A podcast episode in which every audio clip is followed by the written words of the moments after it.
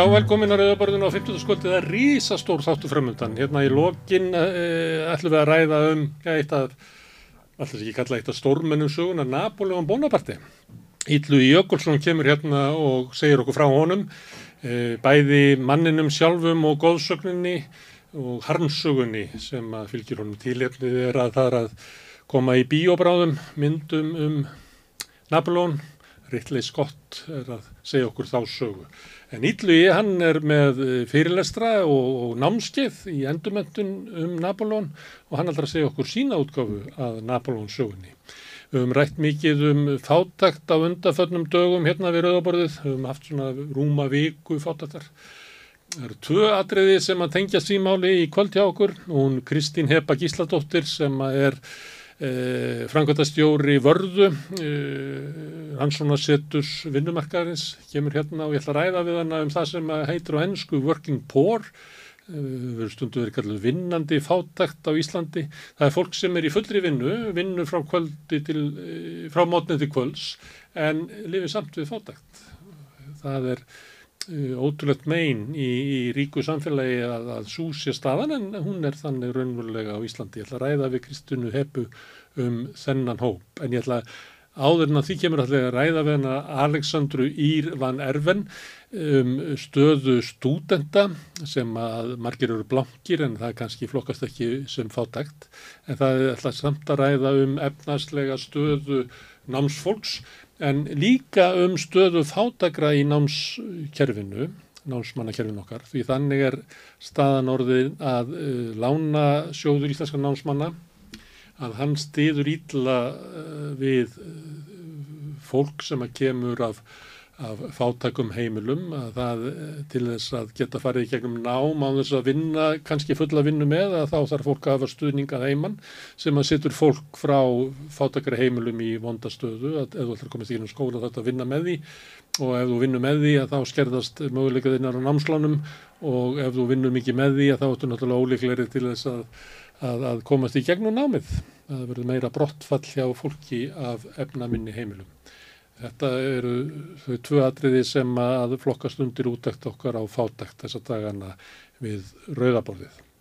En við ætlum að ræða um Gaza, um ástandið í Palestínu og, og fá til okkar e, miðaldafræðing, heimsbygging og alþjóðlegan stjórnmálafræðing til þess að e, hjálpa okkur til þess að skilja hvað er í gangi, hvað, hvers konar fyrirbreyði er stríði sem er þar, um hvað snýst það og hvert getur það leitt. Það er Magnea Marinusdóttir, alltaf stjórnmálafræðingur, Þóri Jónsson Hraundal, miðaldafræðingur og uh, sérfræðingur í Arabalandunum og miðausturlundum og Viðar Þorstinsson heimsbyggingur, mikill áhuga maður um Palestínu, alltaf koma hérna og hjálpa okkur til við að skilja. En áður en að því kemur að þá ætlum við að tala um það sem alltaf er rætt um í aðranda kjærasamninga, það er svigrúmið, hvaða svigrúm er til launahekkarna, við fáum Tvö úr ólíkum herbúðum til þess að koma hingað, Stefán Ólásson sem er sérfræðingur eblingar, félagsfræðið profesor og Anna Hrefna Ingemyndadóttir sem er aðstóðar frangotastjóri samtaka aturlýsins, hún er hagfræðingur samtakana líka. Ég ætla að ræða við þau um svigrúmið, hvaða getu hafa fyrirtækinn til að, að borga, hvað þarf launafólkið að fá, hvernig spilar verðbólgan og vextinnir inn í þetta. Þetta er svona uppdaktur af komandi kjærasamningum og ég ætla að fá Stefan og Önnu til að hjálpa okkur að skilja um hvað deilurnar eru og munu verða í karpúsinu þegar það framlýða stundir.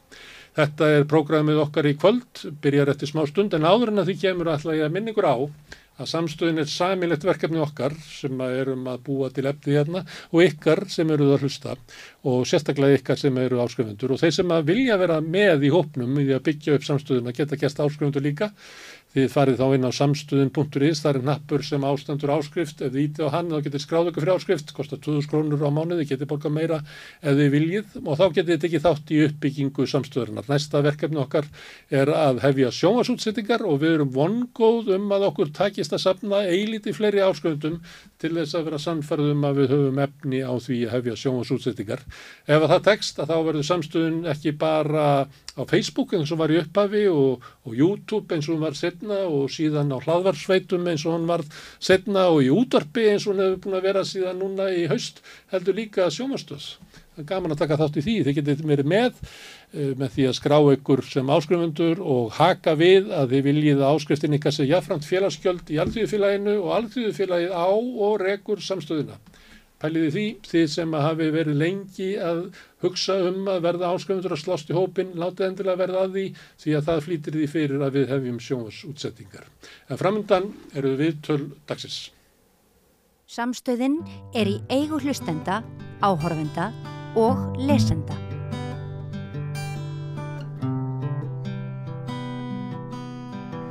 Já, við ætlum að ræða fræga svigrum því að framundan eru kjærasamningar sem að, já, ég held að margir telji vera uh, mikilvæga og það er, það er mikil óvisa og og það ræðst mikið á því hvernig niðurstaðan í, á þeim merður. Og til þess að ræða þetta við mig hvað er svigrúmið er hinga komin Stefan Ólásson sem er professor og sérfræðingur hjá Eblingu og Anna Hrefna Ingemyndadóttir sem er aðstofar frangotastjóri samtaka Aturlýsins og Hagfræðingur. Erðu verið velkominn. Takk fyrir. Hérna talandum svigrúmið Stefán, ætlum ég að byrja á þér að því ég held að þú ætlar að halda þig fram að það sé svigrum. Hvernig ætlar að raukstu það að það sé svigrum til þess að hækka laun? Já, það má nú bara nefna ímislegt og ég geti byrjað á að nefna algeng umhæli fráfærandi fjármálar á þeirra til dæmis og sælabankastjóra um stöðuna í íslensku efnahagslífi. Sælabankastjóri var síðast að segja það í á einhverju fjölmiðli í morgun að staðan væri einstaklega góð og ofinni góð með að nákvæmlega löndin hagvöxtur er mjög mikill. Hagvöxtur í fyrra endaði, endaði yfir 7% þó að spá aðeilar hafi nú verið að trekja niður eh, allt árið á undan. e, þá endar hann þar. Það er met hagvöxtur ekki verið herri síðan gull árið 2007 og hérna og eh, hagvöxtur á mann í fyrra var yfir 4% þannig að og horfurnar fyrir þetta ár eru alveg ágæðar og, og hérna þannig að eh,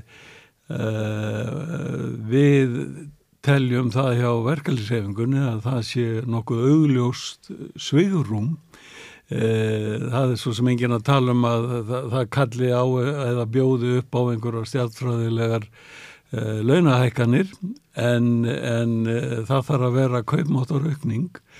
Og því að við erum að ljúka í lók þessa árs höfum við lókið tveimur árum þar sem að kaupmátturinn hefur farið verulega nýður og uh, sérstaklega kaupmáttur aðstofun að tekna heimilana og þar vega auðvitað vaksta kostnaður mikið inni og húsnæðiskostnaður almennt. En hérna þannig að en við munum líka vilja sækja á ríkisvaldið um, um að, að, að uh, mikilvægar kjaravætur þaðan. Já, en við höldum okkur þá við svigrúmið Anna, það er byllandi hagustur Er þá ekki aðeinlegt að launafólk fái hlutild sína í honum? Jú, það er bara algjörlega aðeinlegt að við hérna, reynum að skipta með einhverjum sangirnum að hætti þeim verðmættum sem við verðum að skapa og það eru þetta alltaf markmið. Um, sko, setið þetta svona fram byllandi hagvöxtur, um, þú komst hérna mjög mikilvægan punkt á þann, þetta með hagvöxt og hagvöxt á mann um, og við erum auðvitað að upplega mikinn hagvöxt núna komandi úr samdráttarskeiði í faraldrinum og á sama tíma mikil fólksfjölgun Þannig að jú, það er sterkur hafustur en ef við horfum til 2018-19 þá hefur landsframlegslega mann eiginlega ekkert aukist. Eh, en á sama tíma hafa verið mjög mikla launahækkanir og Íslenskt launafólk hefur upplifað kaupmáttaraukningu sem að fólk í löndunum í kringum okkur hefur ekki uh, upplifað í sínu löndu um, og maður veldi fyrir sér að því við erum ennþá með þessa miklu verbulgu. Uh, hversu mik mikil innistæða var fyrir þeim launahækkunum. Verðbólgan er svolítið að taka þetta tilbaka. Um, en þetta er alltaf erfitt sko að því að sviðrúmið sem er til staðar á einhverjum tíma því við erum auðvitað að hugsa fram í tíman það verður auðvitað aldrei skýrt fyrir en eftir á. Til dæmis hérna tímabilinu 2015-17 um, þá voru miklu launahækkanir og það var talið að þær myndu leða til aukina verðbólgu en svo var það ekki raunin að því að gengi styrtist viðskipt og kjör bötnu en það var ekkert að vita það fyrirfram. En þess vegna er oft líka miða við svona þessa eh, lengri tíma þumalputtareglu sem þau hefur eflust heyrt oft áður hérna, framleginu vöxt og verðbólku markmið. Og, og það er svona skinsamlega nálgun í hvaða árfæri sem maður er að því að auðvitað veit maður ekki hvernig málun munu þróast. Um, en hérna við í tengslu við ársfund sem við heldum um daginn þá framkvæmdum við mynd könnun á meðal bæði aðaldi fyrirtæki ESA og almennings um, um uh, hvað þetta fólk teldi sviðrum til launahækkan að vera. Og það kom okkur eiginlega óvart hvað var mikill samljúmur og uh, við sáum í þessari könnun að uh, bæði aðunveikundur og almenningur voru algjörlega sammála um verkefni framöndan og ég held að við séum það öll stjórnvöld, verkefliðsreyfingin, almenningur, aðunveikundur að ná niður verðbólku og vöxtum. Og, og hérna og þá var sérstaklega spurt sagt, uh, hvort þú teldu vera lítið ekkert mikið á nokkur sviðrum og það voru 83% atvinnureikata sem töldu lítið ekkert sviðrum en 52% almennings töldu lítið ekkert og við skoðum þetta í samhengi við, við sko tölur því það er kannski svolítið erfitt að segja hvað er nokkuð og hvað er lítið uh, en það voru sagt, 73% fyrirtækja töldu uh, sviðrum til 4% aðeða minnilegnahækana og 52% almennings og ég held að þetta endur spekli svolítið bara skilningin á því hvað þarf til þess að nániður verðbólgu og þarlegandi stýrafustum og eh, eins og þú nefnir þá er þetta fjölmart annað en sko launaleðurinn sem að ræður því hva, hva, hverja ráðstöfnateikunar eru svo. Það eru þetta fjölmarkir kostnæðilegir sem að þarf að mm. skoða líka. En, en höldum okkur aðeins við launaleðinu. Þetta eru tölur sem eru undir verðbólgunni í dag, mm -hmm. þannig að þarna er 55% ef ég maður rétt eða eitthvað um það bíl, eh, almenning sem er eiginlega að leggja til kjærarýrnum. Í barátunni, fórna kjörum sínum fyrir barátunum við verðbólguna. Ég held við getum freka litið að þannig, sko, að verðbólgan sem er í dag, hún er mælinn hverði á eitthvað sem er búið að gerast. Og, og vonin er þá svo að með hóflugum nafnlaunahækkunum þá náum við að hafa áhrif á framtíða verðbólguna að því að ef aðstöri hækjurinu eru þannig að uh, kostnarhækkanir leiða til verðlagsækkana þá skilar það hvort sem er engum auknum kaupmætti. En ef við náum að draga niður verðbólguna og þar með vakstastíð þá mun sko 1% stíu vaksta fyrir uh, heimileg sem er með 40 miljón krónar húsnæðarslán myndir spara 33.000 krónur í mánuði, á, á mánuði af, afborganir mm. og það munum svo sannlega um, það.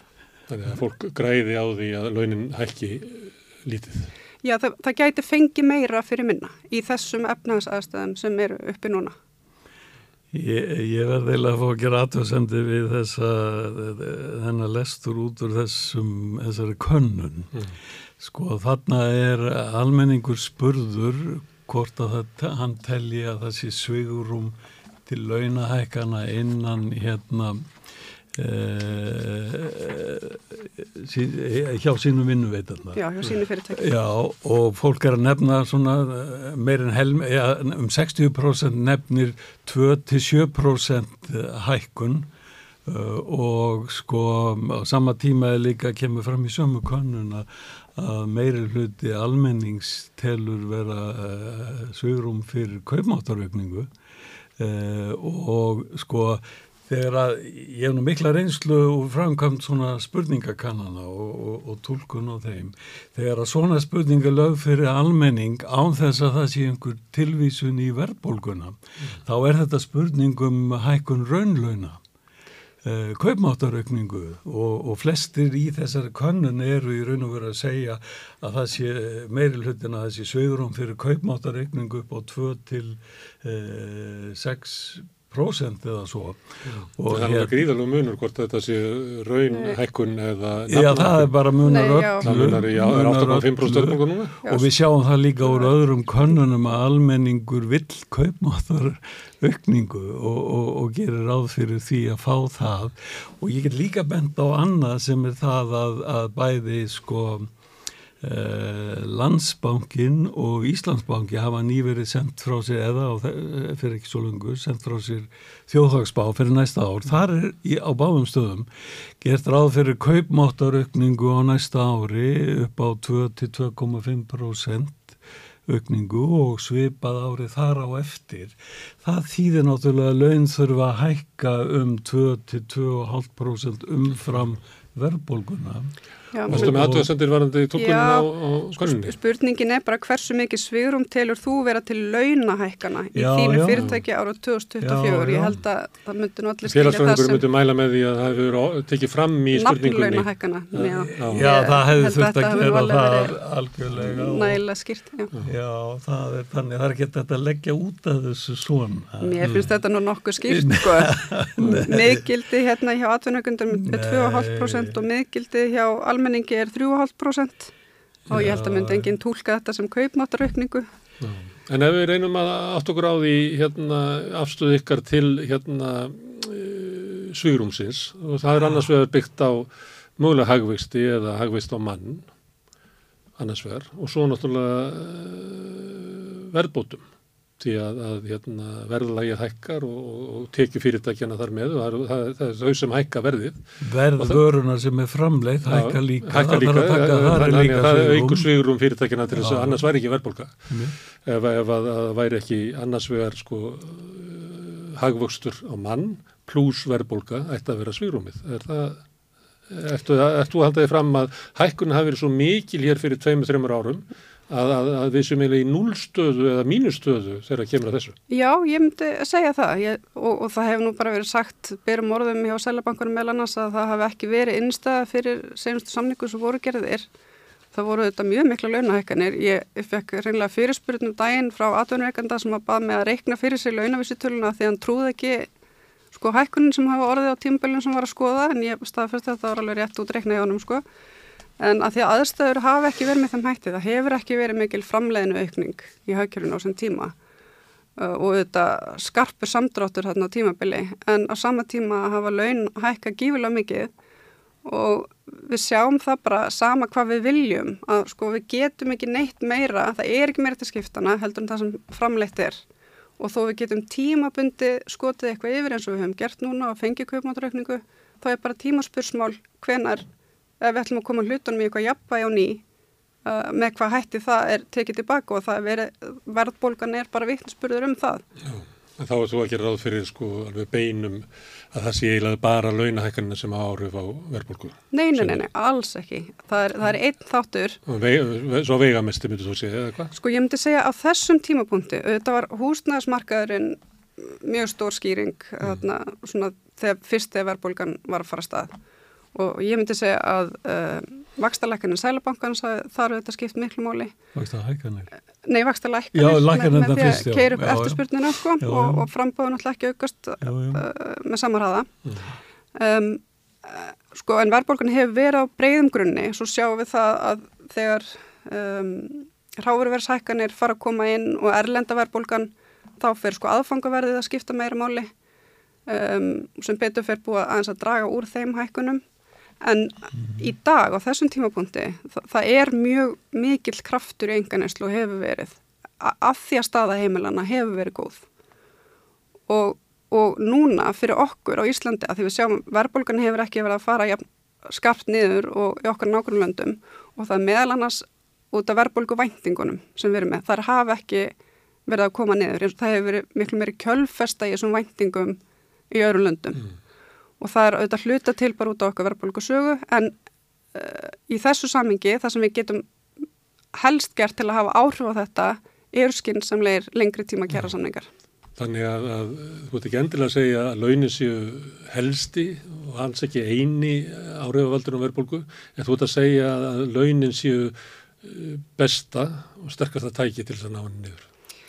Í, í kannski í dag, já, ég held að, að hófulegir skynnsamleik kjæra samningar í takt við verðmyndarsköpun uh, sem næði til lengri tíma gætu verið það sem að getur haft mest áhrif á verðbólguvæntingar og þar með náðu verðbólgunni niður og vaksta stíðinu og þetta er rauninni bara það sem Sælabankin segir, berum orðum. Og meðlum er í Já, já, en það er eru bara það sem hann segir. Já, en, en það er þarna fólkið í nefndinni já, já, sem að tekur þessar ákvarðanir, þannig að við verðum nú að hlusta á, á hvað þau segja.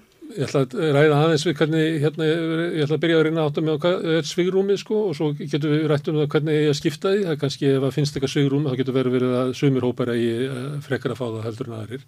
En varðan þess að hugmyndum það að við séum á einhver svona mínuspunkti, að við höfum ekki að miða við sko hérna, stöðuna í dag eða í fyrra heldur verður við að horfa eitthvað aftur að, að, lífskjara samningarnir hafi verið umvel að skila sko launahækkunum og kaupadraukningu sem ekki var einnigst að fyrir. Hvað séu við því stafan?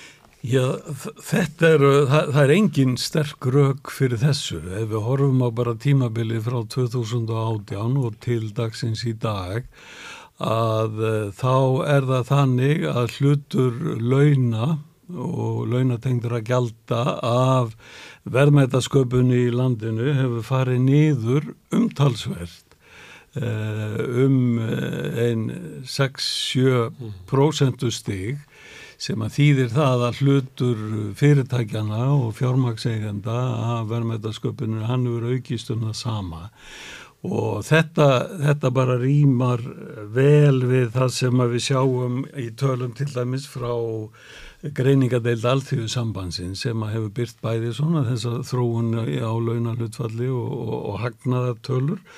Og þeir eru til dæmis með vísitölur hagnaðar á förstu verðlægi og til ásins 2022 sem að sína að einmitt á þessum hérna, síðustu tveimur árum sem að hefur hafa verið ár kaupmáttar, uh, lítilla kaupmáttarbreytinga og kaupmáttar rýrnuna líka að þá er hagnaður hjá fyrirtækjum, hann er í algjörum með hæðum, algjörum með hæðum sem er bara rökrétt e, þegar að hérna þegar að uh, eh, launahlutvallið er að fara nýður þannig að það búið að létta launaþrýstingi af fyrirtækjunum og þau eru að taka einn meiri hagnað og þetta er algjörlega í takti við það sem er greining alþjóða gældirir sjóðsins á helstu orsökum verbulgu í Evrópu á árunum 2021 og 2022 mm.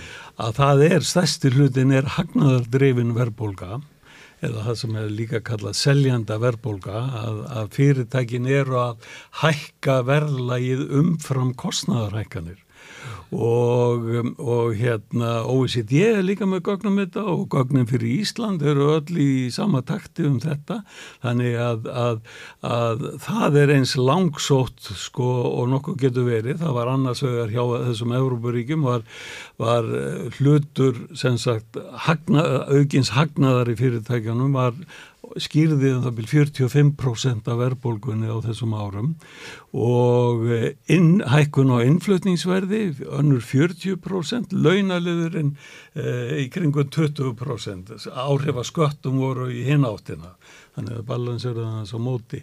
Þannig að, að, að en hér er alltaf gengið út frá því ekki bara hjá vinum okkar hjá samtökum matunulífsins heldur hjá eh, Sælabankanum mm. uh, Sælabankin er bara með rör sín á orsakir verðbólgunar, það er margar orsakir eins og þú uh, hefur tekið undir líka.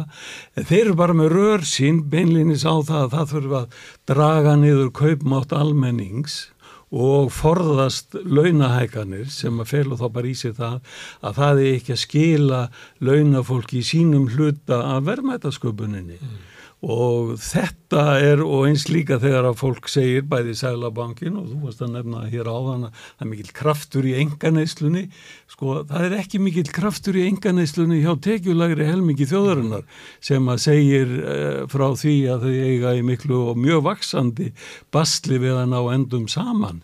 En tekju herri og egna meiri hluti þjóðarinnar hann er að eigða eh, mjög miklu. Mm. og uh, úrræðið Sælabankast þau beinast aldrei að þeim sem eru hinnir eiginlegu orsaka valdar og það er, það er við erum með alvarlega gaggrinni á framgöngu Sælabankas í þessu fyrir utan ímis önnur neikvæð áhrif sem að þessi stefna þeirra er að hafa á e, til dæmis húsnæðismarkaðin og bendur og, og, og, og fleira.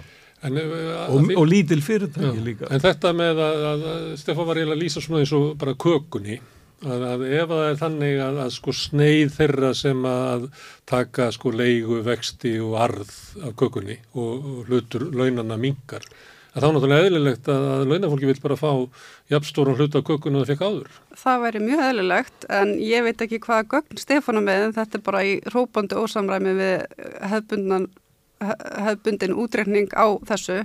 Þert á móti hefur launarhlutfallið farið hækkandi, laun sem hlutfall af verkum þáttatekjum um, farið hækkandi á Íslandi og Síðan, síðan hvernig. Núna velja minn oft svona... Uh, já, bara seinustu ár um, og hefur verið að hæsta á Norðurlöndunum frá allavega 2017 samkvæmt þessum hefbundin útreikningum. Þannig að þetta er bara í algjöru ósamræmi við uh, þau gögn sem að ég horfi til og er svona bara, almennt ég, hérna, hérna er með tölur hagstofunar um hlut launafólks að verðmæta sköpuninni frá 1973 til 2022 langtíma meðaltali hefur verið 62% og þetta fyrir allt hagkerfið. Eh, 2018 var þetta hlutfall 64% og það farið niður árið á eftir, næstu tvö var það 61 og svo er það komið eh, 2022 niður í 59 og eh, í ár er það sennilega 57 eða millir 57 og 58 og þetta eru, ég er líka með tölu hér frá greiningadeild ASI, hagfræðinga gengi þar Já, og hagfræðingum upp í háskóla. Uh, þú getur ekki afgreitt þessi gögn út á borðinu. Það er ekki nei ég er bara, það er eitthvað við þetta, við, við höfum kannski ekki tíma til að Nei. fara hérna á netið og grúski gögnunum í þessum þætti en þetta er allavega ekki samræmi þau gögn sem ég er með. Um, í fyrsta lagi er hlutfall launa uh, fólks af verðmætasköpun það hæsta á Íslandi af öllum Norðurlöndunum og eitt að hæsta í heiminum og er það eiginlega alltaf, við erum alltaf hann í efstu sætunum. mm, það er gott. Já, ég er ekki að segja Það það sé slæmt. gott. En, en, en, en, það sem ég var að meina ef að, mín, ef að lækka hlutaflið, að þá er bara eðlilegt að launafólk komi og vilja fá það sama og það fekk fyrir einu áru, tveimur áru, þreimur áru. Já, já. og bara langtíma til dæmis- meðaltali til dæmis Til dæmis í Noregi þá er launasetningin, uh, hvernig þetta er ákvarðað, þa- þar er einmitt eitt mæli hverjum sko sá að launa hlutfallið haldist stöðugt og það eru þetta bara að því að til þess að sé einhvers konar jafnvægi í þjóðabúskapnum það eru þarna, það er launafólk en það þarf líka að vera sviðrum til fjárfestinga og að skila arði til eigenda. Það er bara sjálfsagt. Já, það er enginn að neyta því. Nei, það, það Það bara því ekki. um- Það verður að deila um hver á að fá að hvað. Já, um akkurat, en ég er alls ekkit ósamála því að, að hérna sé eðlilegt að launafólk vilja halda í sinn hluta af kökunni, sko, alls ekki en ég bara, ég held að staðan við að- erum með tæsta launalhlutfall í, í heimi, sko. En er Já, það, sko, að því þú nefnir það, þá vil ég líka benda á uh, tölur frá greiningadeild ASI sem að hefur uh, reiknað þetta hlutfall út fyrir engageiran sem er það sem skiptir okkur máli í uh, samtökatunum lífsins og, og verkalýsefinguna að þar eru við í sjöndasæti ekki efsta sæti og höfum verið þar uh, svolítið tíma í kringum það, þetta rokka nú svona svolítið á milli uh, en, en í öllu svona tali um að laun sjö há á Íslandi og, og eitthvað svo leiðis uh, þá verðum við alltaf að horfa það í leiðin að við erum að hæsta vela í Evrópu á sann Sviss og, og, og, og ráðstofuna tekjur í Sviss eru hærri heldur en á og Íslandi lægstu laun í Sviss eru miklu herri Já. og það er bara sláandi að bera það saman. Sko. Já, já Þannig það verður að stefnan í Sviss að hafa að að fólkið eigi efni á þessu háa verðlagi. Sko. Svissu náttúrulega eitt ríkasta land í heimi, sko Já, en, við en, líka. já, en við erum líka með hæstu, hvort þú kaupmáttalegir eftir ekki, þá erum við með hæstu meðalun og lægstu laun með þeim hæstu í heimi, sko og það eru þetta bara frábært að við getum haft það þannig og Já, svo erum við með sko hlutfarslega þingri byrði af húsnæðiskostnaði sem að, sem að, sem að hérna, sem er meiri en víðaskvar í þessum löndum sem við erum að bera okkur sama við og við erum að fá minni stuðning úr velferðarkerfinu heldur en fólk eh, eins og sérstaklega láluna hóparnir og millitekju hóparnir eru að fá í nágrannlöndunum. við, við erum með mesta stuðning við barnafólk Nei, það er bara, Jú, það, jú, nei, barnabætur á Íslandi eru miklu læri en á hinu Norðurlöndum, en hér eru þetta aldrei mikil útgjöld í rekstur leikskóla. Já, ef við, ef við tökum þetta og tvert þegar þú saman leggur það tvent saman, þá fær, færðu okkur frekar átt. við erum í þriðarsæti Já, en, en, en hérna, en það er ekstra kostnaðu leikskólana en ekki mm. kjarabóta stuðningurinn af barnabótum Já, sem það er er allt annað. sko. En, þetta, Það- og alls konar svona hlutir skýra, sko, vegar- skýra það, að það er yfirleitt meira basla á Íslandi við að, að ná endum Já, mér langar aðeins að, að halda með við sugrúmið áður en við förum að tala um hvað með ég breyta í svona grunnkerfun samfélagsins velferðarkerfunu sem að ríkið heldur utanum.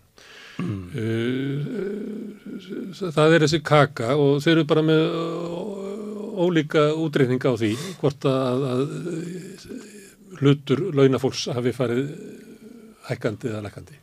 Það er, það er bara þannig, við verðum að ná okkur saman og það er líka svolítið ágreiningur um það sko, hva, frá hvaða tímapunkti í að miða. Uh, annar leggur áherslu á að það hefur verið ofmiklar hækkanir uh, sem að Stefán gefur lítið fyrir.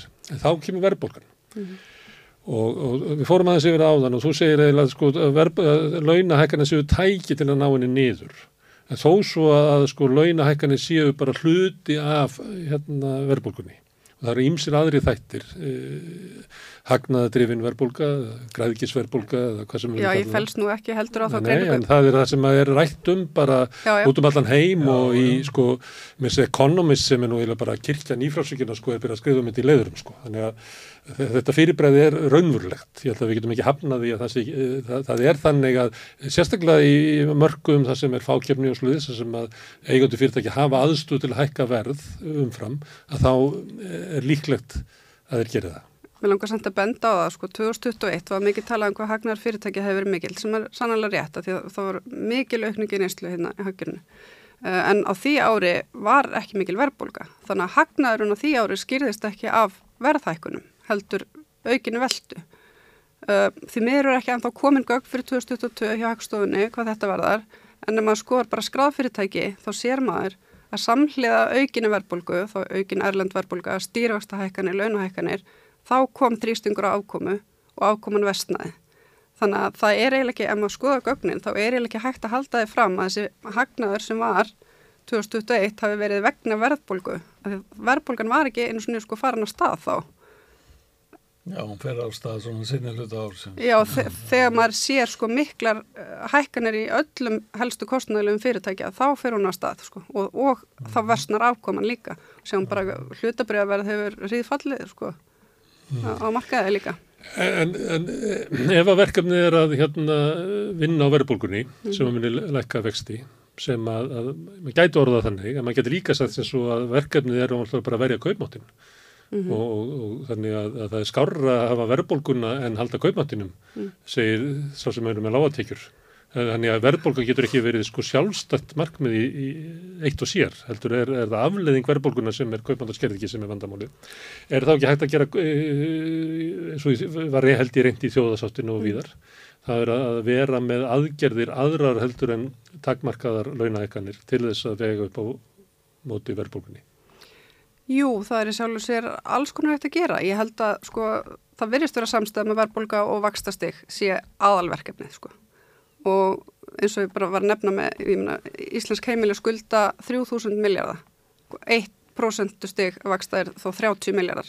Þannig að þetta eru greiðlegar fjárhæðir sem eru undir sko bara að ná þínuður.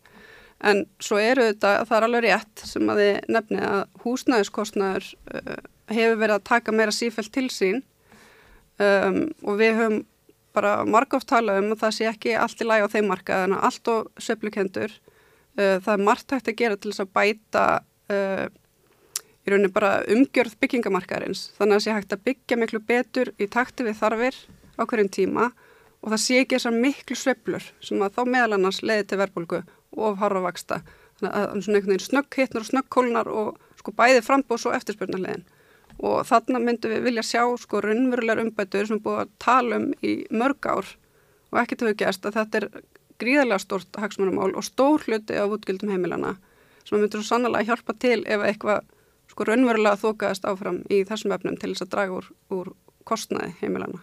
mm.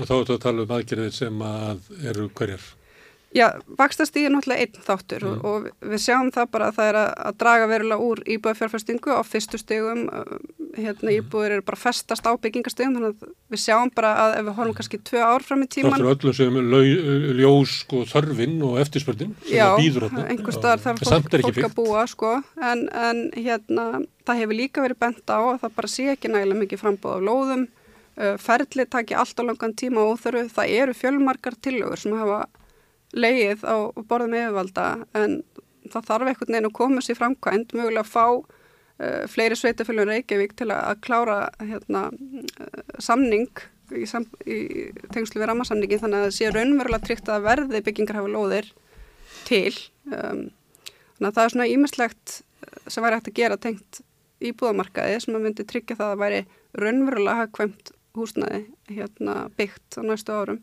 Sko öll þessi atrið er búið að vera að tala um í langan tíma núna. Mm Það var að tala um þetta í aðdraganda lífskjara samningsins 2019.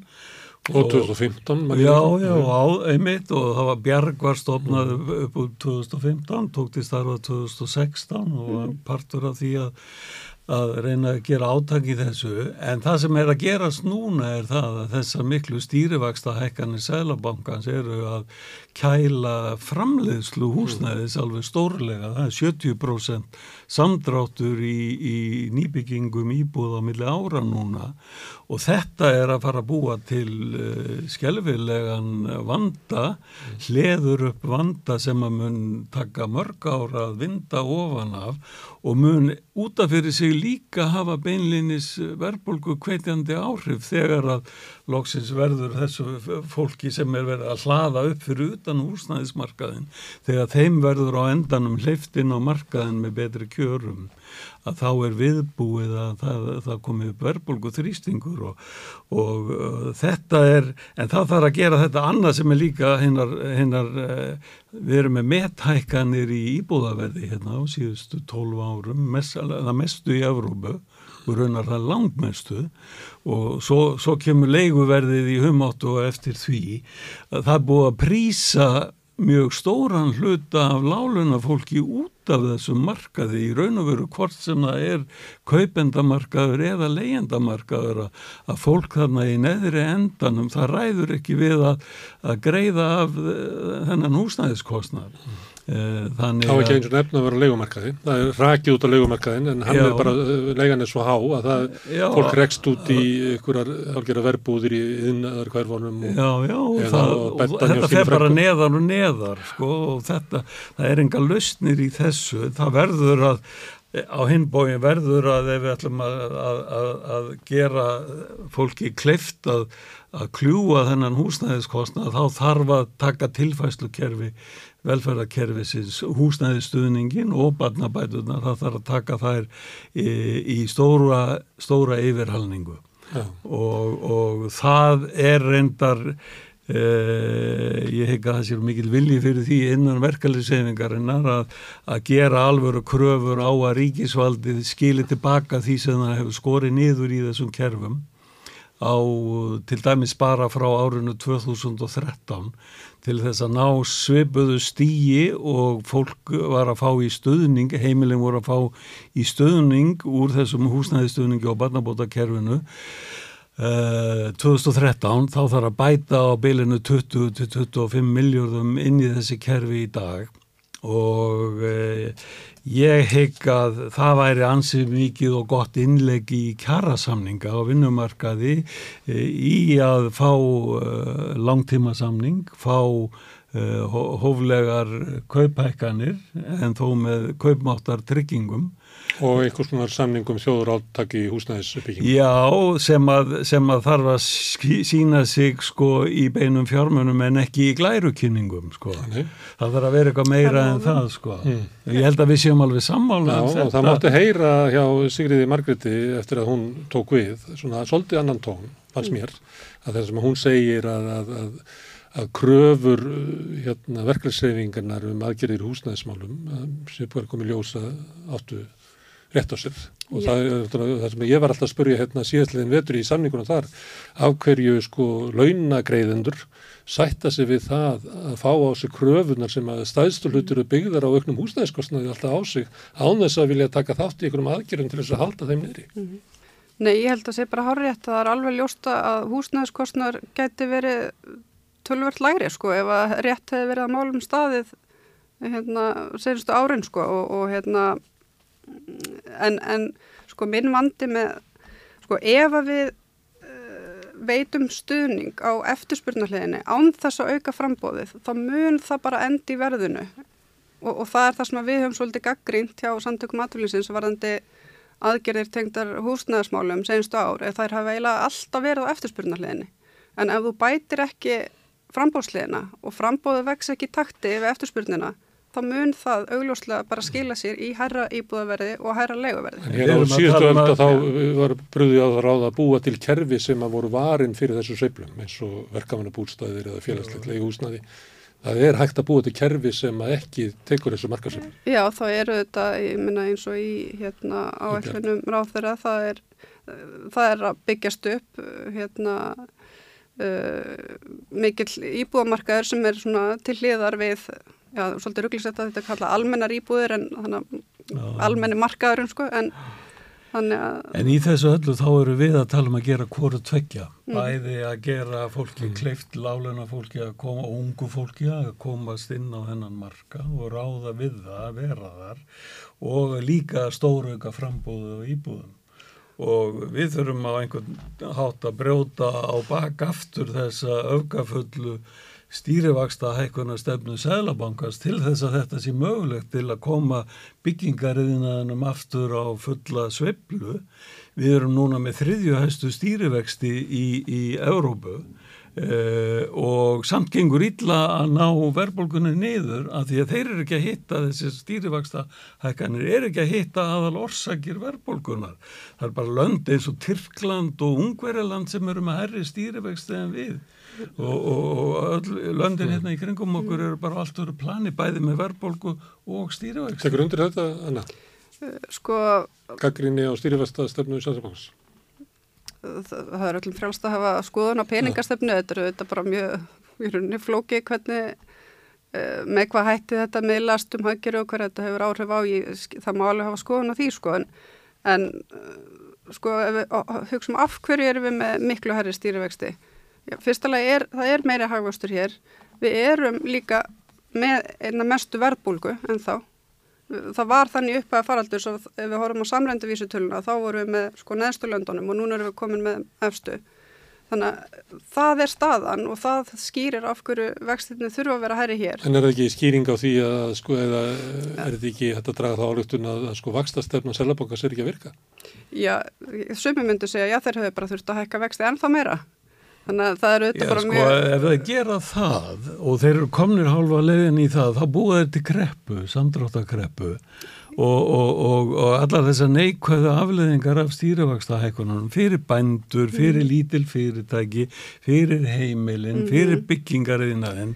Þetta er bara glórulaus hagstjórn sem að þeir eru að stunda og, og hérna og uh, trúverðuleiki Sæðlabankans uh, í röðum hjá okkur fólkinu í verkaliðsefinguna, hann hefur bara beðið uh, hérna, mikið nekki á þessum síðustu árum. Þau hafa gert alvarleg mistök og menn eru fannir að segja þetta hjá samtökum yðnaðarins eru þeir að segja þetta beinlinis en kurtislega og, og hérna Þetta er að hríslast upp, sko bændunir er eins og kólubýrufuglinn sko, Já, bara já. farast og svo sér maður þetta hríslast upp smarri fyrirtækin. Og svo bara hitt, sko, að þessar vakstahækkanir sjálfar, að þær eru með þunga byrði á skuldug fyrirtæki sem fleitaði út í verðlagi. Þannig að þetta býtur í halan og sjálfuðu sér og er ekki að skila árangri. En til að gera eitthvað í þessu þá þarf eiginlega bara að breyta sko sjálfstæði Sæðarbankans. Já, ég, ég held að séu bara allir hjartalega sammála þessu að þetta sé óleiðandi vakstasteg sko. Og ég minna þess vegna er það verkefni að, að ná því niður. En, en hérna ég held að við ná meira árangri uh, með því að gera skynsilega kjærasamninga frekar heldur en að, reyna að hafa einhverja áhrif á peningastöfnu nefnd. Maður veit alveg hvað það er sem þau horfa til og, og jú, verðbólgan er ennþá allt og mikil en við erum samt að sjá merkjum að það er að kóluna þannig að hún er að virka að, að einhverju leiti þó sem ekki alveg komin að markmiðinu en hérna, það er bara ítrykka að vera að senda skilabóð til okkar og við vitum að eh, ef að við gerum skynnsalna og ábyrga kjærasamninga að uh, þá verður aflegging þess lægra vakstastig en alla. Það sem hefur verið að bjóða upp á með, með svona tali og, og sem að selabankafólkið er að uh, promotera sjálft og stjórnvöld taka yfirlega undir þetta er það að Sælabankin hann bara stillir sér upp með atvinnureikandum í kæra baróttu mm. og er að segja að ef að, ef að launa fólk, verkefliðsefingin er ekki tilbúin að taka á sig kaupmáttarýrnun þá muni þeir skila kaupmáttarýrnun með vakstahækun Hva, hvað sem þið segið sko og hvaða afleðingar sem það hefur og, og, og, og þetta er náttúrulega komið alveg inn á alveg allt annað plan heldur en Sæðlabankin og sjálfstæði hans var hugsað sem að uh, væri, væri sjálfstæði svona faglegar stopnunar. Þeir eru með kolranga kenningu um verðbólguna eins og hún er í dag og eru að beita röngum meðölum á öfgafallan hátt. Mm.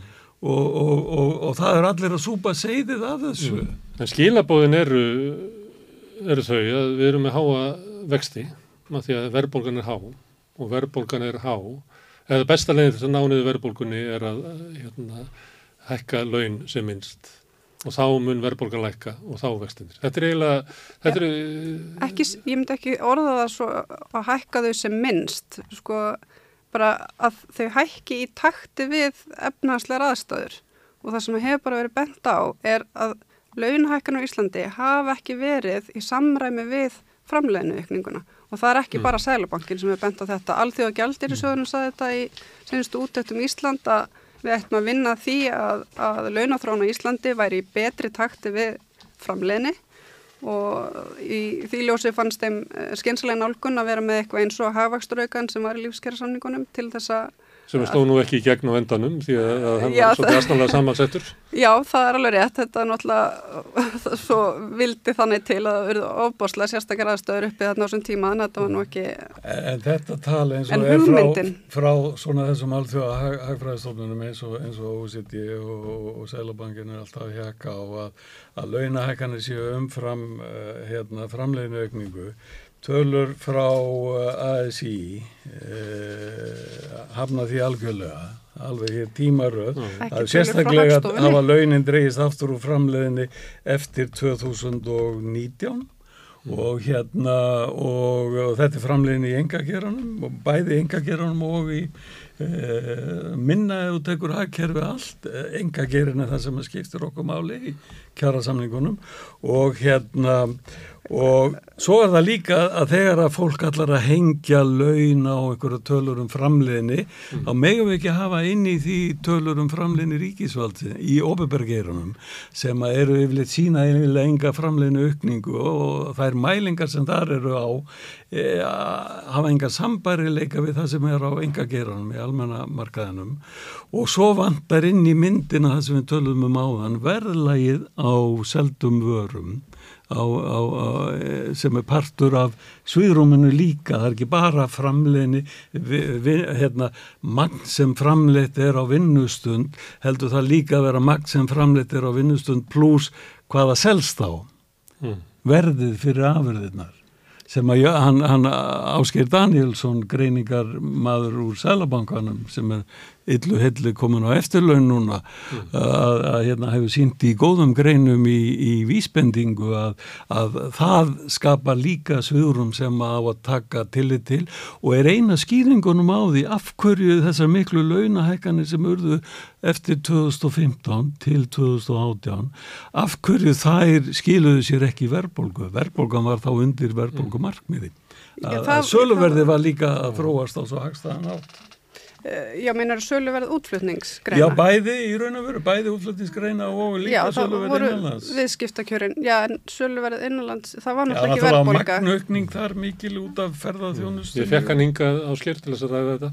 já. og hann var svolítið á því að, að hann vildu ekki að, að vildi alls ekki slaufa því að það væri tengsla millir verðbólgu og launakana en vildi sem segja að það væri frestun í, við, við ákveðna aðstæður. Já, langtíma samband Já, en ekki endilega sko, já. Já, En ef, ef ég má, eh, sko, eh, er ekki hægt að, að vera með svona plan um að viljum að hafa launin bara eins há og mögulegt er? Án þess að verðbólgan, hérna, menn tala oft þannig já, við viljum hafa bara eins há, án þess að fara í verðbólguna. Hvaða aðgerðir eru það til þess að hleypa launahækkunum í gegn svo að þær hafi ekki eins mikil áhrif á verðbólguna? Er ekki eitthvað tækið til þess? Uh, hva, nú, hvað Nei, hérna það hefur oft verið samið um það, það er eitthvað svona laga til hjá fyrirtækjum eða gert eitthvað Já, annað já, til þess að hleypa launahækkunum í gegn á þess að hafi, já. Mætti lækka tryggingagjaldið og, til dæmis Já. um, Já, jú, atvinnureikendur kallu þetta ítrykkað mikið eftir því en á sama tíma sjáum við samt að sko hérna fæðingarólu og vera aukast og hérna atvinnuleysisbætur þannig að það eru kerfið hérna sem það þarf að standa undir þetta er mjög erfið umræða sem þarf samt að, að eiga sko þetta sé sett í einhverju svona lang, lengri tíma samhengi uh, eru líkur á því að við erum að fara út í þessi atriði? Eða eru við bara með ofstort og erfitt verkefni á, á borðinu að Þetta gæti alveg komið til greina. Og svo er líka eigu að hafa það í huga ef að umtalsverður hluti af verðbólgunni núna er borin uppi af hagnaðadrifinni verðbólgu og Og frjáls- tek ekki undir það. Nei, nei, nei, þú, það er erfitt fyrir þig að samþykja það, ég veit það, en það er staðrendir og hérna, hér eins og annar staðar. Og hérna, og uh, ef að sem sagt uh, við þurfum að hemja þetta að þeir segja bara talsmenn alþjóða gjaldir í sjóðsinn sögðu í sumar að ef við ætlum að ná verðbólgu niður á það stig sem var áður en COVID skall á þá þurfa fyrirtæki að slá af arsemiskröfu sinni, af hagnaðakröfunni og leið til að gera það er eins og við kannski nefndum hér áðan samkeppni sem er alltaf ófulllegend á Íslandi. En í því samhengi verður gríðarlega mikilvægt að til dæmis að horfa aftur til þjóðarsáttasamningana 1990 þar voru rauð stryk sem er kaupmáttartrygging. Og rauð stryk eru þannig að ef að verðlagi fer upp fyrir þau þá fá, fær launafólki hækkun. Þessi bara tilvist þessara rauðu strika er aðhald á fyrirtækin. Um að reyna að halda sig innan rauðu strikana þá hafa þau ekki alveg frýtt spil í að hækka verðlægið til að gera fjárfestana sem að eh, vilja fá hagnaðin út af og er ímsa fyrirtækjunum. sögur frá þessum árum um það að menn voru að ringja í og skamma eitthvað sem var að hækka, að hann væri að setja lífskjærasamlingana í hættu, hérna já, þjóðarsáttasamlingana í hættu. Ég held, já, ég held að bara allir atvinnureikendur sem ég tala við á þessu tímbilið gerðu allt sem þeir gáttu til að dra- hemja verðlagsækkanir og maður sá það bara hvernig afkoman uh, minkaði og þrýstingur á framleið og maður sér það bara í tölum í uppgjörum þessara fyrirtækja að það var virkilega reynd að, að koma í veg fyrir verðhækkanir. En svo er önnur leið líka sem er gagleg fyrir fyrirtækin og hún er svo sem að farin í raun og veru í lífskjara samningnum 2019 að vera með flata krónutöluhækkun upp stigan sem að uh, skilar mestri kaupmáttaraukningu í lægri, á lægri tekjurnar en uh, hóflegri kaupmáttaraukningu á meðaltekjur og lítilli kaupmáttaraukningu á hæstu tekjur og þetta gerir það að verkum að, að uh, launakostnari fyrir fyrirtækin verður mildari og það er eina skýringunum á því af hverju hérna hagnaðalhutfall fyrirtækja hefur í raun og veru farið hækkandi á tíma lífskjara samningsins að, að þessi þessar hérna þessi, þetta form flatara krónutölu hækkana að það fer frekar vel með fyrirtækin Já, við, við spurðum nú í könnunin okkar, það var svona 50% atvinnureikenda cirka og 50% almenning sem að hérna, nefndi það sem 55% almenning sem að Já, sem að, sem að vildu leggja áherslu á hérna, hækkun lægstuluna en Já, já. þetta hefur auðvitað verið uh, stefnan senstu árin þannig að þess vegna og með skattkýrsbreytingum höfum við einmitt séð kaupmátt þeirra lægstlaunuðu hækka umfram annara Já, já. og, og langt umfram til dæmis, nú ekki um sko Ég held að verkalýseiningi muni vilja endur taka það núna. Ég held að það, þetta var almennt þáka til verðbólgan Stór hluti skall á. hennar, Já, já, ekki allir. stór hluti hennar, eh, kannski ekki alveg allir, en, en, en meiri hlutin, stór meiri hlutin og, og hérna og það var almenn ánægja með lífskjara samningin og, og, og já, ekki síður hjá fyrirtækjunum heldur en hjá uh, verkeflisefingunni. Já, Anna María- Framlega ríkisins reynda ég skipti spyrja líka máli. maður sko. reynir að svona átta sig á erindi ykkar og sem að er líka alltaf erindi stjórnvalda, sælabókars og fjármálráður og svona einhverjum ástæðum. Að það er svolítið þannig að við erum að glíma við verðbólguna og nú verðum við að taka okkur á og hérna þessast allir að allir sem að bátu og allt þetta og við erum að getum ekki haft það launahekkanir sem að þú kannski vilt en, en við erum að sætta okkur á okkur fórnir, launafólk. Af hverju sína fyrirtækja eigundur ekki ykkur að fórni því að, að taka til sín bara minni arð? Því að það, það er líklega sá hópur sem á auðveldast með að fara í gegnum einhvern erfiðan skabl á meðan að stór hluti launafólks er þannig að, að, að við sjáum það svo víða bara með unga fólkið sem er að kvarta yfir leikskólunum að það bara segir að ég verða að komast í vinnuna bara svo ég missi ekki húsnæðið. Það er svo, það er svo margi sem eru bara í einhverju svona basli sem að get ekki tekið á þessar byrðir. Og það segir maður, akkur takið þið ekki bara á okkur byrðir og neytið ykkur um arði í svona tvö ár? Og þá lostum við verðmjölu Já, það var kannski hægt að leggja þetta fyrir stjórnir lífeyrissjóða að spyrja hvort þeim var ekki sama mér sínist nú að samþyttri fjárfæstingastefnu til dæmi skildis gert ráð Ég fyrir er stjórnamaður í gildi og ég myndi samþykja þetta þar. Já, það ég spurning hvort þú næðir hérna fram Ég ég fengi- viðtækri sátt um ég- þetta. Ég get alveg því að ég næði meiri hluta. Já, það, þar þetta kemur allavega sko. fram að það er nú gerð held ég mesta arðseminskrafan til íslenskra hlutabrifa sko.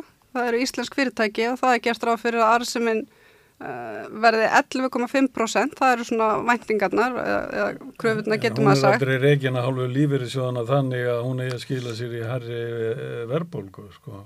Nei, en það, þetta er auðvitað bara vandi fyrirtækjana sem eru að sinna þessum rekstri að þegar allir kostnæðilegir eru að hækka og þú vilt, það vilja allir atvinnureikandur. Eitthvað verður undan að láta og ég er að spyrja, Já. okkur má ekki bara arðurinn láta undan í tvö ár. Jú, það, hann gerir það nefnilega og þegar ástandið er svona uh, þá kemur það niður á öllum þáttum. Það er yfirleitt dreigi úr fjárfestingu, uh, arðsemiskrafan mingar, ég meina það er það sem læra vakstastig líka þýðir, þú vilt eitthvað álag ofan á það. Samt er með þetta hagnaður. Já, sko, þú hugsaður þetta í krónum, þó það sé á raunverði. Bæði í krónum og prósentum. Nei, það er ekki rétt með prósendunar. Nei, nei, nei, nei, nei, þannig erum við aftur, við þurfum eitthvað að samræma okkar gögn, sko, af því að það, er ekki rétt, sko. Ég var sérstaklega að skoða Fáum bara Róbert Farestvæð frá greiningadöldinni. Ég er svo sko, gammal að ég man að það var til þjóðarstofnun sem sá um þetta. Já, já. Hlutlus aðili, en hún var lögð að Og núna á henni síðan setjum við upp í almenningur með það að þú segir eitt og hann segir annar. Já, en ég, ég skal Sem er bara segja náttúrulega ykkur, eiginlega afleitt ástand, sko. já, en ég, ég skal bara segja ykkur nákvæmlega hvað gögn ég skoða. Það er á hagstöfunni hægt að sjá gögnum afkomu fyrirtækja. Því miður er bara gögn til sérst, út 2021, en þau koma líklega í lók þess árs senast komið í desember fyrir 2022. Þá höfum við sambærleg gögn um bara allt viðskiptahækjörfið. Ef við viljum fá nýri upplýsingar, þá getum við skoða skráðufélögin. Og þar ef við horfum bara á sem er reyka dagveruverslanir og, og þetta svona sem fólk kannski finnur mest fyrir í buttunni, bara herðu, eru þau ekki bara að græða alltaf mikið, geta þau ekki bara sleppt í hækkaverð? Þá sér maður svo skýrt. Á þessum árum, 2021, það var bara eh, bullandi gangur. Þá var verðbólgun ekki farin á stað, en það var gífurleg uh, velta og vextir voru mjög lágir. Svo um leið og þetta fyrir að snúast við, það, mikla launahækkanir, mikil hækkun á aðfangaverði, erlend verðbólga, mikil hæk- hækkun stýrivexta, þá minkar framleiðin og þá minkar hagnaðurinn og festi skilaði mér sér að tapi þarna einn ásfjörðung.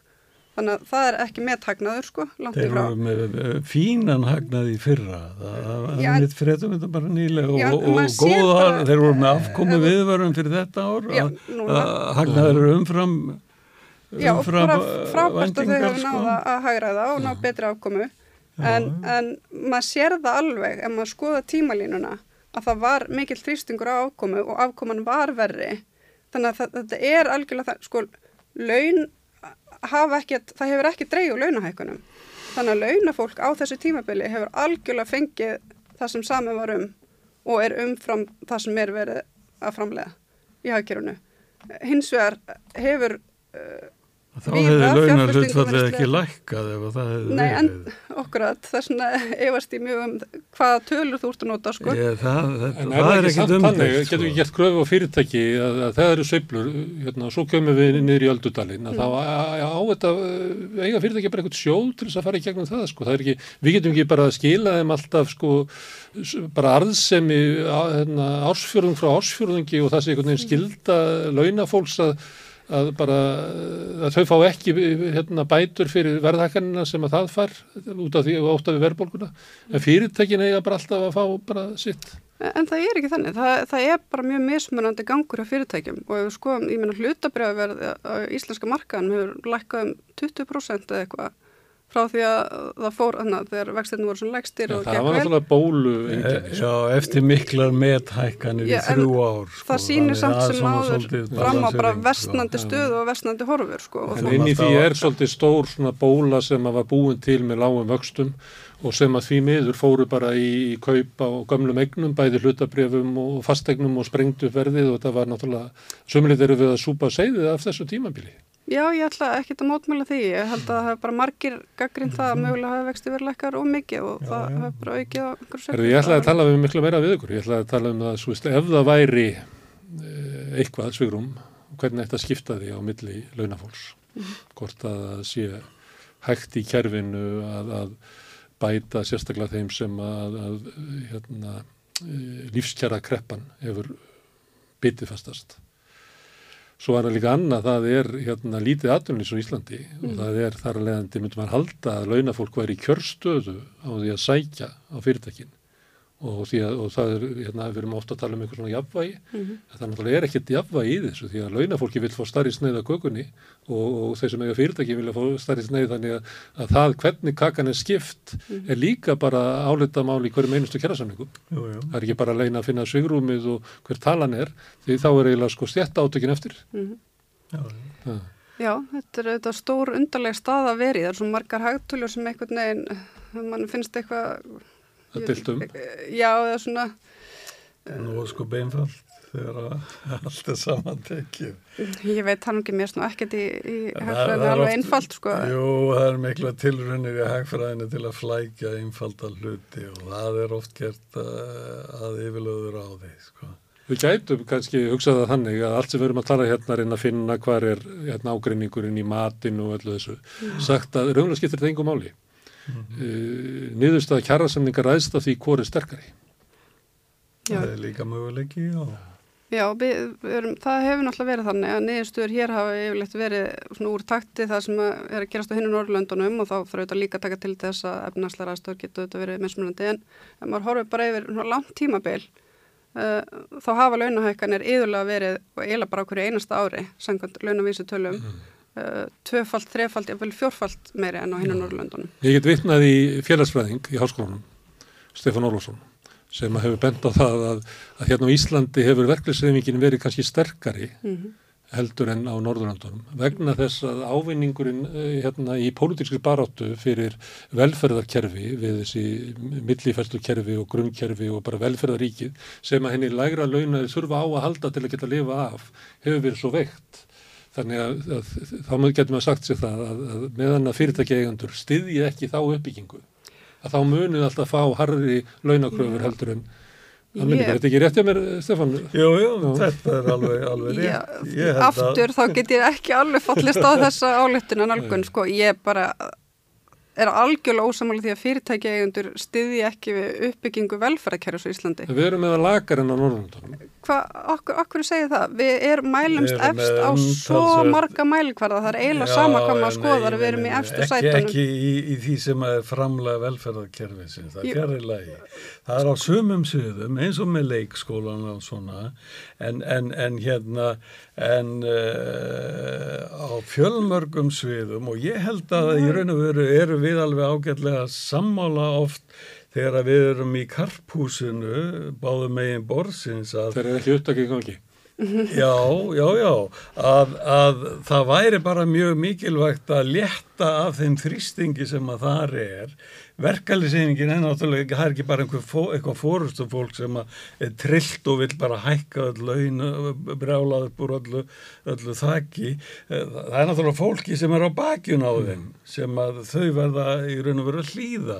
Og hérna ég held að við séum yfirleitt alveg sammála um það eða eins og var í lífskjærasamninginu það var alvöru framleg frá ríkinu inn í lífskjærasamningin sem að skilaði kaupmáttar aukningu útaf fyrir sig og uh, þess vegna eru við farin að hugsa á þeim nótum núna að við þurfum að geta endur tekið þannig leik með því að taka tilfæslu kerfin sem að færa fólki skattfrjálsar uh, kaupmáttaraukningu uh, ef við getum hækkað þau um umtalsverðar upphæðir, einhverja 20.000 mm. til láleina fólks og ná tilbaka því sem að hefur tapast þar á sama tíma og, og þörfin fyrir svona stuðning hefur stór aukist með þessari þróun sem að hefur verið á húsnæðismarkaðum síðustu tíu árin og, og, og magnast upp síðustu tvö árin mm. enn frekar. Þannig að þetta er svolítið svoleiðis að, að það er fólk sem að krefur verkefnisfórustuna um, um kjarabætur mm. og, og þau koma til ykkar og semjað um það og þið segið að við getum ekki ansað þessu þannig að við verðum að fara til ríkisfalsins og byrja þau að koma með eitthvað móti til að minga þrýstikki sem er á okkur. Já, þetta er svona íslenska samningsmótilið. Já, ég minna sko við erum auðvitað semjað fyrir hönd atunreikanda og þá horfum við á hver staðan er þar. Mm. Uh, í því fælst engin afnettun og því að það eru margir í þessu samfélagi sem að hafa það ekki nóg gott mm. Og það er einmitt þess vegna sem ég held að sé mjög viðtakur stuðningur upplugt velferðarkerfi. Og það er engin að halda öðru fram. Uh, uh, og við sendum oft inn umsagnir um sko ríkisfjármálinn og mér finnst það oft vera svolítið miskilið þegar við erum að hvetja til þess að sé sko ákveði aðfald með því bara hvernig þessum fjármennum er aðstafað að við viljum að það sé gert á sem skilvirkastan og bestan hátt eh, fólkinu til hagspóta þannig að það fái það þjónustu sem það vil uh, og að aðstúðin fari á þá staði þar sem er mest þörf og að, að sko kerfi í heilsinni sé bara sjálfbært til lengri tíma. Að, að það sé þannig uh, kvatar í kerfinu að það geti áfram verið gróskum ekki aðtunulíf sem skilar þá öllum þessum tekjum í kassan sem getur þá staðundi kerfi sem að fungerar til lengri tíma. Að það sé ekki alltaf sí kannski vaksandi þörf hér og minkandi verðmættusköpun það væri mjög slæm þróun Já, við getum alveg tekið undir svona sjónamið, þessi markmið, en það er bara spurningum um útfæslur, hvernig þetta er gert og, Já, og, en, en, og hérna, en... en Stefan tilur líklega að að sko velferðarkerfið auki verðmyndarsköpun. Já, en svo... Það meðan að, að tónnin frá ykkur er oft á að fyrst verður við að tryggja það að fyrirtækinn hafi alveg bara últra gott og svo sjáum við til hvað við getum gert. Það eru þetta mismunandi leiðir, það er velferðarkerfið þýðir náttúrulega mjög margt, sko en svo má líka deila um þörfina því að, að sko, það er þannig að kaupmáttur hefur farið vaksandi sífælt, það eru einhverjir mánuður kannski þannig undantekning en almennt séð hefur kaupmáttur vaksið mjög mikið og hann hefur vaksið mest hjá tekjulegstu hópunum. Undanferð Já, seinustu árin, nei alveg sko ef maður skoðar Frá lífskjara samlingum og sko, kannski lengur Já, já alveg bara en, en þar var líka kjara skerringin eftir fjármálarhunni var rosaleg og alltaf þegar verður að tala um að, að laun hefði hækka miklu meira hér öll þessi ár heldur en á hinnum Norðurlöndunum þá er það því að við tókum þessa rosa dífu sem að var ekki tekin á hinnum Norðurlöndunum og meðan var við á tíu árum að saksa hana upp aftur þá var þetta kaupækani hér meiri en víðast í kringum okkur af því að við fengum miklu meiri kjara skerðingu en, en allir aðrir hér í kringum okkur nema Írar kannski. Já, já, maður þurft að vera með þetta um sko hvaða tímabil maður horfa á. Jú, ég er að tala um bara frá fjármálaruninu 2008 og til, til nútíman sko. Já, en þannig að þú veist, ég held að sé allir sammálum það að það vilja allir á Íslandi að sé stert velferðarkerfi sem sannlega grýpur þá sem að þurfa því að halda en fólk kannski greinir á um sko hvar þörfin er mest og hvernig er skynsalinnasta ráðstöðunin Ég tek það á orðinu að þið viljið það og þá væntu við þess uh, þegar við förum að, að, að brína spjótin að þið styðjið okkur varðandi þessa kröfur verkefliðsefinguna á ríkisvaldið um að bæta velferðar við, við skulum bara ræða það síðar í góðu tómi en ég skal bara fullir það að, við, að sjálfsögðu viljum við stert og sjálfbært velferðarkerfi. Mm. Þetta eru mikilvægir samlingar sem eru framöndan og þeir snúast um mikið af þessu sem við erum að ræða núna og auðvitað ættu svona samtala að vera við öll hvað er á borð í samfélaginu? Er uh, þetta snýst náttúrulega um mótun samfélagsins sem að, að, að sömuleyti kjærasamlingarnir snúast um. Og Stefan og Anna kjæra þakki fyrir að koma hingað að rauðaborðinu og við höldum áfram hér við rauðaborðið að reyna að skilja samfélagi sem við lögum í næsti kapli eftir augnabygg. Hvernig getur við réttlætt að um 63% eblingarkvenna eigi erfitt með að ná endum saman? Ebling stjættarfélag. Baróta fyrir betra lífi. Gerist áskrifundur á samstöðinni og taki þátt í að byggja upp öfluga og rótæka samfélagsumræðu.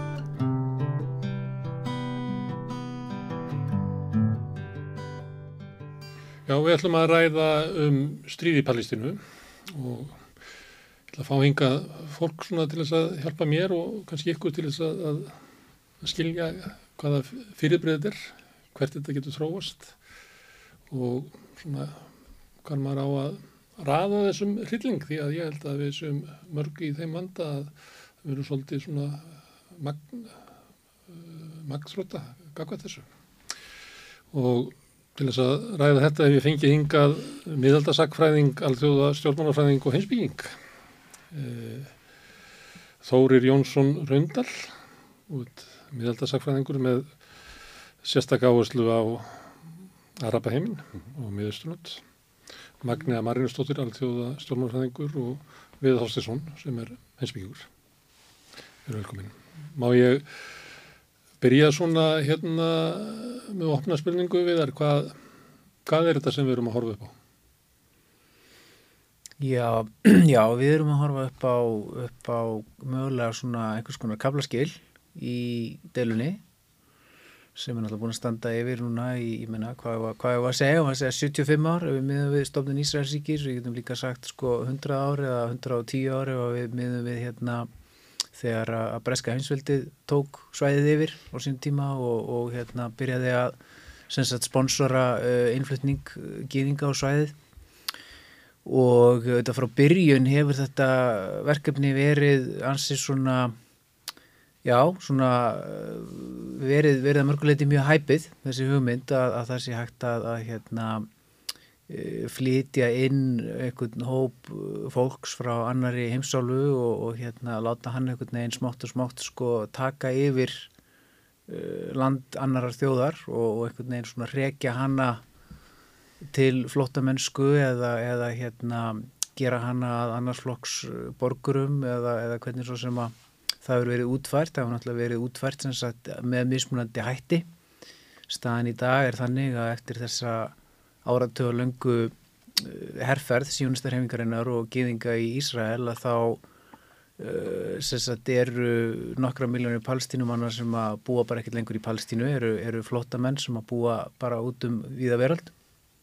Þetta margir í nágrannlöndunum Jórdaníu og Sírlandi og Líbanon og, en, en líka bara hér á Íslandi hafa hrækist og flotta um allar, allar grundir Svo ertu með hérna rúma miljón sem að býr í Ísræl og hérna og lifa þar svona sem annarsflokks borgarar sko, njóta þetta ekki sömu mannréttinda eins og, eins og gýðingar í Ísræl, hafa ekki rétt til hérna saminast fjölskyldum sínum og, og svo framvegis og, og hérna og eru þar að auki sko, ég meina búa í gettóum og við rillilegt aðtunleysi og glæpi og flera og svo er, er þá síðan þriði hópurinn sem eru þeir sem að búa sagt, inni á hernumdu svæðunum.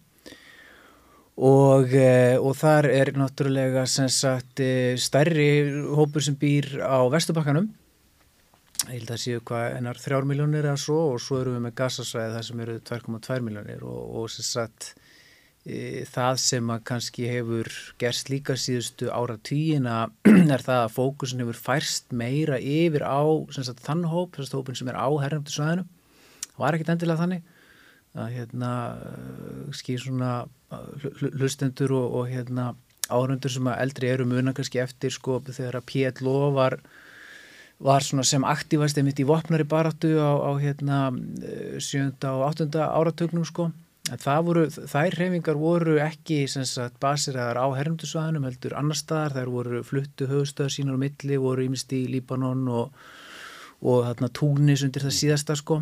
Og svo bara að hún var svona háð meira af þessum palstýrmunum sem voru raunverulega landflóta og byggja ekki á ásjálfum svæðinum.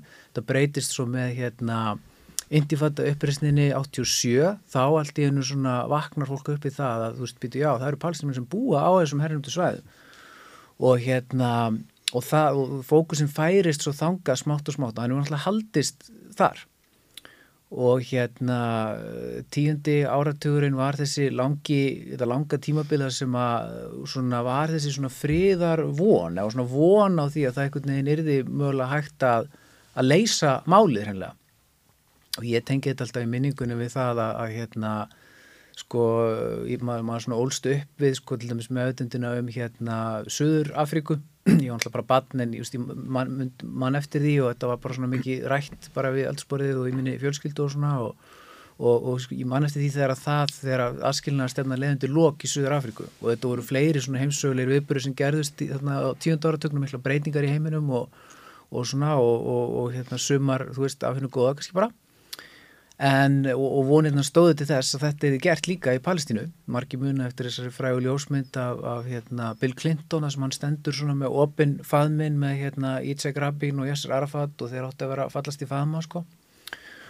og, um, og ég held að, að síðustu ára týjir e, eftir það er að markrast ennþá af þeim hugmyndum og það er ennþá til dæmis í dag talað um sko tveggjaríka lausn. Og jafnvel hefur maður það ekki svo, ég, ég held reyndar að það sé hægt að tala um fríðarferðli, ég man ekki hvort að þið mm. það, er svona, það, það er kannski ekki meira en bara svona 2-3 ár síðan að það loksins svona hætti loksins, en það var ótrúlega lengi sem að það var talað um sko fríðarferðlið þó svo að það hafi verið langu dögt mm og þetta, hérna, þessi tilraun sem sagt að, að sem sagt í raun og veru, já, að, að sem sagt PLO, Fórustan, Arafat og öll þessi vopnuðu samtök sem hafðu verið starfandi undir, undir hérna, þeirri regli, þau leggja niður vopn í skiptum fyrir það sem þau heldu að erði viðkenninga á sjálfsökunar rétti palestýrumanna, réttinum til þess að búa í sínu einn ríki, viðkenninga á mannréttindum og svo framvegir, en það var svikið og það gekk ekki eftir og það, það svona, bara strax svona 99-2000 var það orðið eiginlega bara öllum ljóst að, að þessi hérna, tímin fallið að rann út og það tókst ekki að, að berja saman þessar svo kullu uh, tveggja ríkja löst og þess að nú eru komin sko hátt í 25 ár síðan, hátt í aldar fjórðungur og það hefur ekkert miðað í þessari deilu. Það verður engin, engin treyst sér til þess að beita sér til þess að, að horfast í augu við vandamáli sem er það að þú getur ekki látið sko 2,2 miljónir manns á gasasvæðinu og 3 miljónir á Vesturbakkanum samtals meira en 5 miljónir manns getur ekki látið að búa kynnslóðum og áratum saman við sko kúun, ofbeldi, hernám og, og sviftingu, mannlega reysnar og mannréttinda. Það er ekki hægt og hérna og, eh, og þessi atbyrður hérna 7. oktober markar held ég svona eitthvað skonar mögulega svona breytingu í hugsanlega viðþorunum vegna þess að það var komið svona þessi svepp yfir allt og, og það er náttúrulega verið bent á það margótt að, að sko hugsanlega við tímasetning þessar aðgerðir á Hamas haft með það að gera að uh, það stóð til að fara að taka mjög stort skref í átt á svona normaliseringu milli Sátiarabi og Ísrael svipað og, og Ísrael hefur gert við auðvitað langt flesta sínum nágrannlöndum gerði við Egiptaland strax á 8. áratögnum síðar meir friðarsamning við Jordani upp á 1990 og svona meir og minna auðvitað hafa tengslinn við Ísrael orðin normaliseruð en, en þó, þó ekki gagvart hérna uh, persóflóríkinum og, og hérna en, eh, en já, þessi svona, þetta svona andrumsloft normaliseringar, það einhvern veginn hefur kannski sínt sig að hafi verið svona ákveð sveikalogn mm. og ég held líka að hérna almenningur í Ísrael hafi til dæmis verið búinn að tella sjálfur sér trú um það og stjórnmálinn þar og stjórnmálalífið að þetta væri bara, það væri bara hægt að kera þetta áfram svona. Mm. voru búinir að finna sér bandamenn, má segja, í, í hérna líki sem sagt sko Abbas og, og, og þeirra sem er á ríkjum á Vestubakkanum sem eru auðvitað endanum samverkamenn hernámsins, það er, það er sárt að þurfa að segja það, það, það er þannig sem það virkar. Og hérna en, en já, en ég menna Hamas hafa núna uh, stíið inn í þetta með þessari hérna, með þessari hernaðar aðgerð þessari, þessari aðgerð þarna, þessari innrás og, um, og allt það svona fjarafólk sem hefur orðið í kjölfarið held ég að bendi til þess að það séu mögulega svona já, einhver, einhver kablaskil en mm. hvernig það síðan axlast er, er, er, er önnur spurning hérna, fyrir ég er búin að tala svo lengi en hérna þetta er svona þetta er svona sem að ég einhvern veginn svona staður eins og maður finnst að vera á mm. í þessu mm. Magniða, þá færð þú spurninguna ef þetta eru kablaskil -hmm. í hvaða kabla eru við komin? Nei, ég er alveg sammáli viðari að þú veist, ég heldi mitt á, og það hafi þetta fleiri rætt það að tímasetningi sé engin uh, hérna tilviljun vegna þess að þegar að Trump lýsið yfir náttúrulega koma fríði á í miðurstulundum þá er raun og veru uh, eins og ég hef bent á áður þá hleypur Hamas til og gerir tilslækjanir og svo er og, og, og svona rétt út einhvers konar fríðarhönd sko. En það er slegi á það en, á, en svo gera þessa samninga við samnuðu arbísku fyrstadæmin, Bahrein, Sútan og Marokko og voru um þetta semja við Sátiarbi eins og búin að vera að gera lengi. En það sem stóð út af borðinu með Sátiarbi það voru raun og veru, ég ætla ekki að kalla það kröfur í varðandi Palestínu heldur fyrir eitthvað tilslaganir mm. og ég er alveg sammálað því að ég minna, þú veist, ég held að hafa auðvitað orðið rosalega tímamót þegar bara Netanyahu tekur völdi 97 þá fyrst er Hamasett á hérna hriðverkalista mm. bandaríkjumanna af kröfu Netanyahu.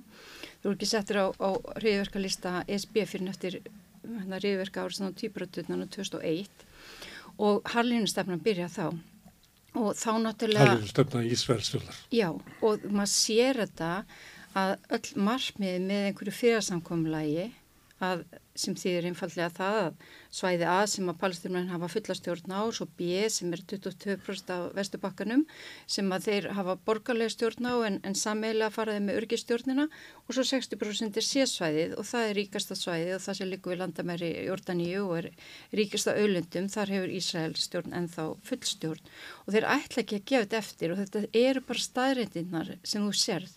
Eins og það er hérna því ég var að skoða bara þú veist hérna yfir, yfir landtökubiðnar já það heitir hérna hvað heitir það nú, ég er náttúrulega písná þeir eru með svona uh, sjónrænt hvernig uh, landtökubiðnar hafa byggstu mm. og margmið fríasamnings og landtökubiðir fyrir þverst á margmið hvors annars.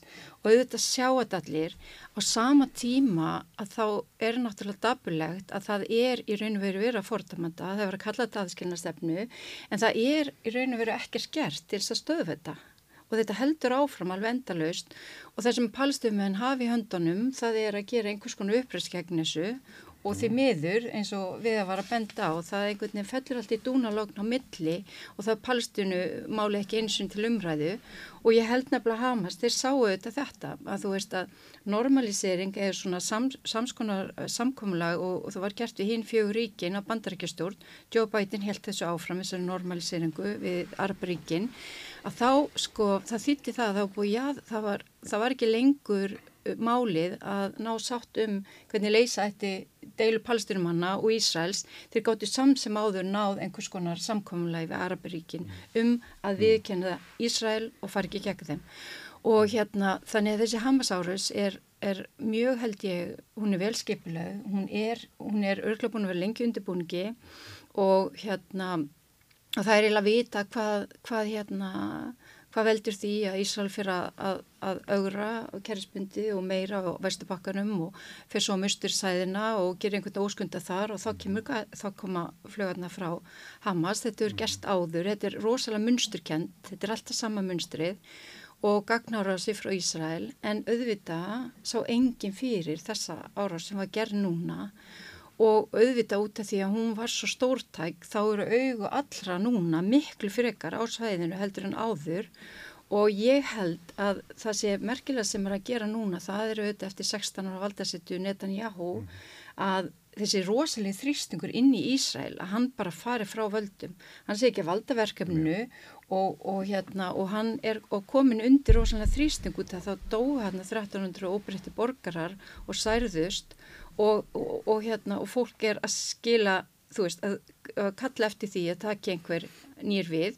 Og fólk bindur alltaf orði voni við einhverja nýja leituða þegar palestinmenn þeir bara voni til Trump. Þú veist, hann væri nógu svona brjálaðið til þess að, að, að, að það myndi kannski eitthvað raunverulega gerast þegar að kemja friði. Og ég veit ekki svo sem alveg hver það geti verið sko innan Ísrael sem geti tekið við keflinu þar en, en ég held minnskosti að það gæti orðið einhver þróun innan líka Ísrael sem gæti hugsalega farið að koma málum í einhvern annan farveg heldur en þessa harlinustefni sem er búið að vera í gangi. Mm. Almenni borgar Ísra eru löngur full sattir á, á þessu já, sko, líka... útrahæri flokkum og þessari stefnu sem hefur núna vaðið upp í, og, í þó nokkur ár. og Ísraelar sem búa og, og vil ekki kenna sig við hana. Nei og líka og, bara vil ekki kenna sig við hana. Og Ísraelar sem vil ekki eins og börnin sem búa hana mm -hmm. þú veist það er komið svona hjá stjórnvöldum þá er komið svona viðþorf sko við dílum við þetta, við eigum við þetta mm. þetta er bara það sem við þurfum að gera svona er lífið hérna, en almenningur er ekki alveg á sömu sko Já, maður heyri jafnvel að fólki sem er byrjuð að flytja frá Ísraði mm -hmm. út af ástandinu og þá er nú eiginlega mm. þetta komið í svolítið engilina farveg. En svo sama tíma er hægt að vera er svo ótrúlega skrítið að vera þarna þegar ég var að vinna þarna til dæmis og bjóði Östu Jérsalem, svo var maður þú veist, að fá alltaf öryggiskila, við vorum líka að vinna með samtökum í Ísrael, svo einsinni í aðdrahanda loftarásana þarna og þessar átaka á Gaza sérst 2014, að það er einhvern veginn til að við var fundi og ég fæ 40 öryggiskilabóð í síman og þá eru bara allir að lappa með hundana sín og fá sér drikk og sólins gein og njóta lífsins. Og ég var um sem að ég væri með svona gjallarhórn og ég myndi lesa upp hvert einasta öryggiskilabóð sem ég fekk, mm. uh, þú veist það verður svo gjörningur þú veist, þá kannski myndi fólk svona vakna upp mhm. að þessum draumi fólk er líka bara á veruleika flotta það er afneitun eins og getur hún lefi hefur talað um, mm. veist, það eru stór skilti sem banna fólki að fara hernundusvæðin, þú veist, það er bara stór hættulegt mm. og, mhm. og alveg fyrir það að, að þeim stafi auðvita af, af palestinuarabum og öðrum arabum ja, og það er alveg ástæð fyrir því en, en hérna en samt sem áður, ég hérna, því miður, ég kannski ekki bara orðið yfir til þín, ég verð alltaf freka vondau, en ég bind svona vonir við kannski að sé eitthvað að gerast líka í Ísrael. Og ég spyrjaði að út frá þessu þórir, að því að maður heyri þetta svolítið að, að svona vonin um að eitthvað gerist, einhver lust finnist, sé helst í því að, að Ísraelskur almenningur hafn þessu mm. og að sumuleiti kann það að vera afleðinga því að, að já, svo kalla alþjóða samfélag mm. að, að það er eiginlega það sem þau hafa verið að leggja til í þessu fríðarferlið var bara nafn á vaksandi kúun og, mm. og raunverulega hafa önnur lönd stutt Ísrael í því að hægt og bítandi að auka kúunina á palestinumönnum. Þannig að það er eiginlega enginn þriðji aðili sem getur stíð þarna inn sem er svolítið kannski svona þegar maður horfir á þetta frá Vesturlöndum mm. einhver leiti svona sorglegt þar sem þetta var verkefni alþjóðastjórnmála mm. alveg bæði Evrópu og Bandaríkjónum áratögum saman Einmitt. eins og að við bærum einhverja ábyrð á því að finna lausna á þessu vandamáli Einmitt, en það virðist einhvern veginn önnur afhjópunin sem að 7. oktober er, er það að, að það svo stefna er hann vel ekki til og kannski hefur ekki verið til lengi Nei, eins og við erum bendið á. Já, er mitt, en, en þessi þriði aðli mögulega er það ekki bara fólkið. Í Ísrael. Hérna, já, og í Evrópu og í bandrækjum sem hefur rauninni mótmælt þessu um ára byl, uh, ekki mhm. síst geðingar í bandrækjum sem er mjög gaggrínir á Ísraels ríki og nú sjáum við að uh, viðbröðin þrátt fyrir að þetta sé rammað inn af öllum fjölmunum sem, sem, sem eins og það er hrylling, hryllingur, blóð, áras, Hamas uh, og, og, og narratífan er svo að þetta sé í engu samræmi við neitt uh, aðgerri Ísraels eða neitt þannig þá, þá fyrir fólk samt út á götu og sínum palestínu mönnum samú vegna þess að ég, ég og mín tilfinning er svo að upplýsingin sé orðin meiri. Mér finnst eins og áður fyrir að hafa þetta verið meira að, að fólk hafi já, þau, þau eru eitthvað, hérna, hata hvern annan þarna í miðusturlöndum og eitthvað svo leiðis, en mér finnst fólk raunverulega um, hafa betri upplýsingu um, um, um í rauninni aðstæður palestýru manna, það er náttúrulega út af uh, fólki sem flyt, hefur verið þar og hefur segir frá og, og fréttaflutningi og, og samfélagsmiðlum með þetta núna líka sem er náttúrulega stort aflýð þessu, þannig að En á saman tíma þá eru stjórnvöld á Vesturlöndum með meiri stuðning, meiri afgerandi stuðning við Ísrael núna heldur nokkur tíma. Akkurat og það sem við erum að sjá er alveg rosalega klopningur í svona einhverjum einhver almanna skoðun á þessu máli og síðan þessari línu stjórnvalda út um alla Evrópu og sjáum að þetta er að fara að bitna á tjáningafrælsinu líka sem við höfum mm -hmm. svo mikið að þú mátt ekki taka upp fána þannig að þetta búið að afnema þetta bann sínist mér á flestin stöðum en þetta voru fyrstu viðbröðin sko. Uh, Guterres sagði um daginn eitthvað að það leið að þetta hefði ekki komið úr uh, úr tómarúmi, þessi mm. Áras Hamar mm -hmm. og, og, og þá kemur hann Gílad Erdan eða hvað sem hann heitir þarna og, og segir bara hann eða segja af sér að þetta, að þetta sé, þetta sé hérna, andgiðingleg ummæli skilur við, þannig að þetta, mm -hmm. þetta er orðið svo, þetta er orðið svo rosalega öfgafullt að ég held að almenningur heldið sjáu bara miklu betur í gegnum þetta heldur en áður -hmm. Já, þetta er nú orðin, orðin svona hálgjörður sko skrýpalegur emitt sko þessar hérna ásakanir sko. Já, mér, já. mér er nú bara hérna, eftir huga dæmið af, af henni hérna auðvitað Gretu Thunberg mm. sem að byrti mynd af sér á Twitter mm. muniði, mm. þið sáu það er ekki sem hún hérna kallaði eftir sko hérna fríða á gasa eitthvað slíkt og, mm. og þá var á myndinni hjá henni svona tuskudýr sem var, er, er, var kolkrabi mm. og, og hún var sem sagt tekinn fyrir og því að þessi kolkrabbi átti að vera táknum um gýðingahattur sko. Já, já þetta, er, þetta er líka þessi, þetta er, er bæðið stjórnveld sem að stýra svolítið línunni og við sjáum að stjórnvöldin hérlandi þau eru alveg þarna þessi línu, það er mm. rosalega hraðislega við að víkja frá þessari línu mm. í því sem er sagt, það er sagt eitthvað í úvi fordamið þetta hvers konar ábeldi en, en, en það sem er líka er að, er að málstaður Ísraels, hann er svo rosalega ofinn inn í svo margt í Evrópu, í, í mm -hmm. verslun og viðskiptum, ekki síst í ímjömskonar áhrifa uh, fólki og stopnunum mm -hmm. og hinn og þessu og uh, það er bara fjölmörg dæmi sem að, sem að í rauninni er að taka um það var eitt, eitt, eitt eftirmilegt dæmi fyrir nokkur mánu síðan þar sem að uh, leikmaður Arsenal, El Neni mm. postaði einhverju, það eru fleiri dæmi núna þar sem að íþróttamenn -hmm. posta kannski einhverju Já. sem er bara svona stöðnings eða samúðar yfirlýsing með palestínumönnum mm sem að hafa látið lífið. Eh, nú Arsenal, einn af, einn af, einn af hérna, aðal sponsorum Arsenal var Lavazza, ítalska kaffimerkið mm. og hérna sem var í, mjög hluti eigu gýðinga og þeir, gýðingaráð í London sér þessi ummæli fyrir að tala við Arsenal og segir þeim að tala við hann sko, og, og Arsenal hlýðir og skammar hann og, og þú segir hann að þú veist, svona með hann ekki gera mm -hmm.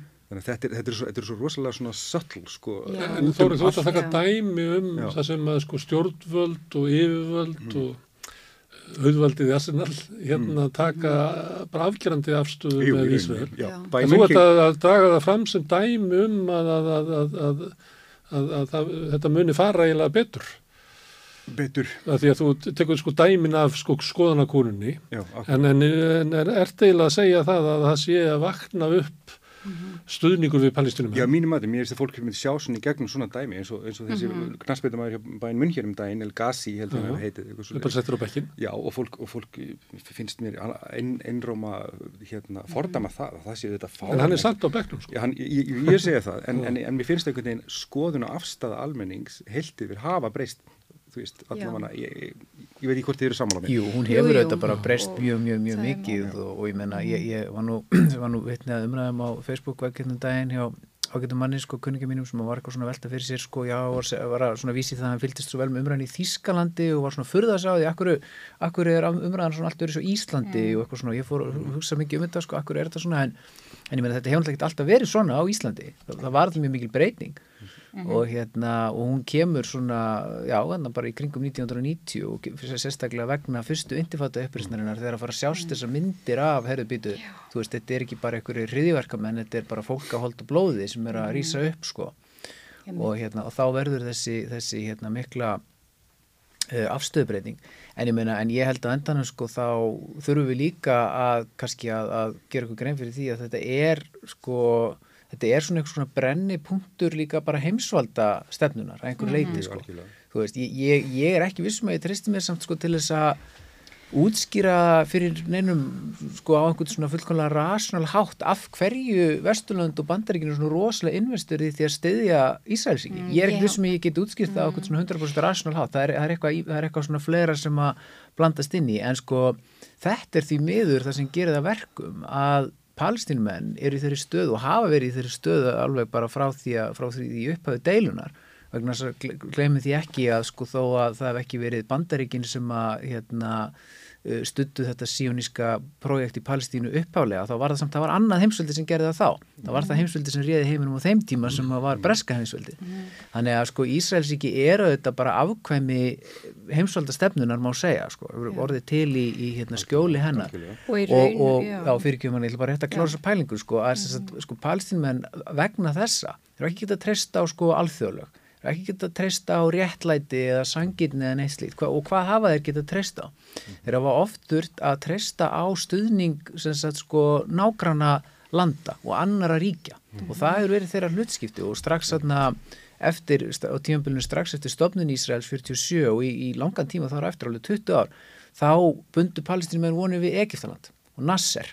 Og Nasser var eiginlega leðtögi palestinumanna, það er aldrei fyndið sko og hérna en svo eftir hann náttúrulega tapar uh, svona þótti vinna mikinn hernarósur í sextæðastriðin og þá kemur upp svona þessi meira svona palestínsk þjóðnisikja sem að Yasser Arafat var svona holdgerfingur fyrir. En þar var líka mikið treyst á stuðning nágrannaríkjana og hérna og, og það var treyst á Sýrland og það var treyst á Írak og það var treyst á það að þau ríki lefðu PLO að hafa höfustöðar sínar þar. Og það var treyst líka á sko oljuríkin sem að gáfi mikið peningum þarna inn og svona og, og hérna og palestíminn er í þessari stöðu ennþann dag í dag. Mm -hmm. og staðrættin er svo að, að, að Araparíkin hafa náttúrulega hvert af öðru í raun og veru yfirgefið á, það hefur verið svona þróunin hægt og hægt síðust áratíðina en, en einhver síður þá eru þessi öll eftir sem að styðja á og það er náttúrulega Íran, mm. það er Sýrland sem er eftir og það er Hesbóla í, í Líbanon og hérna og eins mikið og ég vildi óskæðis ég geti tekið undir það að sko breyting í almenningsáldinu í Ísrael sé leikillin að framförum í þessu máli þá óttast ég að það verða ekki þannig. Vegna þess að sko fólkið sem gæti hefði geta, gæti haft þau áhrif í Ísrael það fólk hefur bara flúið land mm. það, er bara, það, það er bara þannig þeir sem búa í Ísrael eru þetta er orðið svo, svo, sko, svo vaksandi svona fólk hefur kosið með fótunum sko, mm -hmm. fullt af fólki kannski sem að jújú jú, heldur kannski ennþá hérna, einhverjum tengslu við landi en það er bara flutt það er bara farið ekkert annað vegna þess að það er náttúrulega mm -hmm. bara mhm. hérna, blómstur er ekki í þessu andrúnslofti aukahægri stefnu sem að, að þarna mm. e, sem að þarna ríkir sko mm. En, en svo þetta getur það þetta alveg gerst og hefur gerst í, í, í sögunni að þeir sem eru svona harðastir og, og hérna, þú veist eins og De Gaulle í Fraklandi sko, hann var svo harður. Þess vegna gatan sko leift sér að tappa allsýrstriðinu sko svona, svona mótsana kent sko Veist, hann, hann þótti svo rosalega töff og flottur sko, þess vegna gáttu frakkar sætt sér við það. Fyrst að var hann sem sagði að þeir yrðu að fara og flytja frakkana aftur tilbaka frá allsýrs til Fraklands og þá var svona hægt að láta þjóðina kingja því sko Þannig að kannski er það fræðilegu möguleiki að einhver svoleiðis hérna laust komið fram á þessu. Mér er dæmi í sögunni að menn herska og getur komið heim með fríðarsamninga sem að fríðar sinnandi geta ekki. Já, og mm. það, það má segja að Sjárun hafi gert þetta sko þegar er þarna farið í þessa aðgerð sko að einmitt að fjarlæga þessar fái landnöðabíðir sem voru á Gaza þarna hvernig var 2004? 2005. Já, 2004-05 sko. Erðu magnaða, þetta er tvent þarna annars mm. við er heimsvallastörnum? Já. Nei, ég minna, ég held að sé að vissan hátt réttu þetta Ísraelsbúar geta í sálu sér kannski ekki knúið mikið fram breytingar og það kannski líka bara vegna þess að þrátt fyrir það að sé var haldaði fram að þessi eina líðræðsriki í miðstulundum þá er nú ansið mikið skoðanakún og það er dýru verið keift að, að til að mynda mópmæla Ég menna að það er alveg dæmið það að fólk sem vinur hjá byrjastofnum, kennarar og svona og eða þeir taka þátt í mópmáli gegn herrnáminu eða fyrir málsta Palestínu og þá missa þeir vinnuna. Þannig að þú veist, fólk þarf að borga fyrir það mm. og svo í sambandi við náttúrulega Palestínu yfir höfuð og veist, það sem er kannski sögulega er Palestína bara búin að vera svo mikið leiksoppur svo mismunandi afla. Auðvitað er það leysáppir eins og þú veist að benda á breska heimsveldisins og svo koma bandaríkin og svo náttúrulega núna eins og þessi fríðarsamlingu við Arberíkin millir Ísrael og Arberíki þetta er allt með milligöngu e, bandaríkjamanna og, og hver er að keppast um völdin í miðaustölundum, þú veist að verða svona regional hegemon eins og heitir. Það er mm. náttúrulega Sáti Arbi og Íran. Og Íran stýður svo eins og þau voru benda á Hezbollah og, og Hamas og hérna og svo náttúrulega Sýrland líka. Þannig að þú veist þetta er líka bara svona einhvern veginn yfiráð í mið austurlöndum sem að koma inn í dæmið og þannig að það er ekki einsinni það að, að þú veist öll einhvern veginn að, að þessi samstæðum það að styðja málst í Palestínu þau eru bara að keppa sín á milli og bandaríkin er stór þáttakandi í þeirri samkeppni og náttúrulega ítir undir hana á svo margan hátt. Jú. Þannig að það er auðvitað svo ótrúlega marg sem þarf að koma til. Ég veit ekki með ESB og stjórnveld þar en hérna mm en uh, það er ákveðin bara svona hlutverkaskipting það er stórvelda pólitík sem er þarna og það væri og, hægt að já. lýsa sögurþræðinum og vilja sleppa palitísku þjóðinni já. að hún væri, henni væri beitt rumurlega í stórvelda pólitík að, mm -hmm. að vegna hérna, stríðs í Úkrænu og lokunar á orkuflutningum frá Rúslandi til Evrópu að þá eru hugmyndur um það að flytja orku frá Sáti-Arabi og Persaflóa ríkjónum mm. í gegnum Ísrael til Evrópu Nákvæmlega. og það muni styrkja Sáti-Arabana og mm. það er það sem Íranir ja. setti sér ekki við ekki og þess vegna séum við komið þessar stöðu Já. þú veist það er alveg að horfa á þetta og bara ég, ekki telja palestinum með, með og öllu líkjum er það líka verið að gera það mjög víðum lönd, það er ekki svona verið að hugsa til þeirra Nei. Eins og segi, ég held að það er á því minnstum sín eigin örlög uh, satt að segja mm. uh, hérna það er svo kannski, margir aðeins sem koma já, já, en, en, en hérna nein, sko, en ég minna varandi auðvitað svona þessa, þessa andspyrnu sem að Hamarsamtökin sko eru að heia mm -hmm. sem að nýtu nú ekki mikill að vinsalda hér á vestlundum, það þykir nú ekki gott en sko þetta er, veist, þetta er undir okkar fólk að rýsa upp mm -hmm. þetta er palestinsku þjóðin. Ég segir einhver starf annars mm. var þetta kallað? Ansveiturhefing sem að Jóhann Huga er, hefur ákveðin svona uh, tegni yfir sér sko. Jú, og ég, ég, ég segi fyrir mitt leiti sko eftir að hafa hérna, þú veist ferðast þarna um svæðið og hitt palestinmenn og tala við og ég menna það er ekki takt annað heldur en að þú veist bara dáðst að því hversu bara hversu mikið hugrekki palstinumenn hafa sínt og þraut sig í gegnum þetta allt sko, ég meina þú veist það hafa verið sviknir af, ég meina sviknir af brettum, þú veist sviknir af friðarsamlingu sínu við Ísrael, sviknir af öðrum uh, heimsveldum, sviknir af Arabaþjóðanum, mm. sviknir af sínum eigin leðtóðum sko, mm -hmm. af þú veist PLO og, og hérna og palestinsku heimastjórninni en, en samt sem áður þá, ég meina, rýs fólk þú veist, alltaf upp sko mm -hmm. og þá kannski kemur maður líka að þessari spurningu sko, hvað er það sem að veist, hvað er það sem Ísrael eða ætlast sér fyrir sko mm -hmm. og allir þessir aðlar sem að hérna, bæði hérna bandaríkin og síðan Európa-löndin sem að eru að tromma upp sko stemningu og, og, og stuðning mm -hmm. við, þú veist, eitthvað en hvað á það að vera? Það er það sem ég farin að velta fyrir mér meir og meir og, og sérstaklega núna eftir því sem að dagarnir hafa liðið og maður eru svona farið að spurja sér sko hvenar eigi, eigi þessi hérna innrás að hefjast sko mm. þess að ground invasion, hvenar eigi landhernaðarinn að fara að hefjast, hann hefur svona tafist mjög með það sem maður bjóst við og með allar yfirlýsingarnar og mm. að það kom engar svona sérstakar skýringar frá Ísraels her neitt um það sko, á hverju séu von. Vera, mm. og maður spyr sem þetta því hver er, veist, hver er hugsun? Hva, hvað á að, á að gera? Veist, myna, halda, heldur Ísrael að það verði hægt að, að sagt, fara einhvern veginn aftur í einhvern svona normaliserað hernám?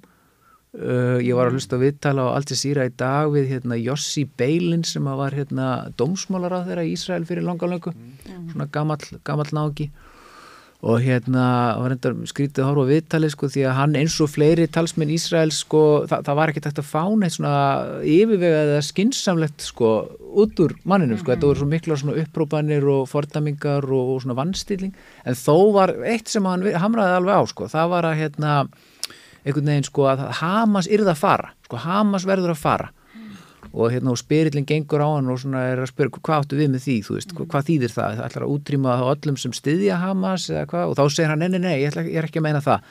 Og, og þess að segir sko, hann er, að, hann er bara að tala um að sko Hamas sem stjórnvald eigi að hverfa frá mm -hmm. og, og þá náttúrulega hugsa maður tilbaka, ok, Hamas náttúrulega unnu kostningarnar í Palestínu, voru haldnar mm -hmm. glæsilegar, líðræðslegar, frálsar kostningar sko, 2000, já, 2006 mm -hmm. og Hamas sigraði í þeim og, en, en þá sem sagt tókst þeimitt Ísrael sitt ætlunumverka og einmitt með miklu stuðningi frá uh, bandaríkinum og Örbúrsambandinu að sagt, gera valdarán gegn þeim sem að enda þessu í því að, að sagt, þeir einangruðist bara á Gaza en það tókst að halda þarna, völdum svona þessum, þessum svona lokalsamverkamenn hernámsins á vestubakkanum urðu bara hinvangurinn, fatta sko mm -hmm. Að þá getur maður spurt sig hvort þetta sé hugsunin að það er einn að koma upp svoleiðis leppstjórn sko Já. líka á gasa. En það sem manni finnst líka svo, svona mikil tvískinningur er að Hamas náttúrulega býðið sér fram á þessum tíma sem flokkur umbúta og framfara breytinga og framfara. Og hérna og þeir bara, það hefur alveg verið gerð greining á þeirra kostningabartu og þú veist og hvernig þeir líka fóru, þú veist bara dýr frá dýr og voru aðstofa fólk með alls konar nöð, nöðsynjar og þýlikt og þeir unnu þennan frábær sigur og ég hef nú sagt áður að þú veist þetta var svona pínliti sko mópmæla atkvæði þeir voru mópmæla spillingun og úræðleisun sem þeir fannst ríkjandi hjá palestinsku eða fatta og þeim flokkum sem var svona fylgdu í, að í heimastjórninni og þetta er svona svipað og þegar fólk kaus bestaflokkin eftir hrun, ég minna þetta er svona vantrú á að, og þetta er svona gaggrinni á það að stjórnmálflokkin sem eru fyrir séu umvölu að vinna í, í bestu þáu almennings. Eftir intifæta 2005 Já, akkurat og það sem ég finnst líka svo mikil tvískinningur er það að mópmælt enginn frambóði Hamas. Þú veist, ok, þeir bjöðu sér fram aðna undir einhverju nafni sem var ekki Hamas, heldur flokkur Change and Reform, en svo þegar þeir ná völdum og sigra kostningarnar, þá allt í einu uh, er það ekki í lagi. Já. Og þannig og að, en var- þeir fengur samt að bjóða fram það- það án, var- án að aðtjóðsenda. Þa- og það var magnaðið mitt að fylgjast með þeirri atbyrðarás vegna þess að sko eins og, eins og því eflaust þekkið hafi tekið eftir sko það er alltaf verið að segja við palestínumenn sko herru, þú veist, þið þurfum að gera þetta, þið þurfum að forda með þetta þið þurfum að leggja nefn þið þurfum að vera svona þið þurfum að viðkenna tilvist Ísraels og allt þetta sko kannski fyrst frá því að segja allumis, sko það er náttúrulega dæmi um palestinska hreyfingar sem hafa gert þetta. Það gerði PLO eitt Já, já. viðkendu Ísrael, löðnu og og allt þetta. Og þau höfðu nákvæmlega ekkert upp úr krafsinu annað en að vera að gera það að, að leppstjórn. En sko málið það að Hamas gerðu akkurat þetta. Eða stigu mjög stór skref í þessu átt skulum við segja með því að þetta hérna, leggja niður vopn eftir að hafa verið e, sko lang herskáasta hreyfingin út í gegnum alla setni intifættu upprýstina voru með þessar sjálfsmórsárasir og, og fleira á þeim tíma. Og en þeir þarna sem sagt söðlaðir algjörlega um Já. og ákveða, það voru þarna sveitastöndakostningar og svo þingkostningar komum við 2006. friðar tilugur og já, já, já, og, nei, og, minna, og kannski bara sem er mestum verðt sko, Hamas ákváðu að viður kenna sko, stopnunin af palestinsku heimastjórnina vegna þess að þetta- þessar þingkostningar voru til þings palestinsku heimastjórnina og í því fólst líka óbein viðurkenning á Ísraelsríki vegna þess að palestinska heimastjórnin er bara byggð á tveggja Tveggja ríkja sko, konseptinu þannig að það að Ísrael, þannig það að hérna, Hamas skildi e, gera það var alveg rosalega stórt skref mitt í svona málamiluna og það var mjög áhugavert að, að sko, svarið sem að, að hérna, þeir fengu var þetta bara valdarán og bara skipilagt valdarán með aðstóð bandaríkjana sem gekk út af það að sagt, reyðja þeim e, frá völdum. Já. Þórir, hérna hvaða stuðning hefur Hamas meðal palestinumara? Kannski erfitt að, að, að segja, ég menna við uh, við kannski getum líka að setja í sammingi hvaða stuðning hafa er frá einhverjum öðrum eða þú veist, eða hvaða stuðning hafa palestimenn frá, frá öðrum en, en Hamas eða þeirra, eða, eða Íran eða, eða Hezbollah sem, sem stiðja þá.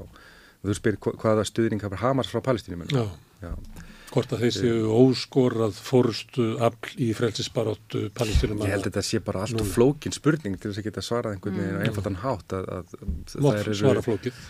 Já, ég, veist, ég get ekki sett mér til spór að geta, geta skilið almennilega tilfinningar palestínumanna til þessa fyrirbæri sem, a, sem að eh, oft verðist öruglega að vera þeirra eina von en, en sem veldur svo miklum hörmungum og dauð á sama tíma að eh, já, veist, það er, er alltaf gerlegt að útskýra þessar tilfinningar sem þú ber til svona, svona stjórnmálaafls. Krafan eh, frá Vesturlöndum eh, er svolítið svona einfældingslega að, að það er krafa um það að, að palestinumenn fordæmi hriðverkin, ak akkurat. og Fyrst þar fremst, með já. og fyrst og fremst eru fordæmi, fordæmi þetta og, og í rauninni krafum að þeir sjáu aðeins hlið uh, hins aðeins uh, ekki, ekki sína eigin hlið Mm.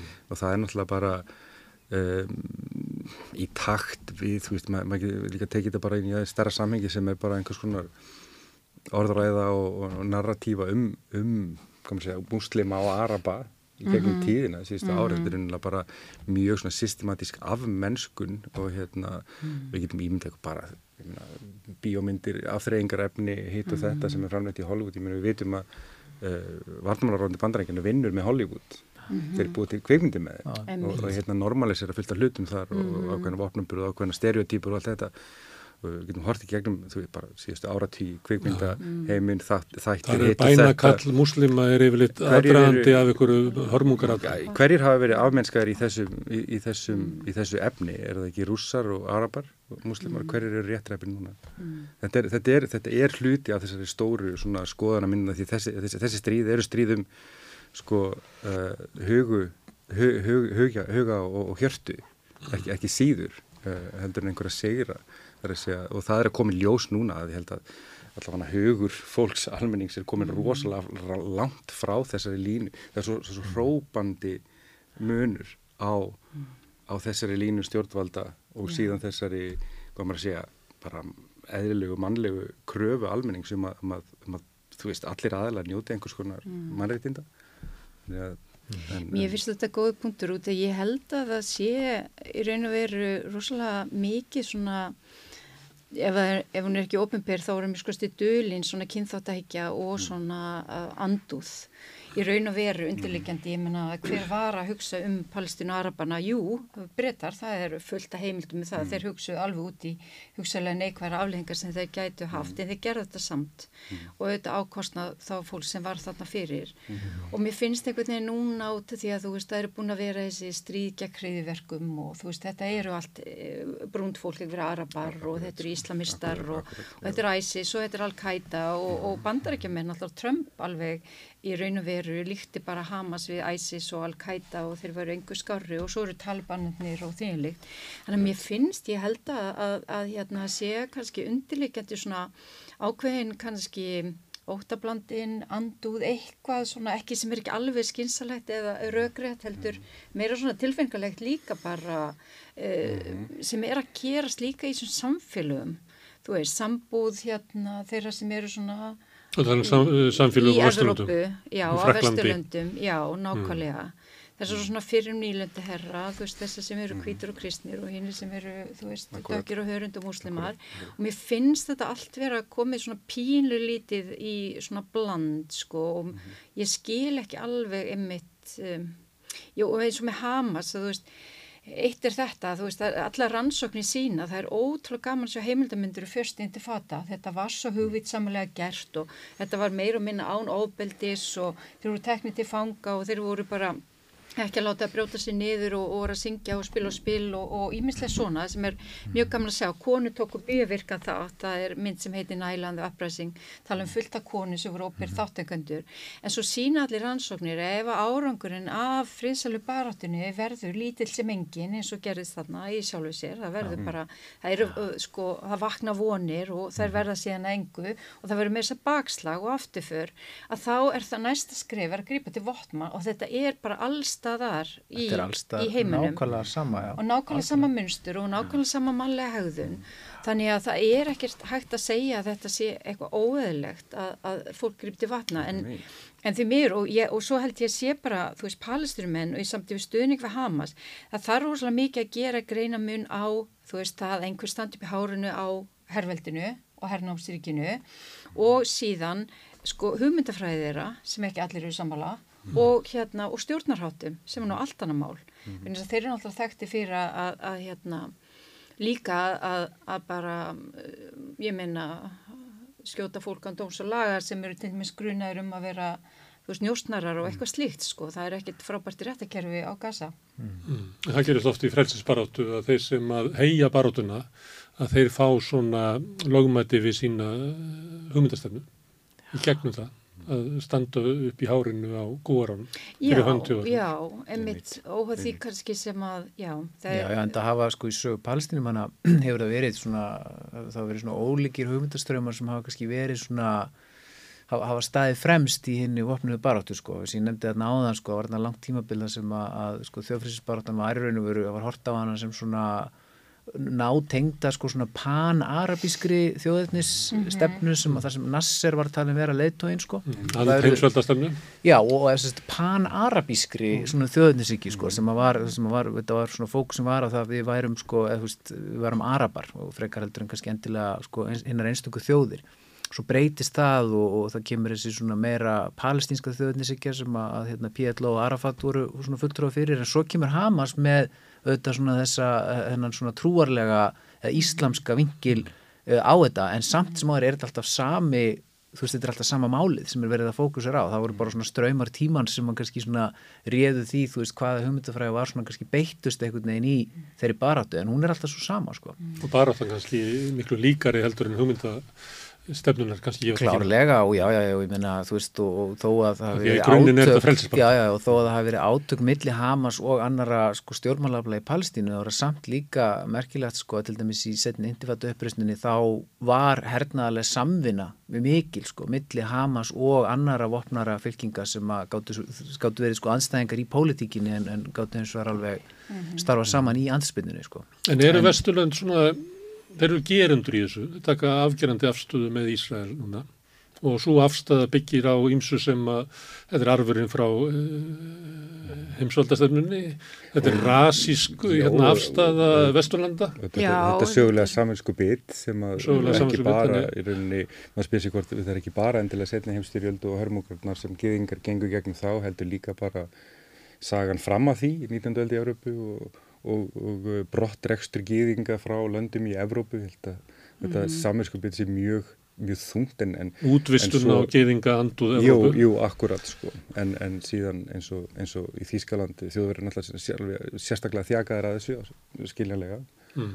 að uh, þjóðverðar eins verið átt að segja að þeir eru ekki sama fólki í dag og þeir voru fyrir þessum árum mm. þannig að þetta er eins og segi það, það, það spilar auðvitað stórt hluturleik mm. þetta er saminskupið Mér finnst það persónulega svo ótrúlegt að sjá sko þýsk stjórnvöld ekkert neginn svona tala og beitar og svona stemningin í þýskri orðaræði sko. Það er svona, já við fröndum nú hérna einu sinni sko stórkslega gleipi gegn mankinni, það mm. gerur okkur að siðferðislu autoriteti, mm. þess vegna getur við dæmt aðra, þess vegna getur við verið dómarar í, í mm. þú veist, átökum annara sem eru emitt sko orðnar að svona einhvern veginn samskona blóðsæting. Þetta hljómar ekki vel eins og þú orðar það. Nei, ekki, ekki bara dómarandi stuðningsmenn. Já, og stuðningsmenn og kvatamenn að því að, að gera á margan hátt svipaða hluti. Já, hérna. já, já það er þetta sko. bara með reynstóli. Hversu mikið er ástandið afleiðing af sérsagt palístinu vandanum innan Vesturlanda, rasismannum og hérna hversu mikið eru Vesturlund gerendur í þessu?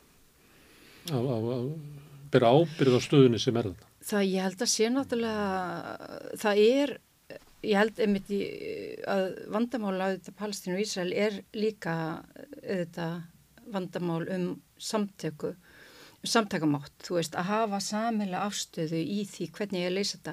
Þetta náttúrulega endur speiklar auðvitað gífurlegt ráðaleysi, bara yfir höfuð. Mm -hmm. og með að við hvernig staðan er orðin á vestupakkanum, alla landtökubiðirnar sem eru, þú veist, bæði þessar svo kvöld, þetta er allt ólöglega landtökubiðir en það eru náttúrulega ríki í Ísrael sem að ákveður uh, hvaða uh, landtökubiðir eiga að vera. Þeir eru með ofinbært útbóð og þær eru byggðar og fólk flytur, það er efnarslega kvata til að flytja í landtökubið og svo er þessu, þessu kvöldu, það sem þeir kalla ólöglu landtökubið, þær eru byggðar sem sagt af fólki sem áhulfu koma út af því að það er, það er náttúrulega law of return, það geta allir geðingar sérstannað, mm. en þeir byggja sína eigin og þeir, það sem þeir hafa gert er að þeir hafa bæði sko e, jafna þessar ólöglegu hérna, landtökubiðir sem hafi ekki verið byggða með þeirra lefi við jörðu, en þeir hafa líka löglegt sumar og left þeim að vera mm. og svo er náttúrulega eins og gólanhæðirnar, ég veit ekki hvort þið hefur farið þarna upp á en maður stendur þarna upp á gólanhæðinni mm. og þú horfi bara yfir til Ísrael og það er rosalega mikið stolt í Ísrael yfir að hafa unnið þarna, þú veist þessi Araparíki sem reyðust á þau í sexdagarstriðinu mm. og svona ósmekli heit eins og ég var eins og með hópa palestinskum ungmennum og þá var uh, tólku sem, nei, leiðsum að þessum kom frá Ísrael mm. og það að ég verða, verða valdi ykkur vombrum í dag, enga sprengingar í Sílandi, þú veist, þá, þú getur bara reynilega að séð það yeah.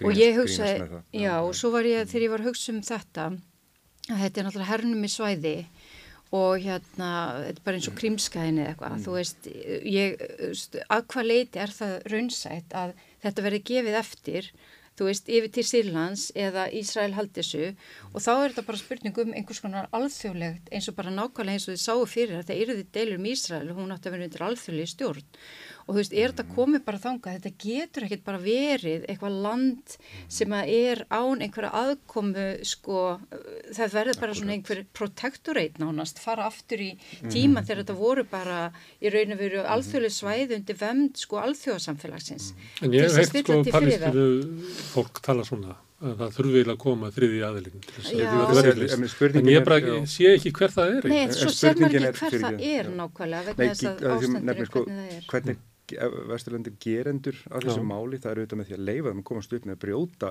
og þeir brjóta alþjóðalög í áratugum saman.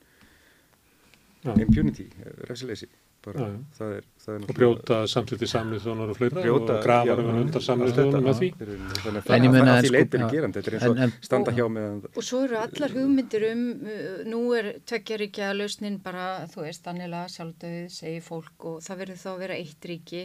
Menn það getur ekki heitið sumir uh, bara hérna í mópmálum hafa talað um sko frálsapalstinu frá Anni Jórdaníu mm, til Miðirhafsis og, og þá er verið að segja já það, það lifi sko palestinumenn og, og muslimar mm. og kristnir og geðingar mm. hlifið hlið en það verður ekkit ríki Ísraels og það verður þá eitt ríki og hvað það þá heita og hvernig verður því hátað mm og ég meina það hafa verið tilrunni gerða til þess að ræða til dæmis það væri svona tvö ríki hlið við hlið -hmm. en það væri svona einhvers konar eins og fjórfrelsi þú veist það væri frelsi til að ferðast og frelsi til að vinna þú veist og þú hefðu svona svipur réttindi en til er sann sikkur í ríkinu en þetta var hérna skipulögt hérna átt að skipulögt hérna á Ramallah eða eitthvað slíkt en, en þá er líka einmitt þessi hallinu stefna mm. að þú veist það má ekki ræða eða eiginni samstarf við gíðinga eða Ísraelsmenn og, og palest, milli palesturmenn það er bara normalisering mm. og það er, það gengir svo langt að þó þú sérst að ræða um einhverju fyrirsamlega lausnir að lausna deilinu þá er þetta samt stimpla sem normalisering. Já. og þú veist og þú vilt bara og það er svo og gífileg þrýstingur báð máttum þannig að þú veist þetta hefur aldrei náðinu sem fram að ganga. Þeir hættu við þessar ástöfnu og það var aðlúta þrýstingum sem palestinu palestinski þáttækundur sem að taka þátt í þessar ástöfnu urði fyrir af palestinumönnum. Þannig að þú veist að það er, er komið í svona ógöngur og þetta og vissilega hórast allir auðu við það að þetta getur einhvern veginn ekki haldið svona áfram, svo hörmulegt. Og við erum mynda á þetta síðan reglulega með vopnum, mm -hmm. sko, þegar vopnu átök brjótast út, en það eru náttúrulega verið að brjóta á palestinumönnum alveg okkur um einasta degi. En þú veist, þetta er bara þetta eru litlir þú veist, þetta er, það verið að hérna, ég menna það er fjölskylda sem á land, hún fær ekki byggingilega vust í Jérúsalem, hún reysir húsið 11, sko, 16 manns búaðn í 11 ár, svo eru þau rifin niður, þau fá 20 sólarhins viðvörun, mm. þau fór sagt fyrir að hafa byggt ólega, svo þurfum við að borga kostnæðana niðurrifinu, þau lenda göttunni í tjöldum, mm. þar sem er rauðkrossinn útverðið með tvo mánuði og svo hérna, enda pappin eða fjölskyldfæðin í skuldafangis út en hefur ekki efna á að borga mm. skuldirnar og svona er þetta og svo, svo eru þau bara hrakólum. En staðan sem er núna er að það er engin engar hugmyndur um, um sko laus á borðinu. Mm -hmm. og engin getur lagt hana fram, engin þriði aðli er í bóði og við fáum bara það er hver hörmungadagurinn sem að fylgir öðrum. Mm. það er bara hryllingur. Já, og það er bara, og það er ekkert sínilegt hvernig þetta á að geta stoppað. Palestínumenn eru bara Palestínumenn eru bara í þeirri stöðu að vera, vera undir okkur þjóð og, og, hérna, og eru nú ekki, ekki svo fyrsta reyndar. Og bara þau, þau, þau, þau úrræði sem að þeir hafa eftir að hafa náttúrulega reynd öll hinn, eftir að hafa reynd að mótmala og, og hérna þú veist höfða til alþjóðastofnana og samvisku og rauksemda og skynsimi og sannleika og allt þetta er einfallega vopnið barata það er bara barata, það er það, er það eina sem palestínuminn hafa, það er eina sem að þeir eiga eftir. Og þeir eru aldrei staðið verð, þeir eru aldrei haft minni stuðning nágrannaríkjana, þeir eru aldrei haft minni stuðning stjórnvald á Vesturlandum, svo að þið viljið segja að almenningur hafi ekki sko, svikið það, þá var stjórnvald á Vesturlandu svikið það. Nei, menna þetta er, þetta er ekki, þetta er ekkit sérlega eitthvað en eitt svona eitthvað, eitthvað bjart framöndan, en ég menna ég held hins vegar þó að, að sko, ég menna stuðningurinn frá sko Hisbóla og Íran er, er skiptir mjög miklu máli og sástuðningur held ég að hafi nú svona kannski reynst palestínum önnum betur svona raunverulega þegar á holminu komið heldur en svona þessar kannski svona þessi svona stuðningur í orðikvæðinu sem var frá, frá Araparíkunum ég meina Íran hefur náttúrulega beinlinni stutt sko Hisbola og, og Hamas bara með, með vopnum og peningum og, og, og allt það, en, en svo þetta er líka kannski svo vinkill á þess að það eru þetta svona ákveðna hræringar og, og, og svona það er, það er breytingar í landslægi náttúrulega alþjóða mála veist, það, það, það er staðrænt þetta líka. Það er hérna, þú veist, BRICS hérna löndin eru, eru að láta að sér hveða uh, ég menna rússar er heldur betur líka að láta hérna að sér hveða, við skulum ekki glemja því að þeir voru náttúrulega mjög virkir í sko Sýrlandsstríðinu og, og stiltu sér þar upp við hlið sko Írans og, Sýrlands og Hesbóla og hérna og hvaða afstöðu tekur svo Kína í málinu og það er alls konar svona hérna vinklar sko sem að geta átt eftir að, að hérna að hafa hugsanlega einhver, einhver, einhver áhrif. Því að sérstaklega, já ég menna veist, sérstaklega tíund, tíund áraturinn var þessi áratur þar sem sko bandaríkin stóðu uppi sem eina heimsveldið. Það var bara eitt heimsveldi á tíund áraturinn, það voru bandaríkin. Mm. og þá kemur eins og ég vísi aftur í frægu ljósmyndin á Bill Clinton sko, þarna var alltaf komin einhver sem ætlaði eina heimsveldið þar alveg endi eini dómarinn, eina svona raunverulega framkvæmdavaldið í alþjóðamálum sko, en þeim misefnaðist þeim tókst mm. ekki að gera þetta, mm. þetta ætlunarverksitt og, og hérna. Akkurat. en hins vegar er kannski ekki endilega svo staða lengur að það sé bara eitt einsveldi kannski er svona fjölpóla heimur að einhverju leiti í, í fæðingu. Og kannski er það einmitt líka þar sem að, hérna er svona lókikinn í þessari hernaðarækjar þjá Hamas. Það er að einhvern veginn svona kasta boltanum bara hátt upp í loft einhvern veginn og, og hérna og, og svona áfrýja málinu og einhvern nátt inn í svona nýtt alþjóðarsamfélag Þannig að anstæðingar, anstæðingar minna geti orðið vinni mínir. Já, hugsanlega og, og gleymum ekki þeirri gríðarlegu innistæðu sem að sko palestinska baráttan á sko í nágrannlöndunum og hér á vesturlöndunum þrátt fyrir allt. Ég held að þessi stuðningur Araparíkjana sé meiri heldur en hann verðist að vera. Meðal almennings. Já, já, meðal almennings og það koma hardorar yfirlýsingar frá ríkjónum sjálfum, jábel, ofinbæra yfirlýsingar eins og frá mhm. Írak, ekki síst, mhm. sem að það sem að stóða þetta hefði verið fyrir sjánlega útkoma. Mhm. Frá Íran? Frá Írak. Frá Írak, já, ok. Og nýlega var ég að lesa bara í morgun að uh, það streyma nú að landamærum Jórdaníu og Írak Uh, ungir menn sem vilja berjast með hans það eru, það eru sko, þeir byrjuðu í gæðir held ég voru einhverju 2000 og í morgur einhverju 7000 ungir menn sem eru ákveðnir í að fara og berjast mm -hmm. með, með palestínumunum þannig að það er veist, þetta, þetta atrið með, með og þetta er ákveðin svona sundrungatækni líka að tala svolítið upp þess að misklíð araba all tíð. Mm -hmm. Hún, veist, það er flókið en er líka ekki, í þessu samhengi sko yfirlýsingarna frá ekki bara fyrirfram gefin niðurstaða en líka yfirlýsingarna frá Tyrklandi fyrir ekki sko, ég menna sem eru alltaf hafa, kom mér á óvart mm. hversu afgerandi þær voru frá mhm. Erdogan núna bara á síðust dögum sko. Mm. það, það er svolítið, svolítið sprengjar sko að hann komið auðvitað, ég menna NATO-ríki og allt það sko, það er þetta alveg merkilegt sko. Við vorum líka spáðið að hverju, þú veist svona þetta ákveð hík, það er ekki farið inn með landhernaði, en ég held að einn líka áfanga sig úr Palestínu, mm. þú veist þeirra vopni eru einhvers konar upprisnir en þeir hafa líka unni ákveðin áfanga sig sko gagvart alþjóðsamfélagi eftir að alþjóða sakadómstólin mm. viðkendi og þeir hefur lögsugu yfir málum Jú. eða þeir gætu komið inn og fara að rannsaka hvort að bæði Ísrael og mm. þetta hama sér líka í rannsókn mm. verið framið gleipi gegnmankinni og stríðskleipir og það er líka rosalega mikill áfanga sigur út af því að það var mjög lengi umdelt hvort að, að lögsa domstólsi snæði til hernumdusvæðina og þess sem var að gerast þar eða ekki mm -hmm. og það náttúrulega það, þetta er bara komið inn á borð alþjóða sakadómstólsins, auðvitað er að rannsaka ennþá síðan 2014 en það er sama, þetta er komið þangað. Og þetta náttúrulega, þessi mm. stríðsátök núna muni að sjálfsög gera það. Já. hvað hefur land ernaður í förmið sér? Mm. en ég held að það er það vinnur líka með og palestinuminn eru rosalega verði að segja svona konsekvent í að nota alþjóðstofnir, þetta er þó minnskosti allt til skjálfest og þeir hérna og það voru fjör hérna samtök þarna 2014 mannisinsamtök sem voru að taka saman vitnisspurði og allt hvað eina mm. og senda til alþjóða sakadómstólsins mm. og meðlans að herkvinn sé brot á alþjóðlegu mm. En nú er staðan í Palestínu alvarlegri en hún er verið um, nottjóðabilega, fleiri, fleiri sem er að degja núna heldur en bara mm. ég held að við þurfum að fara bara aftur í stríðsátökin sko, til að finna annað eins og það er stríð í Evróp líka mm. og mhm. svona persónur og leikoti sem að þeir nefni hérna átökum bara breytingar í heiminum e,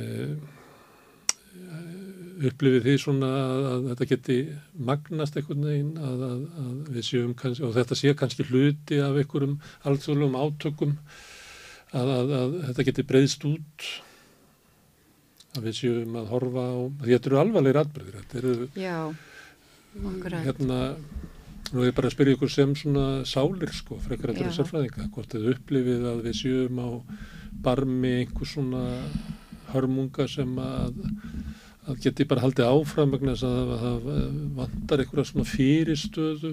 Stundu finnst manni það í bara í stjórnmánum okkar á vestunundunum það vantar einhverja fyrirstöðu og, og fleiri rattir og einhverja svona mm. meiri alvöru að, að, að, að það séu öll stjórn og svo fljóta að skipa sér einhvern líð og, og það er eins og það séu bara herfóringjar sem hafa orðið mm. hérna og diplomatarnir og friðarsinnir eiga bara þeia En það var auðvist náttúrulega viðbröðum eins og bandrækistjórnir að senda þessi flúmáðskip miðrahafið að það er svona ákveðin fælingamáttur í því, þú veist, og skilabóð sem þeir senda. Það reyna að stoppa þetta breyðist út til annar landa. Mér, skoðstu, finnst svona þegar með við hvernig þetta hefur þróast og svona umræðin og svona að það sé verið að reyna að halda aftur að því að það fari bara allt í bál og brand. Já, já. og það eru, þú veist, og auðvitað veit maður það er alls konar hérna samræður bak við tjöldin og, og því og leið sko. En, en eins og segi, Palestina er leysopur og svo sér maður þess að valdapartu einmitt eins og þú veist að segja svona markpóla svona samkeppni. Og veist maður sér þetta bara í örgisránu, Rúslandi leggur ekki fram því er hafna, svo leggur Kína eitthvað fram að því er hafnað og allir að beita neitunarvaldi og þannig að þú veist mm. það er, ástandir náttúrulega er einhvern veginn þannig að, að það er ekki, það verið ekki vera mjög erfitt að ná samkomulagi um það hvernig eigi að stöla að mm -hmm. einhverjum frísalum heimi sko. En það er klálega einhver, einhver bremsa einhver staðar því að eins og ég segi það er, það er hérna hefur ekki ópinni, já, það er sko, raunverulega ópinn að þetta geti farið til fjandans. Já, ég menna sko sagt, uh, þessi innrás sko hérna, hún hefur ekki enþá átt sér stað. Það er það að tala um sko landhernaðar innrás inn í gasa, hún hefur ekki átt sér stað og ég held að það sé alveg, alveg áhugavert að velta fyrir sér, þú veist, af hverju það er og það, það gæti verið einmitt út af því að það sé ótti við það að það sé svona rauðastrykið sko sem að muni þá tryggjara viðbröð frá Hisbollah í norðri eða frá Íran í austri en það getur þetta líka verið bara það að, sko það sé svona renna af mönnum þarna innan Ísraelshers og menn sé bara farnir að hugsa heru, hver er nú svona reynslan af mm -hmm. svoleiðis hernaði mm -hmm. þegar sko herir hafa farið inn í þú veist mjög hérna, þjættbyggðar hérna borgir og ætla er að vera að hafa hendur í hári, þú veist, einhverja einstaklinga en svo mætir þér ekkert annað heldur en bara þúsundir náttúrulega óbreyttra borgara sem ekkert geta farið, sko mm -hmm. og þá náttúrulega verður, verður hættan svo að, að lokast þá inni í hernaði sem að, sko, sem þú í fyrstulega nærð ekki, sko, því strategíska markmiði sem þú er búin að setja þér mm -hmm. og að þú farir að bara, þú, þú bara lendir í sko blóðbaði mm -hmm. Þar sem að, hérna, þú bara ferða alla upp á mótið þér vegna þess að þú ert bara orðin, þú ert búin að breyta þér í, þetta breytist bara hreinlega í einhvers konar þjóðar morð sko. Þannig að það má vera að það hérna, það svona e, sé á einhvern nátt að, að hérna stoppa þetta. Mm. En svo eru þetta aðrir alveg möguleikar líka og það er til dæmis þegar að þessar fyrirskipanir eru gefnar þarna til að snemma sko að fólkið á Norðugassa eigi að flytja sér suður sko þá náttúrulega fór fólk að velta fyrir sér ég minna er, er verið að, veist, á, að, á að fara að reka fólkið á flótta þá yfir landamærin til Egiptalands mm -hmm. og hérna og það er svona eitt scenario en, en aftur sko það er bara veist, það lei, myndi heldur ekki leysa málið fyrir neitt sko, mm. það myndi ekki leysa málið fyrir Ísrael vegna þess að þetta eru enþá, ég menna, þú veist, palestínumenn munu áfram gera tilkall til sko síns lands og, og sinnar jarðar, mér er ekkert hægt að því og þá hérna, Hamas myndi hverfa þá myndi bara rýsa upp eitthvað annað afl. Ég bara algjörlega, það, það er alveg, alveg klárt mál og Hamas mun heldur ekkit hverfa. Það er bara alveg, alveg gefið. Nei og svo líka ef Hamas hverfur hvað kemur þá í staðin? Það eru aldrei verið skýrt uh, hver gullrótin er eða hver velunin sé eða eitthvað slíkt en, en sko, sko, við skulum átt okkur af því svona herskáar ansbyrðurhefingar, það er hafa aldrei sko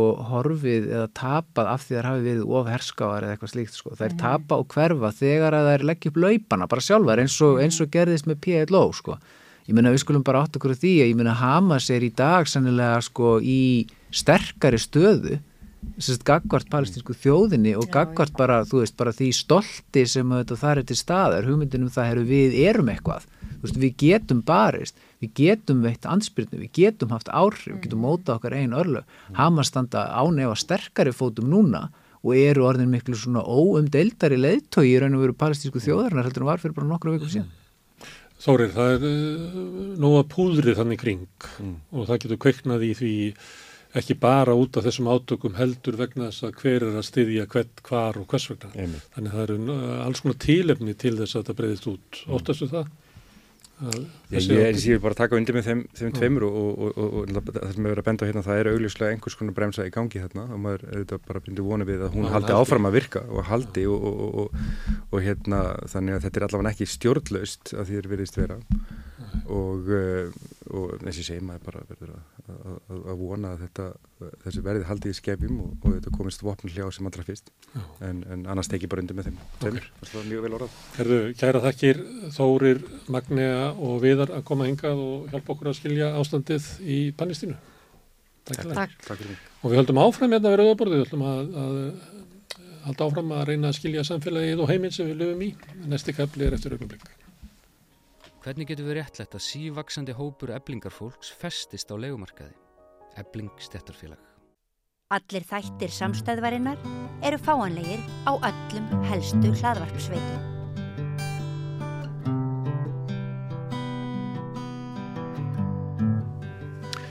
Já, við þurfum að halda áfram að tala um fátakt eins og við höfum gert hérna í meiri viku. Við höfum uh, fjallað annars vegar um fátakt svona almennt en líka reynt að, að varpa ljósi á stöðu þeirra hópa sem allra hans svona segja að séu útsettari fyrir fátakt en aðrir. Það eru einflýtendur, leyendur, einstæði fóreldrar, örkjar, aldraðir og lálauna fólk. En það er einn hópur sem að lifi líka við svona efnaðslega erfileika, uh, litla tekjur og það eru stúdendar. Og hún Alexandra Ír Van Ervin er komin hingað sem að ert formaður í, hvað heitir það, samband stúdenda, Uh, landsamtök íslenskara stúdenta. landsamband íslenska stúdenda sem að eru baráttu samtök fyrir hagsmunum stúdenda akkurat. uh, og starfa svona til hlýðar við stúdenda uh, ráði og það allt saman í Já, Háskóla. akkurat. Við erum rauninni svona reglíjarsamtök fyrir öll stúdendaráðin í, Já. í þessum sjö háskólum Já. sem við höfum, já. í háskólunum að þá er náttúrulega stúdendandir eru með svo mikið rekstur reyka félags uh, hérna, íbúðuna sínar og alls konar starfsemi aðra þannig að það er, er kannski halvuleiti svona rekstrafélag bara- Stúdendaráð, já, já, eða, og hérna eh, félagskapur stúdenta í háskólanum. já, já, félagsstofni stúdenda. Já. Já, uh, ég, kannski ekki beint að segja að stúdendarnir reka það, en, en hérna, en það er, Reyða.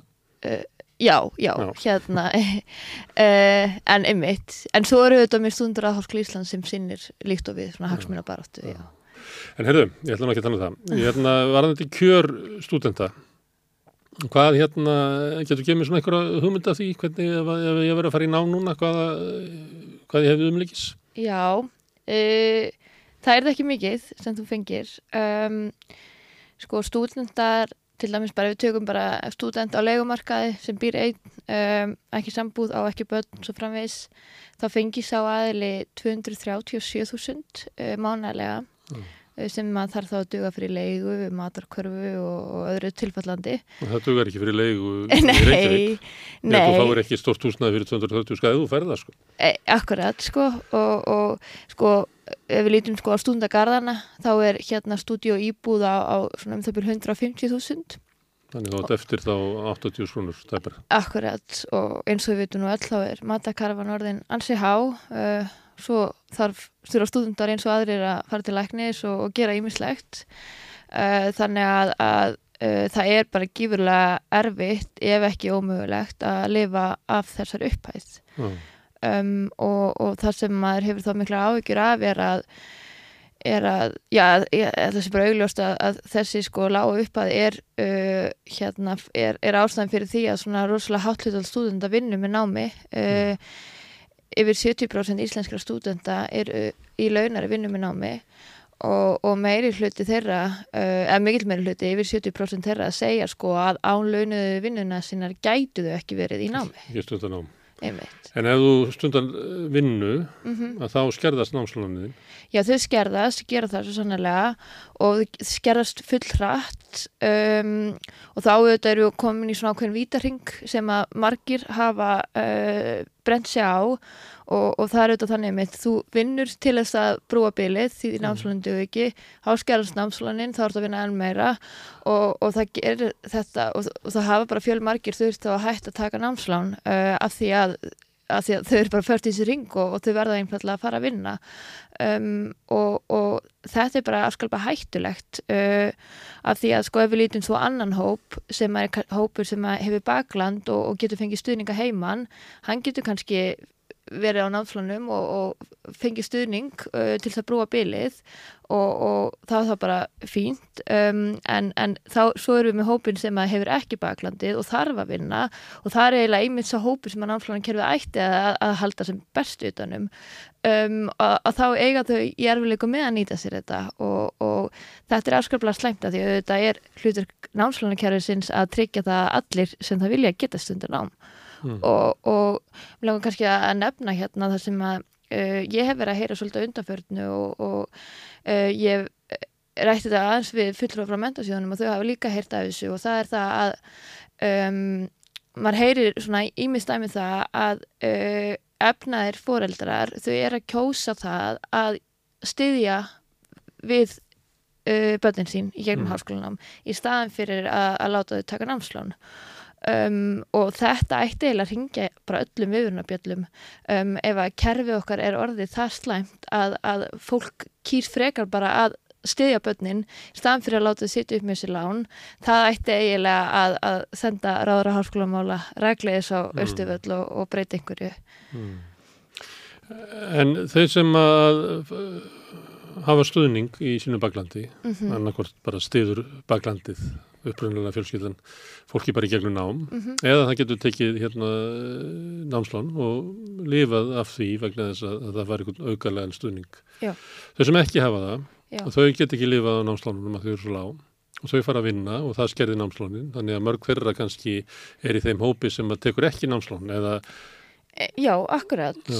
og, og þess vegna og það þá að vinna að eiginlega e, láta, fara bara inn í gerðum námið eins og það sé engin stuðningur við nám bara vinna með námi og Einmitt, og þetta er bara veruleiki fjölmarkra um, og, og það sem er svo rosalega slæmt við þetta er að uh, há, þessi háa aðurinn þáttak í íslensku stúdendum, hún hefur auðvitað afleðingar á, á, það, á bara á námsframvindu fólks. Mm. uh, og það bæði þína rannsóknir þetta en þetta segir sig eiginlega sjálft að, að ef þú vinnur mikið þá hefur minni, minni tíma til þess að stunda námið um, og, og þar erum við bara komin í frekar alvarlegt mál og það er þá að, að tekjulágir hafi í rauninni bara hafi skertari aðgang að mentakerfin okkar. Um, að því ég held að við séum eiginlega bara öll samála um að við viljum að hver sem er getur stundanám en, en ef þetta er staðan að það er hópur og þetta er rauninni ekkit lítill hópur sem að uh, á, er, í erfileikum með að sinna náminu vegna vinnu uh, þá, þá er það eitthvað sem þarf að laga Og þá er það líklegra að hinn er efnaminni að þeir falli frá námi vegna þess að þeir þurfa að vinna svo mikið. Já, og, og það er í rauninni nú, jú, ég held að sé þriðja algengast ástæðan fyrir því að fólk hættir í háskólanum í Íslandi eru fjárhúsarruleikar. Hmm.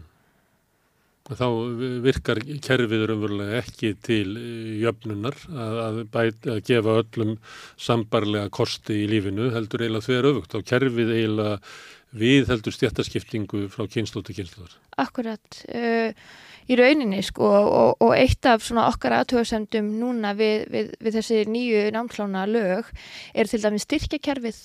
Uh, svona fyrir þau sem kannski ekki þekkja og skilju örstuðt og þá er það þannig að þau sem útskriðast innan svona tilsetts tímaramma þau geta fengið uh, st styrk frá stjórnvöldum. Þá, þá er hluta láninu niðurfælt um, en þá aftur ef við lítum svo á hérna þau sem er að vinna mikið og, og geta þarlegandi sint náminu minna uh, þau eru þau í mun lagari stöðu til að hljóta hennar námstyrk Þannig að hópurinn sem að við ættum helst að styrkja Já. sem að væri þessi efnaminni sem að þurfa að vinna með náminu. Já. Við styrkjum þau ekki.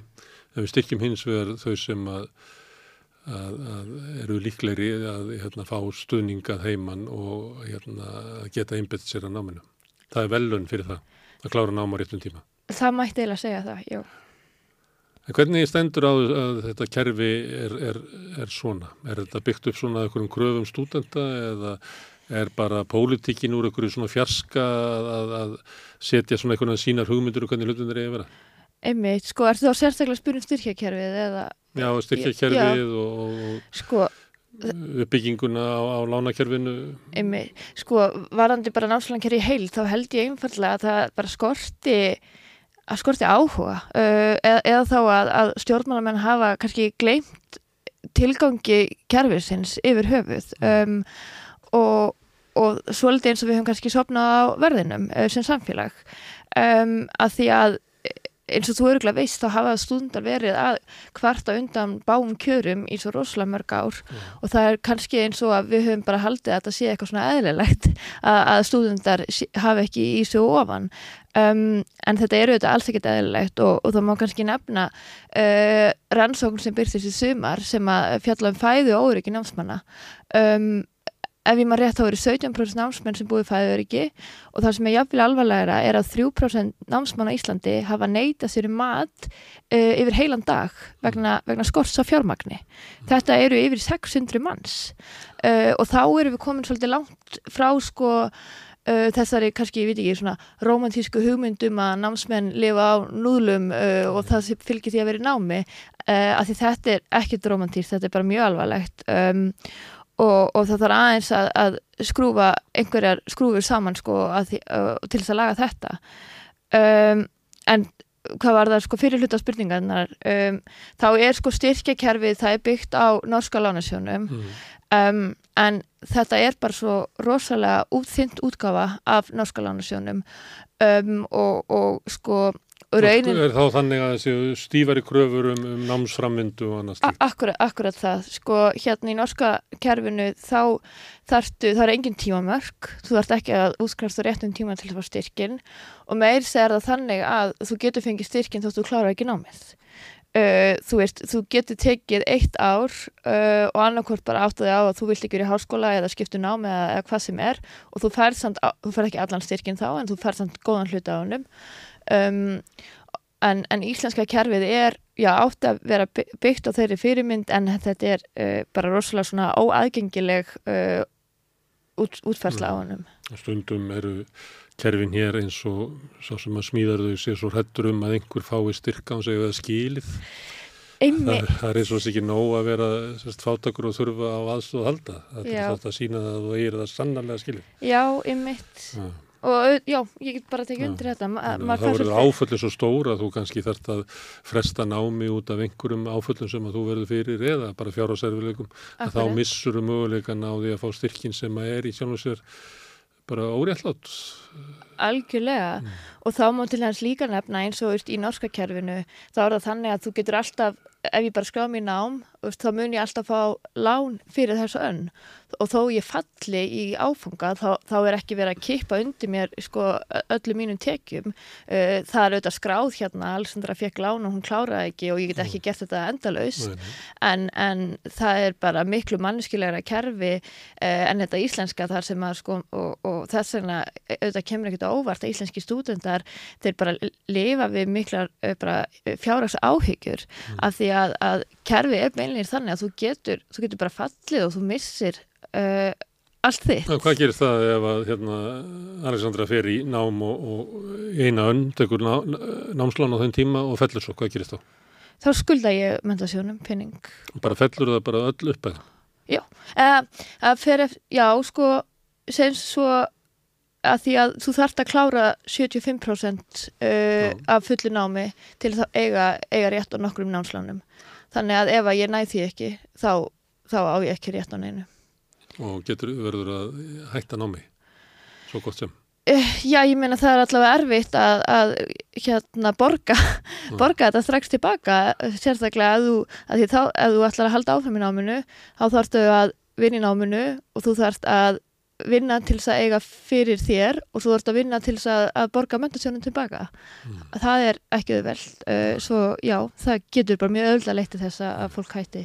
En Þegar námi líkur að þá er þetta svona ímsur hópar. Það er náttúrulega hópur sem að fekk stuðning frá upplöfum fjölsýtusinni eða tóka einhver liti lán og annað slíkt og, og svo er það hópur sem að klára náttúrulega ekki námið mm -hmm. því að reyði ekki við það. En svo er það hópur sem að vann með og, og kemur hérna lítið skuldur út úr náminu. Mm -hmm. en hvað að víða um, um, til dæmis í Breitlandi og í Bandaríkjónum sérstaklega mikil umræða um skuldir að, að unga fólki kemur út úr náminu, skulda námslónin er á jæðri húsnæðismarkaðarins víða getur fólk kæft, ekki á Íslandi það er bara næstu ómulögt að kaupa.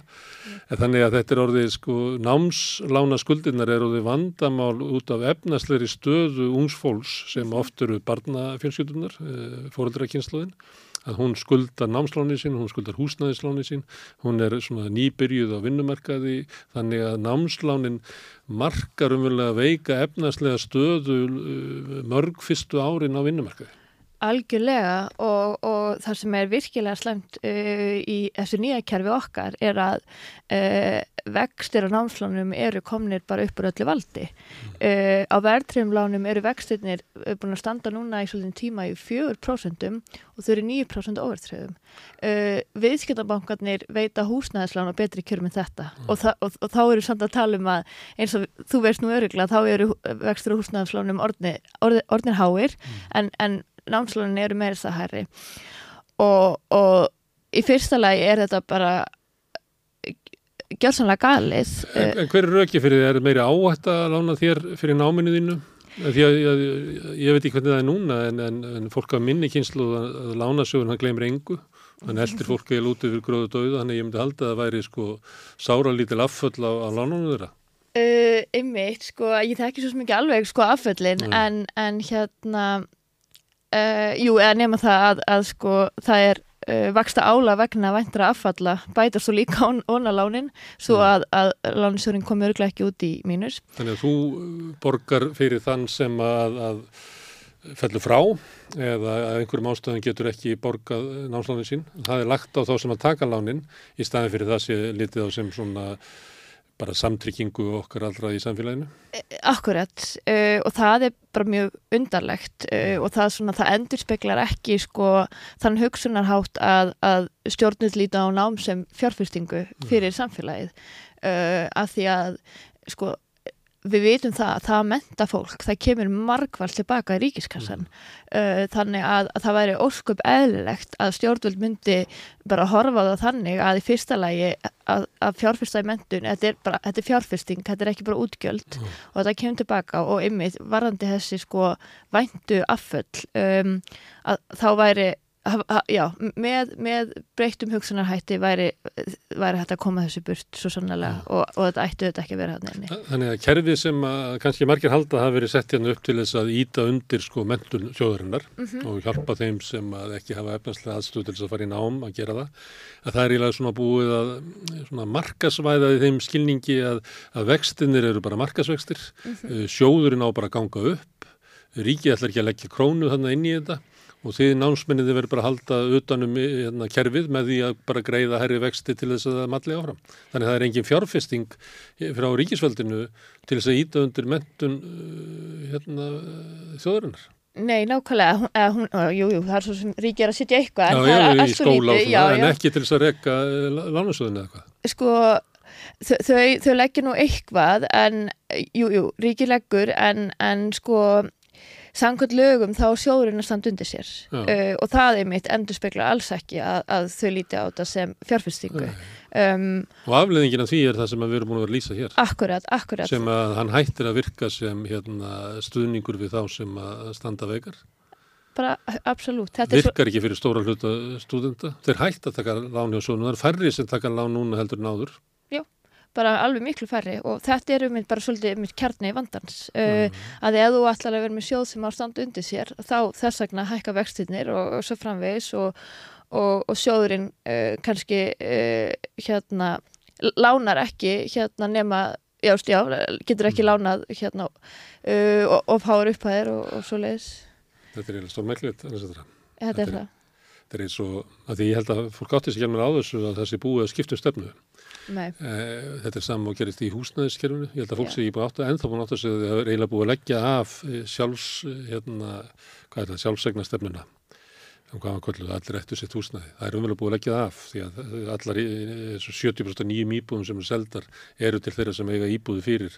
Þannig það er umverulega verið svona leiguvæðing húsnæðiskerfisins í gangi Einmitt. á þess að sé nokk tíma sagt frá því sko. Já, Og einhver leiti hafa þessa breytingar sem þú ert að lýsa bara runni gennum þingið og ríkistjórnir og, og á þess að fá neina svona umræðu um að við séum raunverulega að breyta í grundaldrandriðum Mhm. stuðningi við námsvön.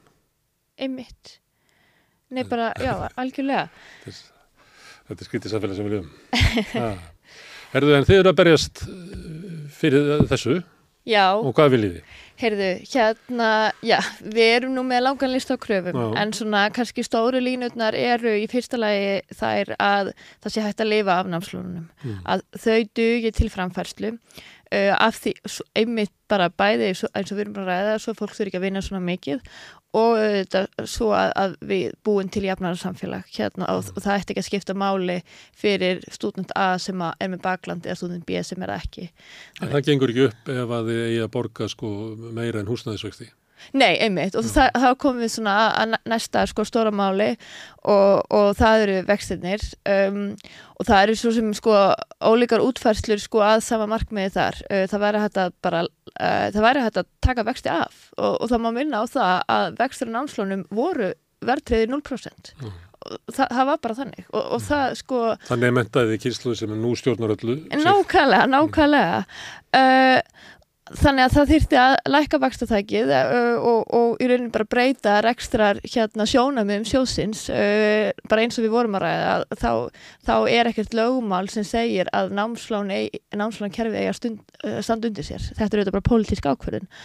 Um, og svo kannski svona hérna þriði og fjörða að þriðja er að, að ríkistyrkurinn verði hérna taki bara verði sveigjanlegri? Uh, að, að, að hérna að bara að, að námsmenn í ólíkri stöðu geti raunverulega fengjan um, og fjörða er að sjóðurinn verði manneskilegri uh, og hann taki til til þess að fólk geti lendi í ymsu uh, og það er ekki að kipa öllu undan fólki þó að, að eitthvað komi upp á. Og verið fyrir einhverjum áföllum og, og missi tímabundið fótan af einhverjum ástöðum. Einmitt, einmitt. En eru kröfur eitthvað kannski ekki aðrar en þær að, að þið búið við sambarleg kjör og, og kannski námsfólk í næstu löndum, Nóri, Svíþjóð, Danmarku? Sko, auðvitað væri það auðvitað þykir manni það bara eiga að vera eðlilegast uh, og, og það er svo ótrúlega undarlegt að líta til næstu landa og sjá sko þar er, þar er sko sístur hérna reyfingar okkar eru ekki að, að berjast mikið fyrir námslunum af því að þau eru með styrki. Hérna og, og, og þar eru sko vextir eitthvað sem það er ekki að pæli að því að þetta er ekki lán. Um, og, og mér þykir stundum bara svolítið undarlegt sko að því að e, við sem samfélag við erum að menta svo mikið, mikið færri enn Norrlöndin og stjórnvöld hafa rætt um að þau vilja fjölga hér háskólamentum og, og maður svona spyr sig að því sko hérna, hvort að enginn sjáu að þetta, þetta sé skýrt bara það mikið hann að millu að sjálfsög eru Norrlöndur að menta fleiri en það er þar stutt almennilega við fólk sem vil menta sig. Herðu, Alessandra, kæra þakki fyrir að koma hingað og fræða okkur um, um stöðu stúdenda og lánasjósis og hvernig stuðningurinn er. Kæra þakkir. Takk. Þetta er svona, dregur aðdilina því eins og flest þessi vita sem við erum að taka í þessari sirpu um, um svona fátakt og efnarslega stöðu að kerfin okkar eru hérna styðja ekki fólk með sama hætti og þekkist í næstu löndum heldur ítir fólki freka niður í, í erfiða valkosti og, og fátakt. En við ætlum alltaf áfram hérna við rauðaborðið að reyna að fræðast um samfélagið og næsti kapli kemur eftir augnablik. Húsnæðiskostnaður tekur meira en helming á ráðstöðuna tekjum verkafólks í eblingu. Hvernig er þetta réttlæta það? Ebling stjættafélag. Samstöðin er í eigu hlustenda, áhorfenda og lesenda.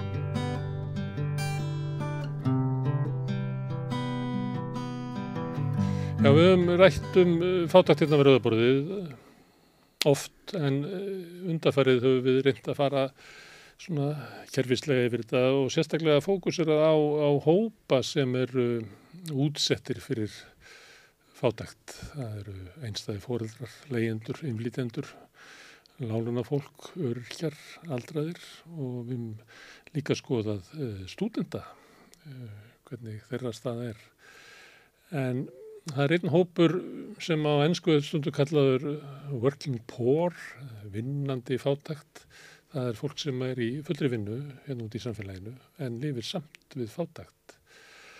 Og til þess að svona glögg okkur á stöðu þess hóps er hinga komin Kristín Hepa Gísladóttir sem er hvað séu, fórstu kona Já, framkvæmdastjóri vörðu. Framkvæmdastjóri vörðu, rannsóna setur Rannsóknastofnunar vinnumarkaðarins. Vinnumarkaðarins, verkefælsefingarinnar. Mm. Þessa er ekki með ykkur í þessu. Hæ? Þessa, nei, nei, herðu, en þetta er hérna hugdag sem að, að maður séð svona undanfjöldum árum, meira viða um heim, það sem er verið að tala það sem verður að greina þetta sem svona working poor, það er sérst að fólk sem er vinnur fulla vinnu mm -hmm. Reyndar oft svona á jæðri vinnumarkar eins í ótryggri vinnu mm -hmm. en lifir við fattakt sem að kannski okkur á Vesturlundum mm -hmm. kann að finnast vera á skjön við svona hugmyndur um eh, velferðarsamfélagi sem við lifum í. Já, með, svona allavega sem ég tek, tek út úr svona uh, umfjöllun og um working poor uh, erlendis uh, að þá hérna er það uh, sérst, já, fólk sem er að vinnumarkað og svo þetta gigghagkerfi og ótryggar áningasamband og, og, og þannig þetta er, finnst mér svona að vera aðal uh, fókusinn í því minni kannski fókus á verkafólk sem að er í láleinastörfum sem að hérna er að vinna fulla vinnudag mögulega í mörgum vinnum en byrju fátækt. Sem er kannski líkara því sem að kemur úr ykkar rannsónum. Já, ég myndi, ég myndi bara uh, segja að á Íslandi eru við með uh, vinnandi fátækt, uh, fólk sem byrju fátækt. Sem er bara í svo kallari vennjulegri vinnu. Já, í vennjulegri mjög mikilvæg störfi. Þú dugur ekki til, þú eru á mörgum vinnum jáfnvel.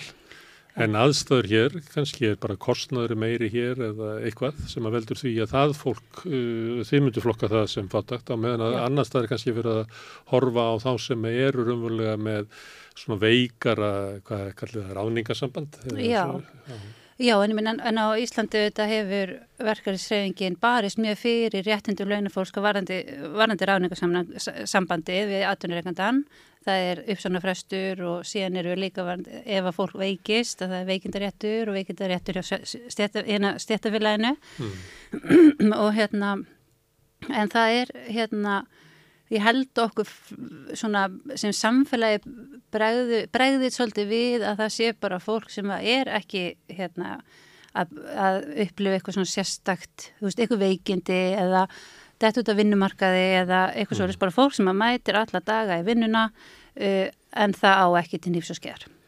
En hvers vegna er fólk sem að er í fullur vinnu mm -hmm. og er fullur rúmlega það, hvers vegna er það fótætt? Það er, fær ekki laun sem það getur lifað af. Mm. Og er það þannig að, að laun hér á Íslandi eru lægri enn í öðru landum? eða er kostnöðurinn við að lifa meiri eða er hérna stuðningskerfið uh, samfélagsins skattkerfið badnabætur, uh, húsnæðistuðningur annars líkt veikari Sko, uh, það sem við höfum reynd að gera er að skoða í fyrsta lægi mismunandi hópa fólks mm. sem að við höfum uh, ástæður til að ætla að gætu búið við verri kjör en aðrir hópar uh, en síðan vinnur var það líka mjög náið með mjög mörgum stjættafélögum uh, og gerir greininga fyrir mörgum stjættafélögum sem við erum að skoða sérstaklega stöðu eftir stjættafélögum og síðan reynda núna í fyrsta skipti bara í september að þá skoðum við eina starfskring mm. og það var fólk sem að vinna við ræstingar og hérna og það hefði verið sko bara mjög svona hörð krafa uh, að hálfi verkefnisreifingana bara frá því að varða stofni 2020 bara, að við yrðum að leita leiða til að hérna, taka út stöðu þessu hóps mm. að því að það virtust allir vita það að hann stæði mjög illa en hérna það var ekki einhvern veginn hlustað á það og það vant að tölu til að sína fram á það mm. Þannig að núna voru við fyrsta skipti að pröfa að, eða já, að gera svona greiningu bara eftir einni starfskrein. þá sjáum við mjög alvarlega stöðu uh, það sem að sá hópur er hérna, átjánpröfst þeirra að búa sko við svona skilgrinda fátækt Mm.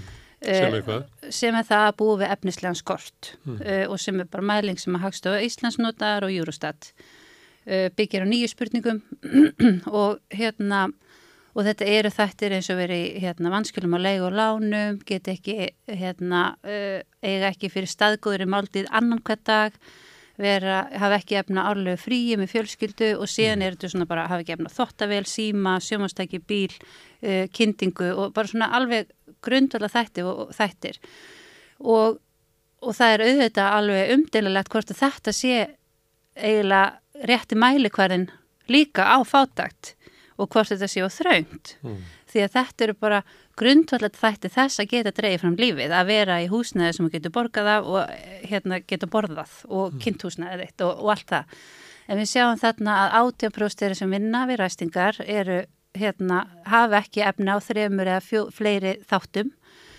Uh, 8% hafa ekki efna fjórum eða fleiri. Búið við sárafátakt Mm. og hérna Þáttur að vera í fullri vinnu. þrátt fyrir að vera í, á, á vinnumarkaði og sinna þessum mjög svo mikilvæga hérna, starfi. Sem að, og ef, ef þessi störfi er ekki unnina þá væri bara ekki hérna, líkil stofnani samfélagsins gangandi. Því að við erum ekki með sjúkrahús eða leikskóla sem eru ekki þrifnir en já þannig að við höfum uh, svona auðvitað mikið velt fyrir okkur mælingum á fátækt. Uh, og þess vegna erum við nota margar mælingar á hérna, fjárslöðu stöðu fólks. Og uppáhaldsmælingi mín er hvort að þú getur mætt óvendum 80 krona útgjöldum í dag. Mm. þú fær spurninguna í spurningakönnunni án þess að stopna til skuldar og það sem við vorum að reyna að ná fram með þessar spurningur var sagt, hvort þú sért að lifa svona paycheck to paycheck. Mm. sem er svolítið algengt erlendis að sé talað um sagt, fólk sem er að lifa paycheck to paycheck eða frá hérna, einu mánamótum til næstu. Uh, og okkur hagstofan spyr sko hvort þú getur mætt óvöndum 180 krónu útgjöldum. Og við vildum pröfa hérna talsvært mikið læri upphæð sem að okkur fannst við samt geta verið alveg sammála um að þetta er eitthvað sem að bara reglulega kemur upp á í lífi fólks uh, þú þarfst að kaupa kuldagala og kuldaskó Mm. eða hérna bílum bílar eða það má ekki mikið út að breyða uh, og sko helmingu þeirra sem starfa í ræstingar gætu ekki mætt óvendum 80 krónur útgjöldum í dag að hans stafna til skuldar. Uh, þannig að miðust ykkur er svona gaman að horfa á mismunandi mælikvarða og skoðastu hóp, hópsins, hópana og hérna uh, og að því að það skiptir svo miklu máli líka þegar við erum að tala um fátækt uh, það er sko aðgengi fólks að samfélaginu í samfélagi sem allt kostar Mm. uh, að með því að halda fólki niðri í mjög slemri fjárastöðu þá er þetta eiginlega samaskapi búin að draga það eiginlega í einangrun uh, og draga það úr því að það geti tekið þátt í samfélaginu. Mm. Þú kemst ekki að kaffuhús með vinnu, vinkunniðinni, uh, hvað þá bíó eða leikus sem eru fjarlægu draumur sko þegar þú byrjuð svona fjárastöðu og þetta er svona kannski það sem að Og allt kostar í dag Og allt svona kostar. minni áhersla í dag heldur að var kannski miðja síðustu öld á því að byggja upp almanna rými þar sem að fólk gæti Mhm. Svona hugmyndunum um sko sundlögar og almenningsgarða þetta var allt saman hugmyndir sem byggðu upp á því að allir getu haft aðgengi að sama almanna rýminu Já. en svona á tíma nýfráskunar eru hættir þessu og Mhm. þetta er allt orðið bara kringla og Já. sem er í lenga eign almanna rýmið mm og allt kostar. allt kostar og í staðin fyrir að sundlögunar haldi áfram að byggjast upp og verði líka þetta stöðar þá er það útýst til world class og, og við þekkjum þessa þróun við, við sérst, Já. hugmyndun um það að við eigum að hafa almanna rými þar sem allir hafi aðgengi að Mhm. ríkir og fóttakir að hún er eiginlega dott út tísku, dott út tísku.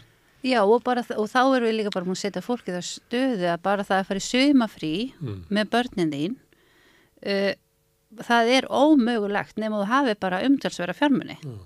Sama þú ætlir bara að fara í bara, ætlir að fara í, í, með tjald á tjaldstæði Mm. að þá er þetta bara allt orðið svo gríðilega kostnæðsamt þannig að þetta er ekki svona síðir í hluti þess að við skoðum mismunandi hópu stöðira Mm.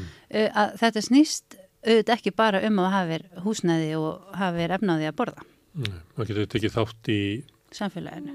samfélaginu. Já, og við sem ekki jaðarsetja þér og fólk. þínum Já. gott líf og endun í að sjálfa þig félagslega Já. og líkamlega þannig að þú fáir félagslíf og, og svefn og, og, og hérna, þannig að þú endun hýst Já. vinnuaflið þarf að endun hýja sig Já, og bara lífið er ekki vinna. Ég meina, við, við vinnum til að lifa og verð, all, allt fólk verður að hafa tækifæri til þess að njóta þess. En ákverju var áhugin á því að skoða ræstingafólk sérstaklega, var það vegna þess að það er kannski sá geiri sem hefur gengið lengst í svona að liggur við þetta sé svona gigghakirfið eins og sagt er, þar sem að þú ert raunverulega ekki að vinna hjá þeim sem er að kaupa þjónusuna, mm. þannig að þú ert ekki hluti af vinnuaflinu, heldur vinnur hjá okkur fyrirtæki sem að leigir því út og, og þú hendist þangað og hingað til þess að, að þrýfa. Var það ástæðan fyrir því að þetta er, þetta er eiginlega st- uh, starfsópur sem er verið að ít út af hinnum sko formulega vinnumarkaði, eða svona eins og maður myndi ætla nætt að vera, að, vera að fólk sé hluti af sama starfsópnum og aðrir. Var það ástæðan? Já, útvistun starfa uh, er bara klárlega það sem að hérna, við vorum að horfa til og við vorum bara búin að leita margra leiða til þess að sko, reyna að finna leiðir til að meta áhrif þess á starfsfólkið að hérna, störfunum þeirra væri útvista þegar launafólksins uh, fundum ekki góða leið til þess. Þannig að þetta var hérna niðurstaðan að skoða bara stöðu þessu hóps svo að við getum ekki uh, sagt til um að hún sé svona vegna þess að störfunum hafi verið útvistað. En þá sjáum við að þessi hópu býr samt við mun verri kjör heldur en flest allir hópar á íslensku vinnumarkaði. En, uh, en við vitum auðvitað líka að það eru hérna ef við horfum til dæmis á eblingu stjættafélag að sko sá hópur uh, er svona á mörgum sviðum bara alveg á pari við þau sem að starfa við restingar Mm. og þau Þó eru þú að sé ekki útvistustörf. Já. Mm. Uh, og þetta er líka auðvitað, hérna, uh, við erum að skoða uh, síðan, sko við erum að skoða mismunandi hópa og það er svona, hérna, að því þú verður að tala um, er þetta ofla á laun, er þetta velfærakerfi okkar, er þetta húsnæðismarkaðurinn og hópun er svo mismunandi samsettir, sko, en uh, eins og eflingum er mjög hátt hlutfalli innflytjanda, Uh, þau sem starfa við ræstingur, ræstingar eru mikil meirhluti innflytjendur og konur uh, og en síðan höfum við líka verið skoða hérna stöðu einstara fóreldra og síðan líka bara þau, þau sem eru einn hleyp og eru það eina byrju húsnæðskostna og það hérna, er verri stað hjá þeim hópi líka og þetta er mjög slem stað hjá einstæðum fóreldrum uh, og þetta er einhvern veginn hérna, og sumust mælukverum er sér líka hjá fólki sem er í sambúðin á börn. Svo, hérna, orðið þungu kostnæður af uh, því að sjá alveg fyrir barni eða börnum í dag. Uh, þannig að þetta er svona við erum að skoða margskunar hópa og hérna þetta svona uh, það sem við sjáum er að við erum komin með uh, nýja stjætt í rauninni sem er í verk, verkamannastörfum og stórt hlutvall innflytjanda sem að er býr bara við önnur lífskjör heldur en að við höfum og ég held að kannski við viljum ekki mörg alveg vita af þessu og stundum hefum fundið svolítið erfitt að tala um stöðu innflytjanda uh, að því að við höfum eitthvað, eitthvað tilnögu til að afsaka það fólk sem í komi, það sem ekki búið að koma undir sér fótunum uh, En er ekki bara afsökunin svo að, að við teljum allt í lægi að græða svolítið á þessu fólki? Af því að það tilir ekki okkar samfélagi alveg. Það er bara, Já, það er bara það er brotið meira, gegn því og Það- það, já. er hérna, þess sem að fyrirtæki eigundur bara tegja sig aðeins lengra í því að, að arðræna það svo maður notið það orð. það er bara einhvern veginn, ég veit ekki hvað býr að baki en maður finnur einhvern veginn uh, þetta. Og ég, auðvitað er þetta bara vondur líka speill á samfélagið okkar að sjá, okkur finnst þetta ekki þægilegt held ég, ég vona ekki að hérna, að fólk búi við þessu stöðu, hvort sem það er á vinnumarkaði eða ekki, auðvitað hérna, eru við flest sammálu um að fólk er ekki búið við fátækt, vona ég En það er ekki gott ef að samfélagi á erfileikum horfast í auguvita og kýst þá bara ekki að sjá þetta frekar en að breyta ykkur. Nei, sammálaðir. Það er ekki gott samfélag. Nei, En þeir að skoða sérst fátækt og, og svona þá sem eru í við vinnu og það er ímsið þættir sem að, að íta fólki neyður í fátækt, fólk sem er með sambarileg laun. Og það getur verið hérna, þeir sem eru einstæði fóreldrar og það getur verið fólk sem eru á, á leigumarkaði mm á þess að vera, vera dottið inn í félagslegt húsnaði sem að reyndar er uh, tilningin er svo að það eldi frekar markasleguna og það getur verið að það séu innflytjendur sem að er á jæðri hérna, uh, starfsópsins og, og fá síður framgang og þetta tala svona ímsa þætti. Já. En þá situr eiginlega eftir það að ef þú ætlar að vera á, á hérna, þú ætti efnið á því, getum við sagt, að vera á lægstu launum, ef þú ert í tryggu sambandi, ekki með mikla barna, hérna, ekki með mikið að börnum, helst að þú hefur ert húsnæðu mm -hmm, skuldust og hérna og þar fæmdi góðum og hafi stert stuðningsnetta. Það er náttúrulega ekki að ætla til þess að þegar fólk mætir í vinnuna að það mæti með þessa forgjöf. Við ljóðum að geta gert gröfum já, að svo borga launin borgi eins og þú sért hérna með veikt bakland, að þú sért einstæð, Já. að þú sért á leigumarkaði Já, og þú getur samt lifað af. já, ég hlu- uh, það hlýtur að vera þannig að fólk geta að lifa af vinnunum sinni Mm. uh, og svo auðvitað hérna, spila síðan inn í þetta og er einhvern veginn alltaf einhver rauði þráður að það er staða kvenna Mm. sem eru með læri laun uh, og hérna og eru í hérna uh, í, á þessum kyn, kynskipta vinnumarkaði í st- bara starfsgreinum þar sem, er, sem eru verðborgaðar. Uh, þannig að það er einhvern veginn líka uh, hérna annar sko einhvern megin þáttur í þessu er þá að, að hérna að uh, það þarf að breyta þessu líka til að konu séu ekki háða því að þær séu í sambúð með fyrirvinnu karli og það er auðlist fjárhagslegt sjálfstæði. Það væri hérna, það myndi bæta stöðu kvenna ef að við tökum á þessu. Já. En þegar það er verið að horfa á þessa þætti, þá er ekki eitt þátturinn að ef þú ert kona, að þá ertu lægri. Það er ekki þannig að þeir sem eru skítalönum, að konundan séu á lægri launum en kallandir. Það er bara allir á textanu þar niðri. Þannig það er ekki launamunur á milli kynjana í hérna, neðst niðri. Það eru bara allir á flötum texta. Já, það er herra hlutfall kvenna í láluna störfunum. Já, það er vegna Já. þess að, að störf sem að konu sinna eru Já, já, launuð. já. Það er líka það að konur eru líklegri til þess að vera einstæði fóruldrar, bara 95 pluss prost af þeim eru einstæði fóruldrar.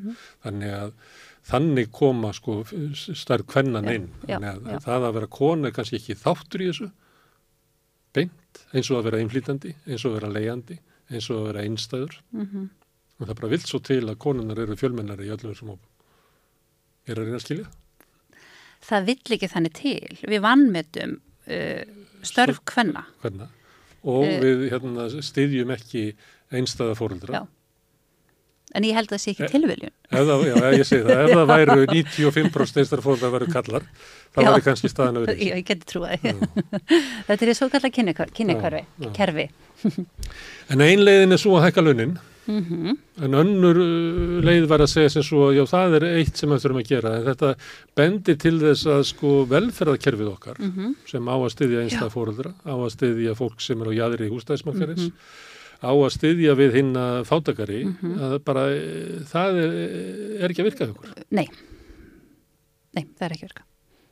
Og við sjáum auðvitað, uh, sérst, samsetning þess að hópa er þannig þegar við erum að, menn eins og þau sem að vinna við ræstingar er líka háttilt og þeirra er á legumarkaði og, og félagsfólkseflingar til dæmis. Við tökum svona einn, hérna, hérna, einn svona stóran hóp af, hérna, sem sinna þessum störfum, láleina störfum uh, og síðan er að sama skapi líka herra hlutvall einstara fóreldra í þessum hópum.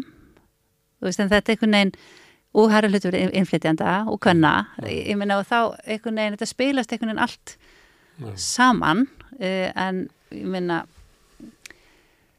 uh, hefur þessu sögulega skýringar í vannmati á því sem að konur leggja til. Og síðan bætist við þessi hérna við innflytjendur sem að hérna hafi þetta síðan farið inn í þessu lægst launuðu störf. Sem að uh, íslenskum konum hefur eiginlega uh, tekist að menta sig upp úr. En síðan fáum við rosalega vel mentaðan hóp innflytjenda í þessu störf. Já. og áður hafði maður einhvern veginn getur hort á fjárastöðu uh, og haft mentun sem einhvers konar maður hefði talað að það veri vörn gegn fátækt. Það var því að haldið fram, ég að það hafi nú verið, verið að narra konur svolítið með já, því. já, Að það væri, þetta er Já. ekki að þú ert kona, það bara þú ert ómentuð, þú einmitt, farð að menta þig, svo þeirra áreindi þá Mhm, breytið engu, nei, akkurat. Ég held að það nú alltaf verið að narra fólk. já, En að því að það var nú kvennaverkvall í vikunni Mhm. og þú ert að leggja áherslu hérna með konunar uh, og, og sömuleiti væri þá baróta gegn fátakt væri kvennabáróta. Mhm. En uh, margar fátakakonur Mhm. gaggrína kvennabárotuna fyrir að vera það ekki. Mhm. Að ég talaði hérna í gær við Sonju Þorbergsdóttur sem Mhm. hefur nú eina hvata konunum að kvennaverkvallinu og hún var að segja að eitt af því sem hún tók út úr þessum degi, við vorum að reyna að skilja hvað gerðist þarna, hvað, hvaða dagur var þetta, við Mhm. varum ljóst að þetta var einhver stór dagur en það er ennþá opið fyrir túlkunum hvað það var sem Mhm. það gerðist. Hún sagði að eitt væri það að þetta hafi verið dagur 99%, hvernig baróttu fyrir 99% Mhm. sem að væri með sem áherslu á á þá sem að, að, að standa veikast. já Þetta sé ekki, hafi ekki verið dagur glerþaksins, heldur frekar golfsins með öllum glerbrotunum. Akkurat. Já, það var mín upplifun ég held að auðvitað er þetta einhver hérna, þannig atbyrður þannig að hérna, auðvitað tekur hver og ein manneski einhvern veginn sitt út úr því. Mm. Uh, það var þannig sem þetta höfði það til mín uh, og það var mín hugsun Mm. og, uh, og ég held að, að það væri og ég veginn hef- hugsa sko að mér finnst þetta að vera massin sem að við vi- vill breyta þessu. Sem upplifir að það er ekki jafn gefið. Já. uh, og það hallar á konur og, og sérstaklega þær konur sem komist ekki. Já. En til þess að laga þetta þá þurfa að hækka laun, já, bara legstu launin, já, launana. Það þarf að auka stuðning við barnafjölskyldur og sérstaklega einstæðarfóldra. já, Það verður að vera sko af braskvæðing húsnæðskerfisins þannig að það verður ekki eitthvað bara sturluð braskvæðing sem að hérna leggur svona mikla byrði í húsnæðskostnaði á, á fólk og, og grefur undan lífskjörum hinn að legslönu. Þannig að það eru svona hluti sem að og þá erum við aftur komin í sko hvernig baróta, stéttabaróta ja, eins og rauðsökurnars sögðu. já. Mm. já, já, og hérna og það er einhvern veginn finnst mér Og stéttabaróta, það er eiginlega, ég ætla að leiðra þetta sjálf á mig, þetta er eiginlega um að stéttabaróta sem hvernig baróta. Já, það finnst mér Já. kjarnin í hérna kvennabartunni og ég, ég meina uh, konur finna á hverjum degi fyrir hv- hvert gildi og virði þessara starfa sem konur vinna á meilhluta er þegar við förum með börnun okkur að leikskólan og til dagmumunar og í grunnskólan og hérna uh, og þetta er þetta er ekki eins og við viljum hafa það þú veist, ég bara Þá langar mér til að spyrja, að því að þú ert að lýsa ömulögum kjörum Mhm. hérna, fólk sem er að sinna mikilvægum störfum. já. Ekki bara að halda heilblíðskerfinu gangandi og skólanum heldur líka þrýfa skrifstofuna hjá ráðherranum og já, Hvað hérna, af hverju er þetta svona? Ef við myndum, lappa henn út, Mhm. bara og lappa og spurja alla hérna leiðinni niður á Hlem og niður á Lækjartorg og að takja um stóra hring, að þá veru, myndi ég gíska á að svona 85% af fólki myndi segja að ég vil ekki hafa þetta svona. samanlegar, já. Mm. En hverju er þetta svona?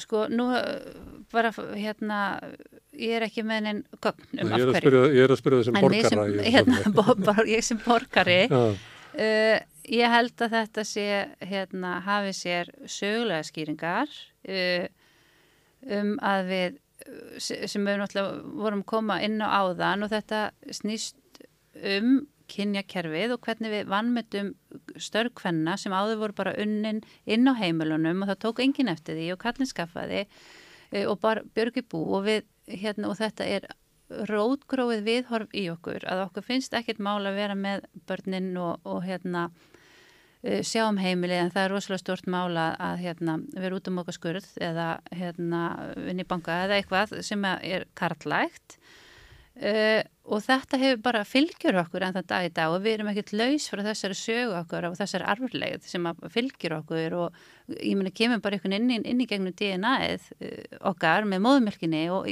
þetta er bara það samfélag sem við ólust upp við mm.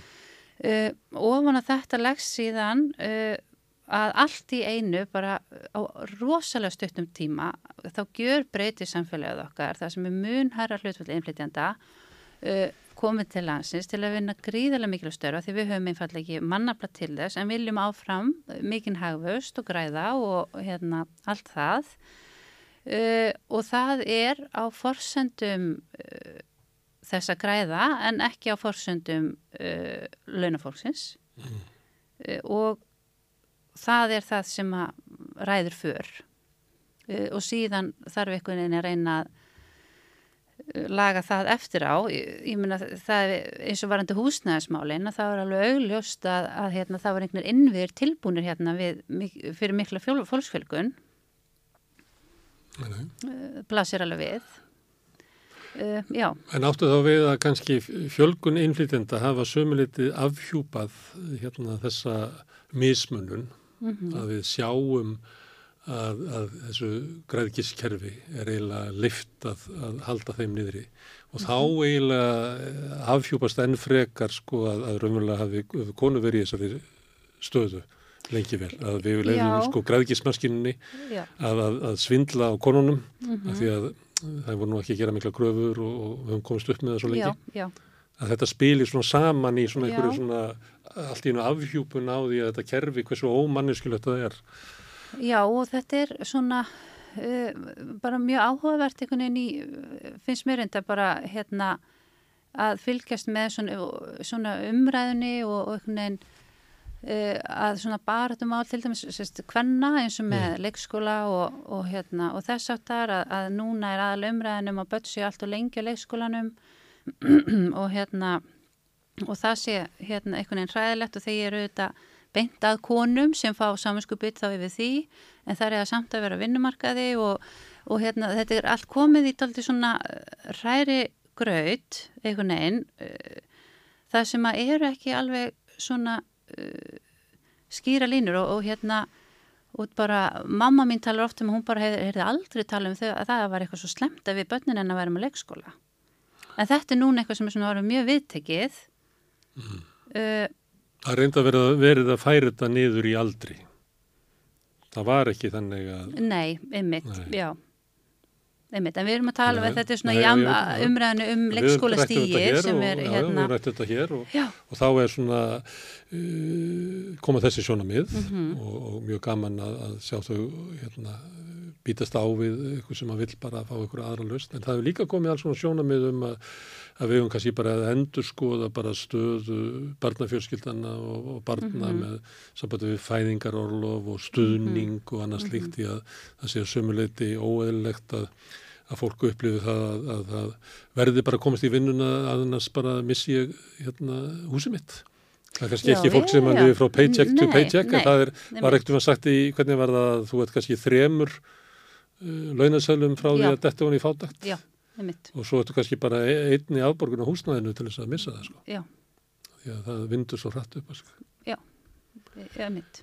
Kannski eru við á, á þeirri, þeim stað, Kristín Heppa, að, að við þurfum meiri bara að endur skoða hvað svona samfélag við ætlum að byggja upp.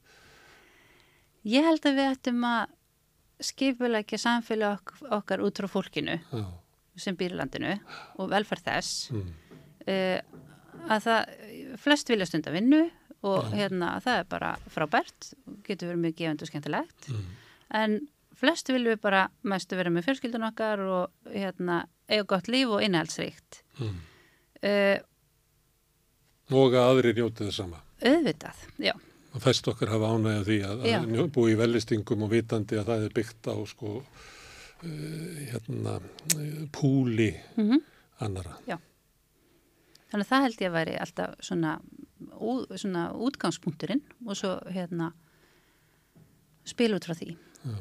ef ég tala svona person já, kannski, sem mér finnst kannski eru við að hérna ef þetta er rétt uh, tólkunni þér mm -hmm. og Sonju á, á stæðsta fundi Íslandsvögnar mm -hmm. að þetta sé krafan á honum og kannski eru við að detta inn í slíka tíma. Já, ég menna það væri það ekki fyrsta skipti sem konur hafa komið hérna með lausnamálunum og Nei. bjargað okkur. Og við vitum það held ég að, að ekkert okkar vil búa í samfélagi þar sem að fólk vinnur myrkun á milli en, en getur ekki haft ísu á. Nei, samanlega Kristín Heipa, gera þakkir fyrir að koma hingað og ræða um vinnandi fátakt eða working poor eins og sagt er á ennsku og við snúum okkur að næsta lið hér við Rauðaborðið höldum áfram að reyna að skilja samfélagsum búmi eftir öngurleik. Hvernig getur við réttlætt að helmingur eblingakvönna býr við slæma andlega heilsu? Ebling stjættarfélag. Baróta fyrir betra lífi. Sláist í hópin og gerist áskrifendur.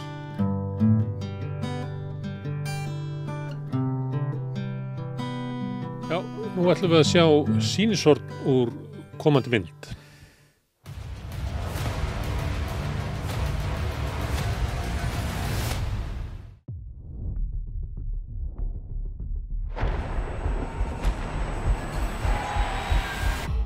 Doubt you've seen the chaos in the streets. We must make an example or France will fall. What would you do if this assignment of defense was transferred to you?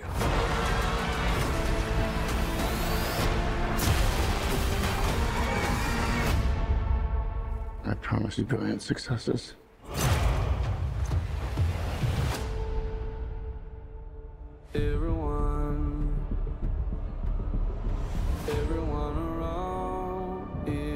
This costume you have on? This is my uniform. I led the French victory at Toulon. What is your name? Napoleon. Has the course of my life just changed? Napoleon. I'm destined for greatness. But those in power will only see me as a sword. I suggest you take the throne as a king.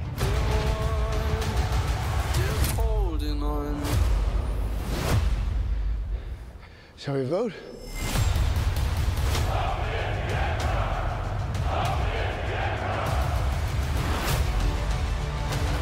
This vermin has held the world hostage with his egotism and his lack of simple good manners.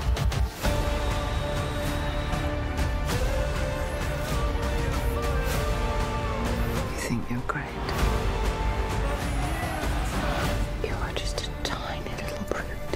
is nothing without me. All of Europe is uniting forces against me. What's the outcome of this if you don't succeed? Your Majesty, we are discovered. Good. Nice! It's a trap! I'm the first to admit when I make a mistake.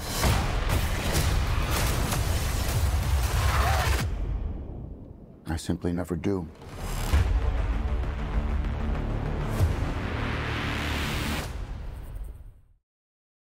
svona byrtist Napoleon Bonaparte í mynd Ridley Scott uh, og við ætlum að ræða þessum Napoleon og, og kannski hvers vegna þessi maður er svona stóri í, í sögunni að, og það er mér sem ennþá verið að búa til bíómyndur um hann.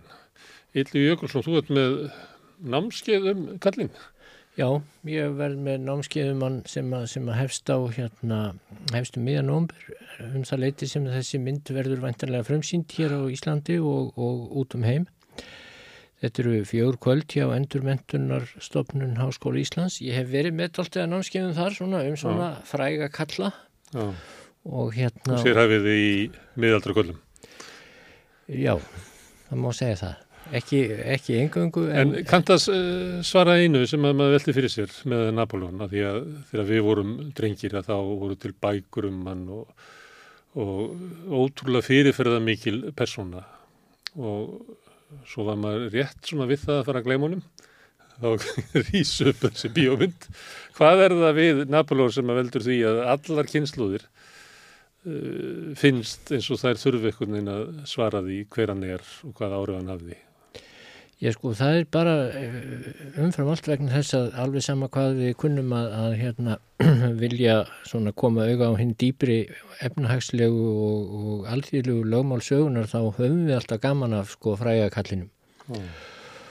Uh, svona st stórkallinum sem að, sem að lætur fara fyrir sér í sögunni og brítur allt og bramlar í kringum sig og, og breytir hlutum og, og hérna, byggir stundum upp og, og svo framvegs. Og hann er bara frægast í kall sögunar, kannski með bara Jésu og César? Hann er einn af þeim allra, allra frægustu og hérna, ég man ekki, ég sá einhvern tíðan tölur yfir sko bækur sem að skrifaðar hafi verið um hann og það eru sko heilu bókasöfnin sem myndi ekki rúmast hér á, hér á, hér á landsbókasöfnin ef þeim var öllum safnaðar saman. Og það virðist ekki láta á þessu. Og hérna og það vil nú reyndar svo uh, merkilega til að, að akkurat um þessar myndir þá eru svona ymsi þættir í, í hérna æfi Napoleons og Ferli sem gera það verkum að hann er ofinni og aktúel um, um þessar myndir uh, og, og, og svona alls konar ástæði fyrir því að það er ástæði til að vera að skoða hann og hans feril, það er til dæmis Eh, innrásin í Rúsland 1812 eh, sem að var nú upphafið að hans falli og er mikil og dramatísk saga í sjálfu sér en, en eh, svo innrás hefur alltaf verið notuð mjög af rúsneskum þjóðurni sinnum og nú síðast Putin sem, sem svona ein af ástæðum þess að, að hérna að rússar séu svo tortrygnir í gard vesturveldana og þess vegna þurfið þeir að hafa borð fyrir báru á, á sínum vestur landamærum til að tryggja að ekki komi óðir innræðsar herir eins og Napoleons. Mm. Þetta er náttúrulega líka notað ásamt innráðs Hitlers Já. til svona vesturlanda, ekki láta ykkur þetta í hug. Já, en hérna, en, en sko, það er mjög grundalega munur á þessum tveimur innráðsum vegna þess að innráðs Hitlers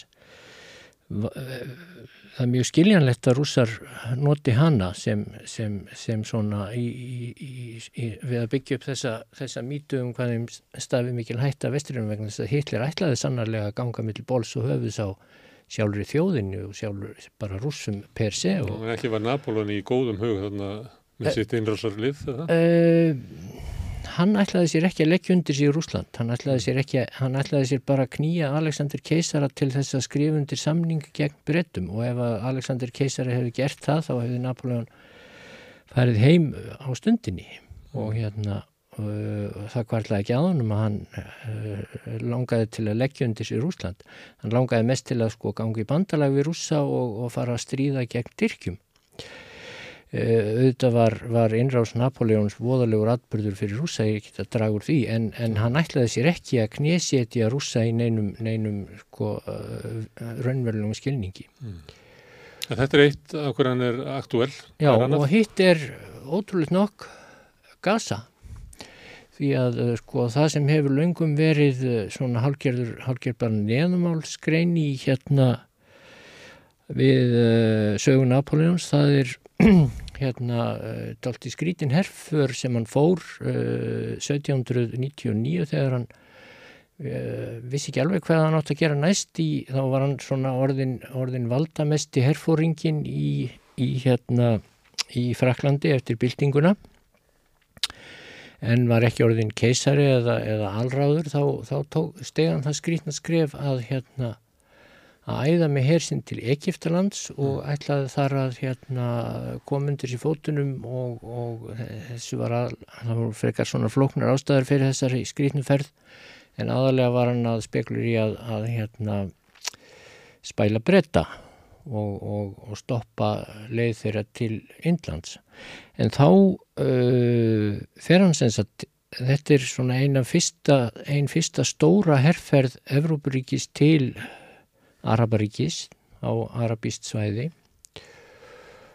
að hann fer meðal annars til Gaza hersveitir hans uh, fremja uh, svíverðilegt fjöldamorð í hérna Jaffa sem er hérna, það var, reyndar ekki algengt að, að uh, hersveitir Napoleons gengju mjög hart fram gagvart óbreyttum borgurum hann má eiga það að hann mm. passaði svona yfirleitt upp á það og auðvitað þyrtu óbreytti borgarar alltaf að þjást þegar þessir herir hans voru á ferðinni en, en það hafi verið margir verri herfóringjar að því leiti að sleppa, sleppa óðum hermunum sínum lausum á, á óbreyta borgara. En þá er, er hann semst að þvælast um þetta svæði í Palestínu, hann fer til Gaza, hann uh, fer til Jaffa, hann fer til Akre og, og lætur þarna mjög að þessi kveða og það er meira að segja til svo kenning að hann hafi verið einna fyrstur til að stinga upp því að þarna er þið stoppsett ríki kýðinga. Mm. Það er svona málum blandið og má, má, hérna, má uh, diskutera það fram og tilbaka eins og ég ætla að reynda að gera þessu námskeiði. Mm. En þannig að þetta er, þetta er svona óvæntur, óvæntur punktur sem sýnir það að Napoleon hann á, á það til að verða aktúel á, á ótrúlegustu tímum og ótrúlegustu, af ótrúlegustu ástæðum. Mm. Og eins og margir sem lendi því að verða svona, eins og kallaði upp á ennsku Bigger Than Life, að þá er hann eignað bæði e, sigrar og stórvirki og ósigrar sem að hann átti ekki og þá sem hann átti. Jú, jú, hann er... Góðsögnin um hann er kannski, það er erfitt að skræla hana frá manninum. Já, það er alltaf erfitt og, en það er líka nú samt að reyna á þessu blessaðanámskiði bara Já. með því að fara yfir ferilands frá því hann verður. Þetta er náttúrulega ótrúleg, ótrúleg æfi vegna þess að hann, hann, sinni, hann talar ekki eins og frönsku þegar hann, þegar hann er alast upp. Þá talar hann ítalska málísku á, á Korsíku mm. og þá það er rétt um það leiti sem frakkar eru, eru að hérna, leggja undir sér Korsíku í raun og veru í fyrsta sinn. Þannig að hann var enginn frakki. Uh, ekki frekar en margir aðri frakkar. Nei, nei, reyndar ekki. En hérna en, en, en hann elst þarna upp á þessu í þessu hérna þessu afdangaða einangraða svæði sem er Korsíka og svo einhvern veginn í hinnu uh, rosalega umróti byltingarinnar þá skólar honum allt í einu upp til aðstu metorða og, og krínir sjálfan sig keisara og, og hérna og hann hefst til valda þá er hann í raun, hann er í raun veru hugssjónumadur hugssjónur byltingarinnar eru honum öruglega einlegur einleg samfæring lengi framan af mm. sem svo, að voru hverjar? sem bara um að hérna reynda, reynda hérna, valdi kongana mm. og, og, og leifa fólki að lifa frelsa almenning frá Frelsa. áþjón lénsvöldisins? Jú, jú, ekki síst og, og hann setur, þegar hann er orðin, orðin keisari þá setur hann mjög merkan lagabolk sem er kallað Kóð Napoleon uh, þar sem er kveðið á um uh, undirstöður réttaríkisins og allir skuli vera jafnir fyrir lögunum og svo framvegis, svo framvegis uh, nema helst konur og, og hann uh, hérna nefti, nefti þræla í Karibahavi aftur í, í, hérna, í þrældóm eftir að byltingarmenn höfðu, höfðu hérna höfðu eh, afnum í þrælahald mm. en það er margt, það er engin vand að skrifa upp langan lista yfir allt það sem Napoleon gerði hérna ílt og, og vond svo á endanum kom hann á fót leinilögruglu líka í nokkuð sveisin í hérna í Fraklandi en, en, en hann sagt, þessi þróun Napoleons frá því að vera byltingarmadur sjálfsagt einlegur og í það að verða aðisti valdhafi, þetta er bara mjög merkileg svona Týran, týran einlegur týran hann er hann, og það merkilega er sko það má ekki miskilja þetta en hann er svona með hann er með skarri týrunum mm. því að hann var hverginari jafn hvergin er jafn uh, blóðþyrstur og hefnigjarn og tortríkin eins og, eins og Hitler eða Stalin sko. Hann var östur í Tossabekk eins og stundum er sagt. Skástur, skástur með rítlmenna Já, eitthvað, hann var eitthvað svo leiðis hann var ekki hann var Svo á hann eitt í þessu, hann áleita stórgóðsluðustu endurkomu uh, stjórnmálana Jú, jú, heldur betur. Er, sem að margir horfa til. Já, þegar hann hérna Sama hvað hérna, fyrrum valdsmenn eru ítla settir að þá dreymir þá um að eiga í aft glæsilega endurkomu. Já, það er alveg rétt. Hann náttúrulega eftir, eftir að hann sko var orði, í raun og veru orðin herra Evrópu 1812 og hefði kannski geta verið það áfram ef hann hefði ekki glafst til að, til að leggja út í innráðsinu við Rúsland sem, mm. sem var alveg ótrúlegt fegðarflan. Hvað svo sem hann ætlaðist fyrir þá var þetta og var eins og hann hefði allt í einu mist alla domgreind á, á sko bara sem, sem herfóringi þó ekki verið annað. Velgengni gerir það oft við menn. Já, heldur betur. En, en þá sem sagt hreinur veldi hans eftir þá einrás, þannig að hann er, honum er komið frá völdum eftir uh, af uh, bandalagi flest allra Európaríkja á 1914 og settu í útlegð út á eiginu Elbu rétt hjá Korsíkur endar en uh, svo fréttir hann það að þeir englendingar sérstaklega eru ekki ánaði með að hérna, hafa hann þar. Þeim finnst hann ofnálagt hringiðinni og, og, og vilja koma hann fyrir á, einhvern, á einhverju mun afskektur eigu og þá í staðin fyrir að láta það yfir sig ganga þá stekkur hann til Fraklands nær þar völdum aftur á, á einu, tveimur mánuðum með ótrúlegum hætti og, og hérna og er byrjaðar að koma undir sér fótunum og hérna en þá snúast eh, bandamenninir sem að höfðu verið sestir, þeir voru komin til Vínarborgar og voru þar að skipta kökunni eftir, eftir fall Napoleons og verðu alveg bara fengur hland fyrir hjarta þegar fréttist af því að Napoleon væri komin aftur mm. og stemdu þá af stað öllum sínum herjum og náðu að sigran við Waterloo og hann þá út á, á hérna afskektu eigu samt í helinu og það er svona eins og eins og punkturinn við ef við, ef við lítum bara á sögu Napoleon sem svona dramatík og,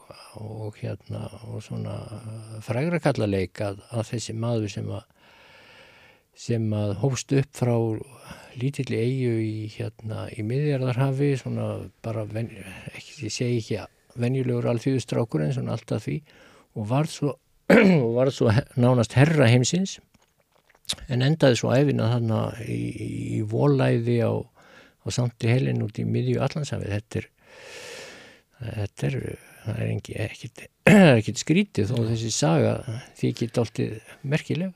Þetta er tilhemni til þess að velta fyrir sér eh, hlut einstaklingsins í sögunni. Mótaði sagan Napolón eða mótaði Napolón söguna? Já, það er líka eitt af því sem ég ætla að reyna að fjalla um þarna. Það er eh, bara doldið erfitt að segja um þetta því að sko eh, rósturnar sem að, sem að hérna urðu eftir franskubildinguna þær voru svo miklar og, og, og landið var svo illa í stakkbúið til að takast á við þær róstur. Eh, þannig að það gengur yfir landið sko, hver bylgjan á fætur annari af, af sko, ógnarstjórn og jak jakobinisma og, og öllu mögulegu og, og síðan sneru, sneru konungsinnar vörn í sóknu voru nánast búin að ná völdum aftur og svo framvegist þannig að það má segja það, má, það er ekki vand að halda þið fram að, að hérna, tímatnir hafi beinlýnis kallað á að einhver sterkur kall kæmi og tæki bara völdin hvort sem að hann uh, tæki sér svo konungstigni það gerðist bara einræðisherra eða eitthvað. En svo má líka, það er líka engin mandi að, að, að rekja það að, að Napoleon sem að var á þessum áratug meðan hann er að ná undir sér völdum og meðan hann er að hérna treysta tök sín á Evrópu þá er hann svo fáránlega sigursæl að það er engin mandi heldur að halda því fram að þetta hefði sennilega engin þessi hefði sennilega engin geta náð nema hann. Já. En hann hefði líka alveg getið farið aðra leið heldur en að verða einræðisera. Hafði, það voru komnar fyrirmyndir sem hann gatt stuðst við. Eins og hverjar?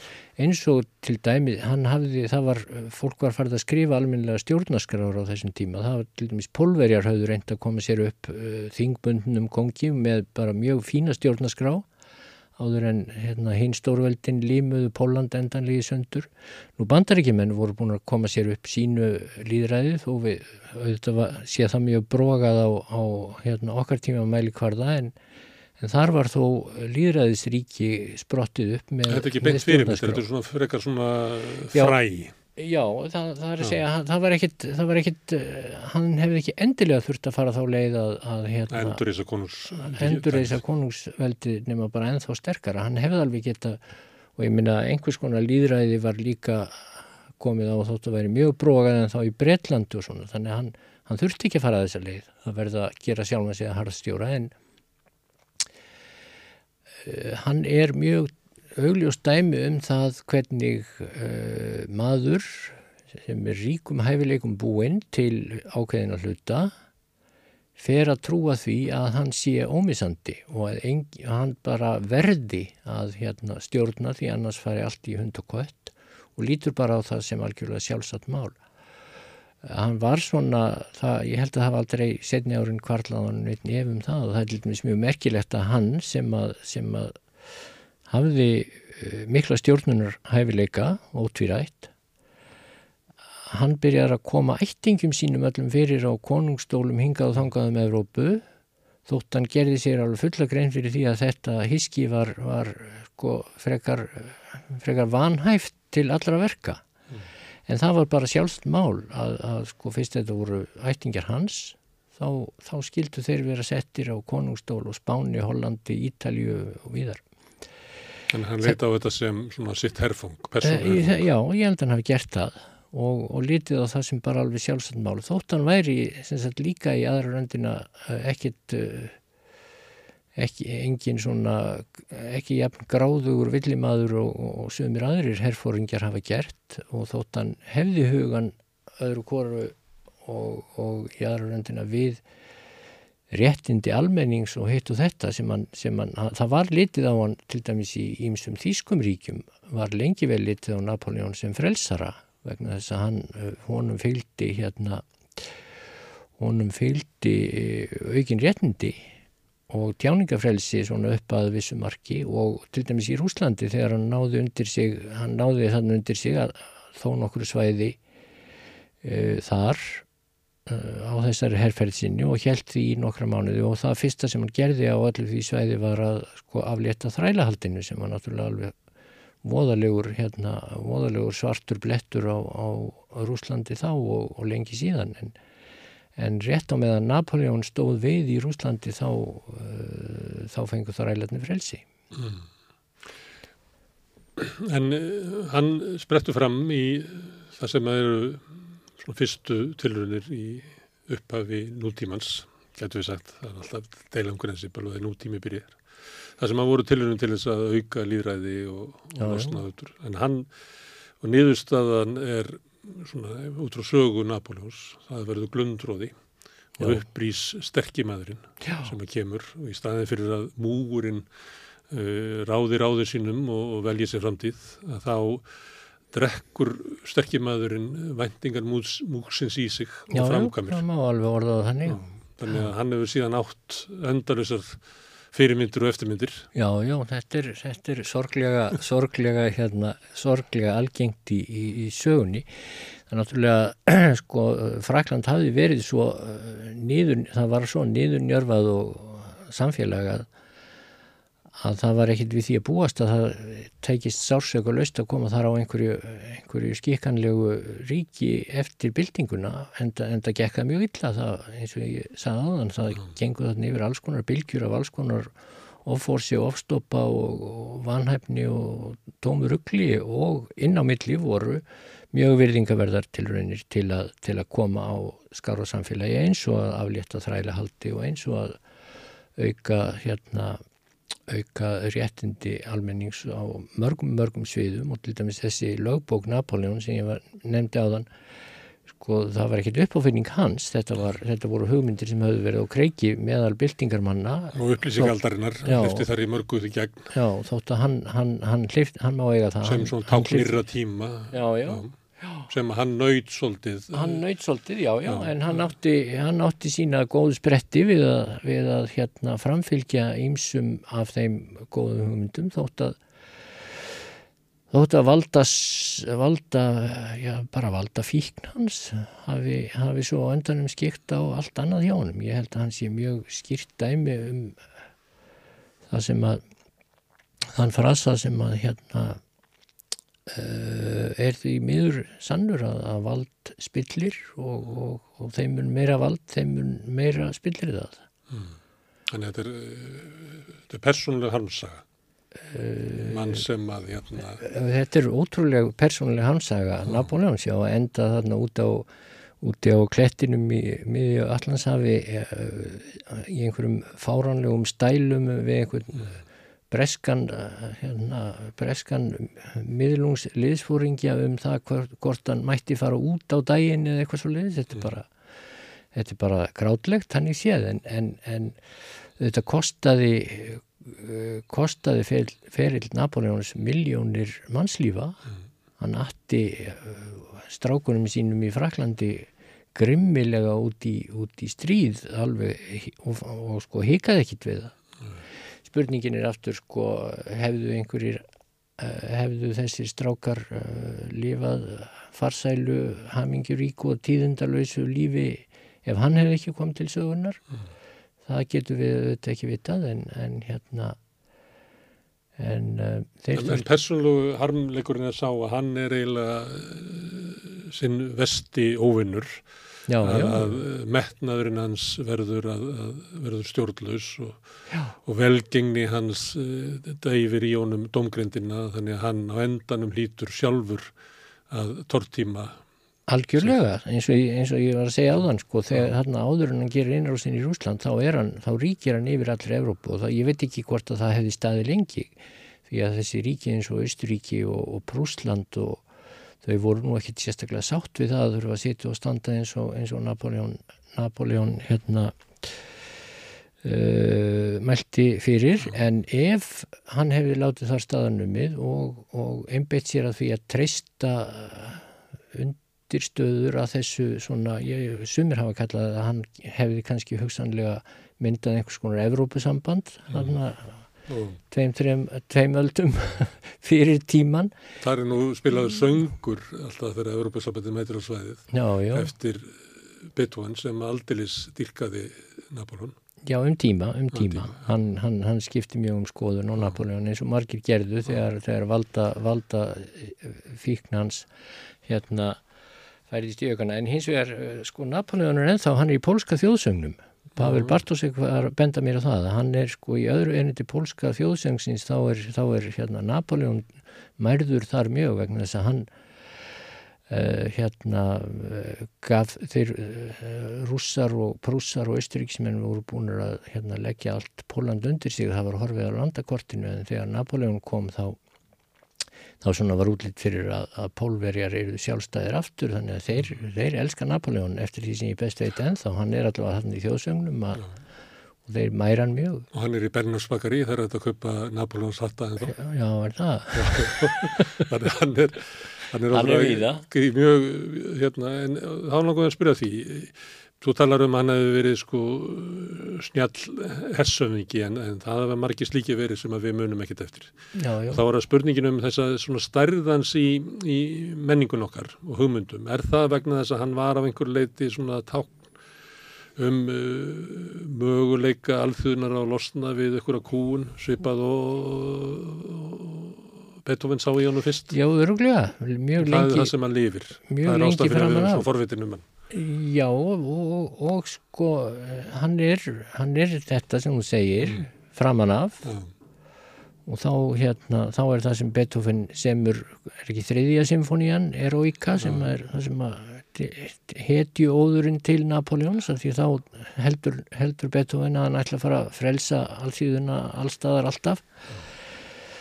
En, en, en um, skiptir svo um skoðun þannig að hérna Uh, þetta er svona frelsi, það er ekki er, það er, það er ekki mjög margir sem, að, sem, að, sem er hægt að segja að fara þessa leið að leggja upp sem einhvers konar málsvar alþýðunar en verða svo verða svo algjörir harstjórar á er, Já, þetta er nú bara þetta er klassíst í, í rúsnesku byltingunni og, og, og víðar og, og víðar sko. já, þú getur séð svona það sem er svona róstur og, og já, það sem að fólk en, eru það orðið er, en það er ekki margir leitt á sinni búsáldabildingu og horfir þá á einhverja lausn.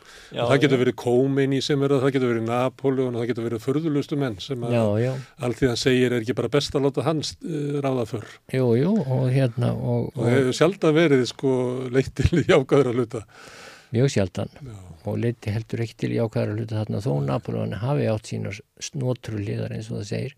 En þetta er heillandi saga og, og, hérna, og það er hægt að hægt að, ég hafði aldrei mjög mikið áhuga á Napoleon hérna þegar ég var strákur og var að byrja, var, ég var alltaf að lesa um rúmverja og eitthvað svo leiðis kæftæði og fannst Napoleon alltaf eitthvað svona frekar, frekar döll en hérna en, en uh, svona, þetta er svo mögnuð saga og eins og ég segi svo allt í nú þegar þegar maður uppgötar hvað Napoleon er aktúel og, hann kemur svo víða við sögu það er hægt að, draga lærdóma um hann í sambandi við sögu sko, nýlendustefn og rasisma þegar, sem þá aðalega afskipti hans af, af uppreysninni á hérna á Haiti mm. og, og uh, sem var þræla uppreysn sem var þræla uppreysn merkilegast uppreysn uh, sögunar þótt að við er, er, er, minnumst hennar ekki mikið Nei, nei, akkurat en, en sko þá, byltingamennir voru búinir að í raun og veru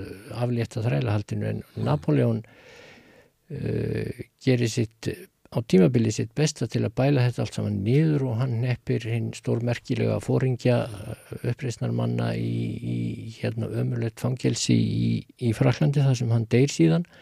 En svo uh, nefndi Napoleon ekki lengur að standi þessu. Það var svo mikið að gera hjá hann í Evrópu að hann, hann slefti takinu af Haiti. En það eru alls konar og, og, það sem enda með því að frakkar hérna, gefa frá sér Louisiana og, já, já, og já. hefði aldeilis verið öðruvísi saga bandaríkja Norður Evrópu ef það hefði ekki gerst. Ef það hefði ekki gerst, já, en hann náttúrulega eins og ég segja, hann var svo önnum kafinn í, í Evrópu. Hann var endur ekkert búin að eiga þetta mjög lengi, þetta Louisiana svæði. Hann var tiltölulega nýbúin að taka þetta frá, frá spánverjum sem voru eins og mísundur fjallaketti á hans vegum. En já, það hefði verið mjög, hefði geta þróast á mjög öðruvísi hátt, mm. skulum við segja ef að þarna hefðu rísið upp uh, tvö ríki en ekki, en ekki eitt, ef að þarna hefðu orðið sko ennst ríki á, á austuströndinni og franst ríki inn við miðbyggið mm. og svo kannski spænst á, á Kaliforníu ströndinni mm. Herðu, Napoleon verð ekki hetja þú varst ungur en þú ert í ból með prins Valjant. Já. Ná, hann... Það hefur verið þín hetja þegar þú varst yngri, eða ekki? jú, jú, jú, heldur betur. Ég er dyrkaði prins Valjant. Já, já, ég held að það sé þetta það var rétt að skrifa sko stjórnmála rítgerð um hérna ykkur prinsvaljaldana um hvernig hann hefur mótað heimsmyndikar en hann er með þarna hvað heitir konunans hérna? Alita drottning þokkuð, hvað last þú þetta ekki? Jó, ég gerði ég bara hérna aðeins rítgaður Þetta er hérna bólur sem að ég er að draga aðteglinni að Jósefínum Já, sem er náttúrulega stór persóna í myndinni Já. og í svona þegar að verið að segja persónulegu sögu Napoleons. Þetta er rísastór ástarsaga. Já, já, já, heldur betur. Jósefína var örgulega mjög skemmtileg kona, miklu skemmtilegri heldur en Napoleon, en, en hérna hún hafði sína eh, ákvæðinu galla líka. Jósefína, hún til dæmis hafði ekki mjög gaman að því að þrýfa sig, Nei. þannig að það var alltaf mjög vond líkt af Jósefínu. En, hérna, en þetta má hún sitja upp með að, að hérna, þetta sé það sem hennar, hennar er fyrst minnst. Og trúur þú því að þetta sé satt? Já, það var nú líka haldið fram að Napoleon verið svo lítill sem að nú gengur ekki alveg, en það voru anstæðingar hann sem að held þessu fram. Já, já, Napoleon var ekkit sérstaklega lítill, hann var bara svona frekar, frekar hann var svona tæpur meðalmaður á, á sínum tíma.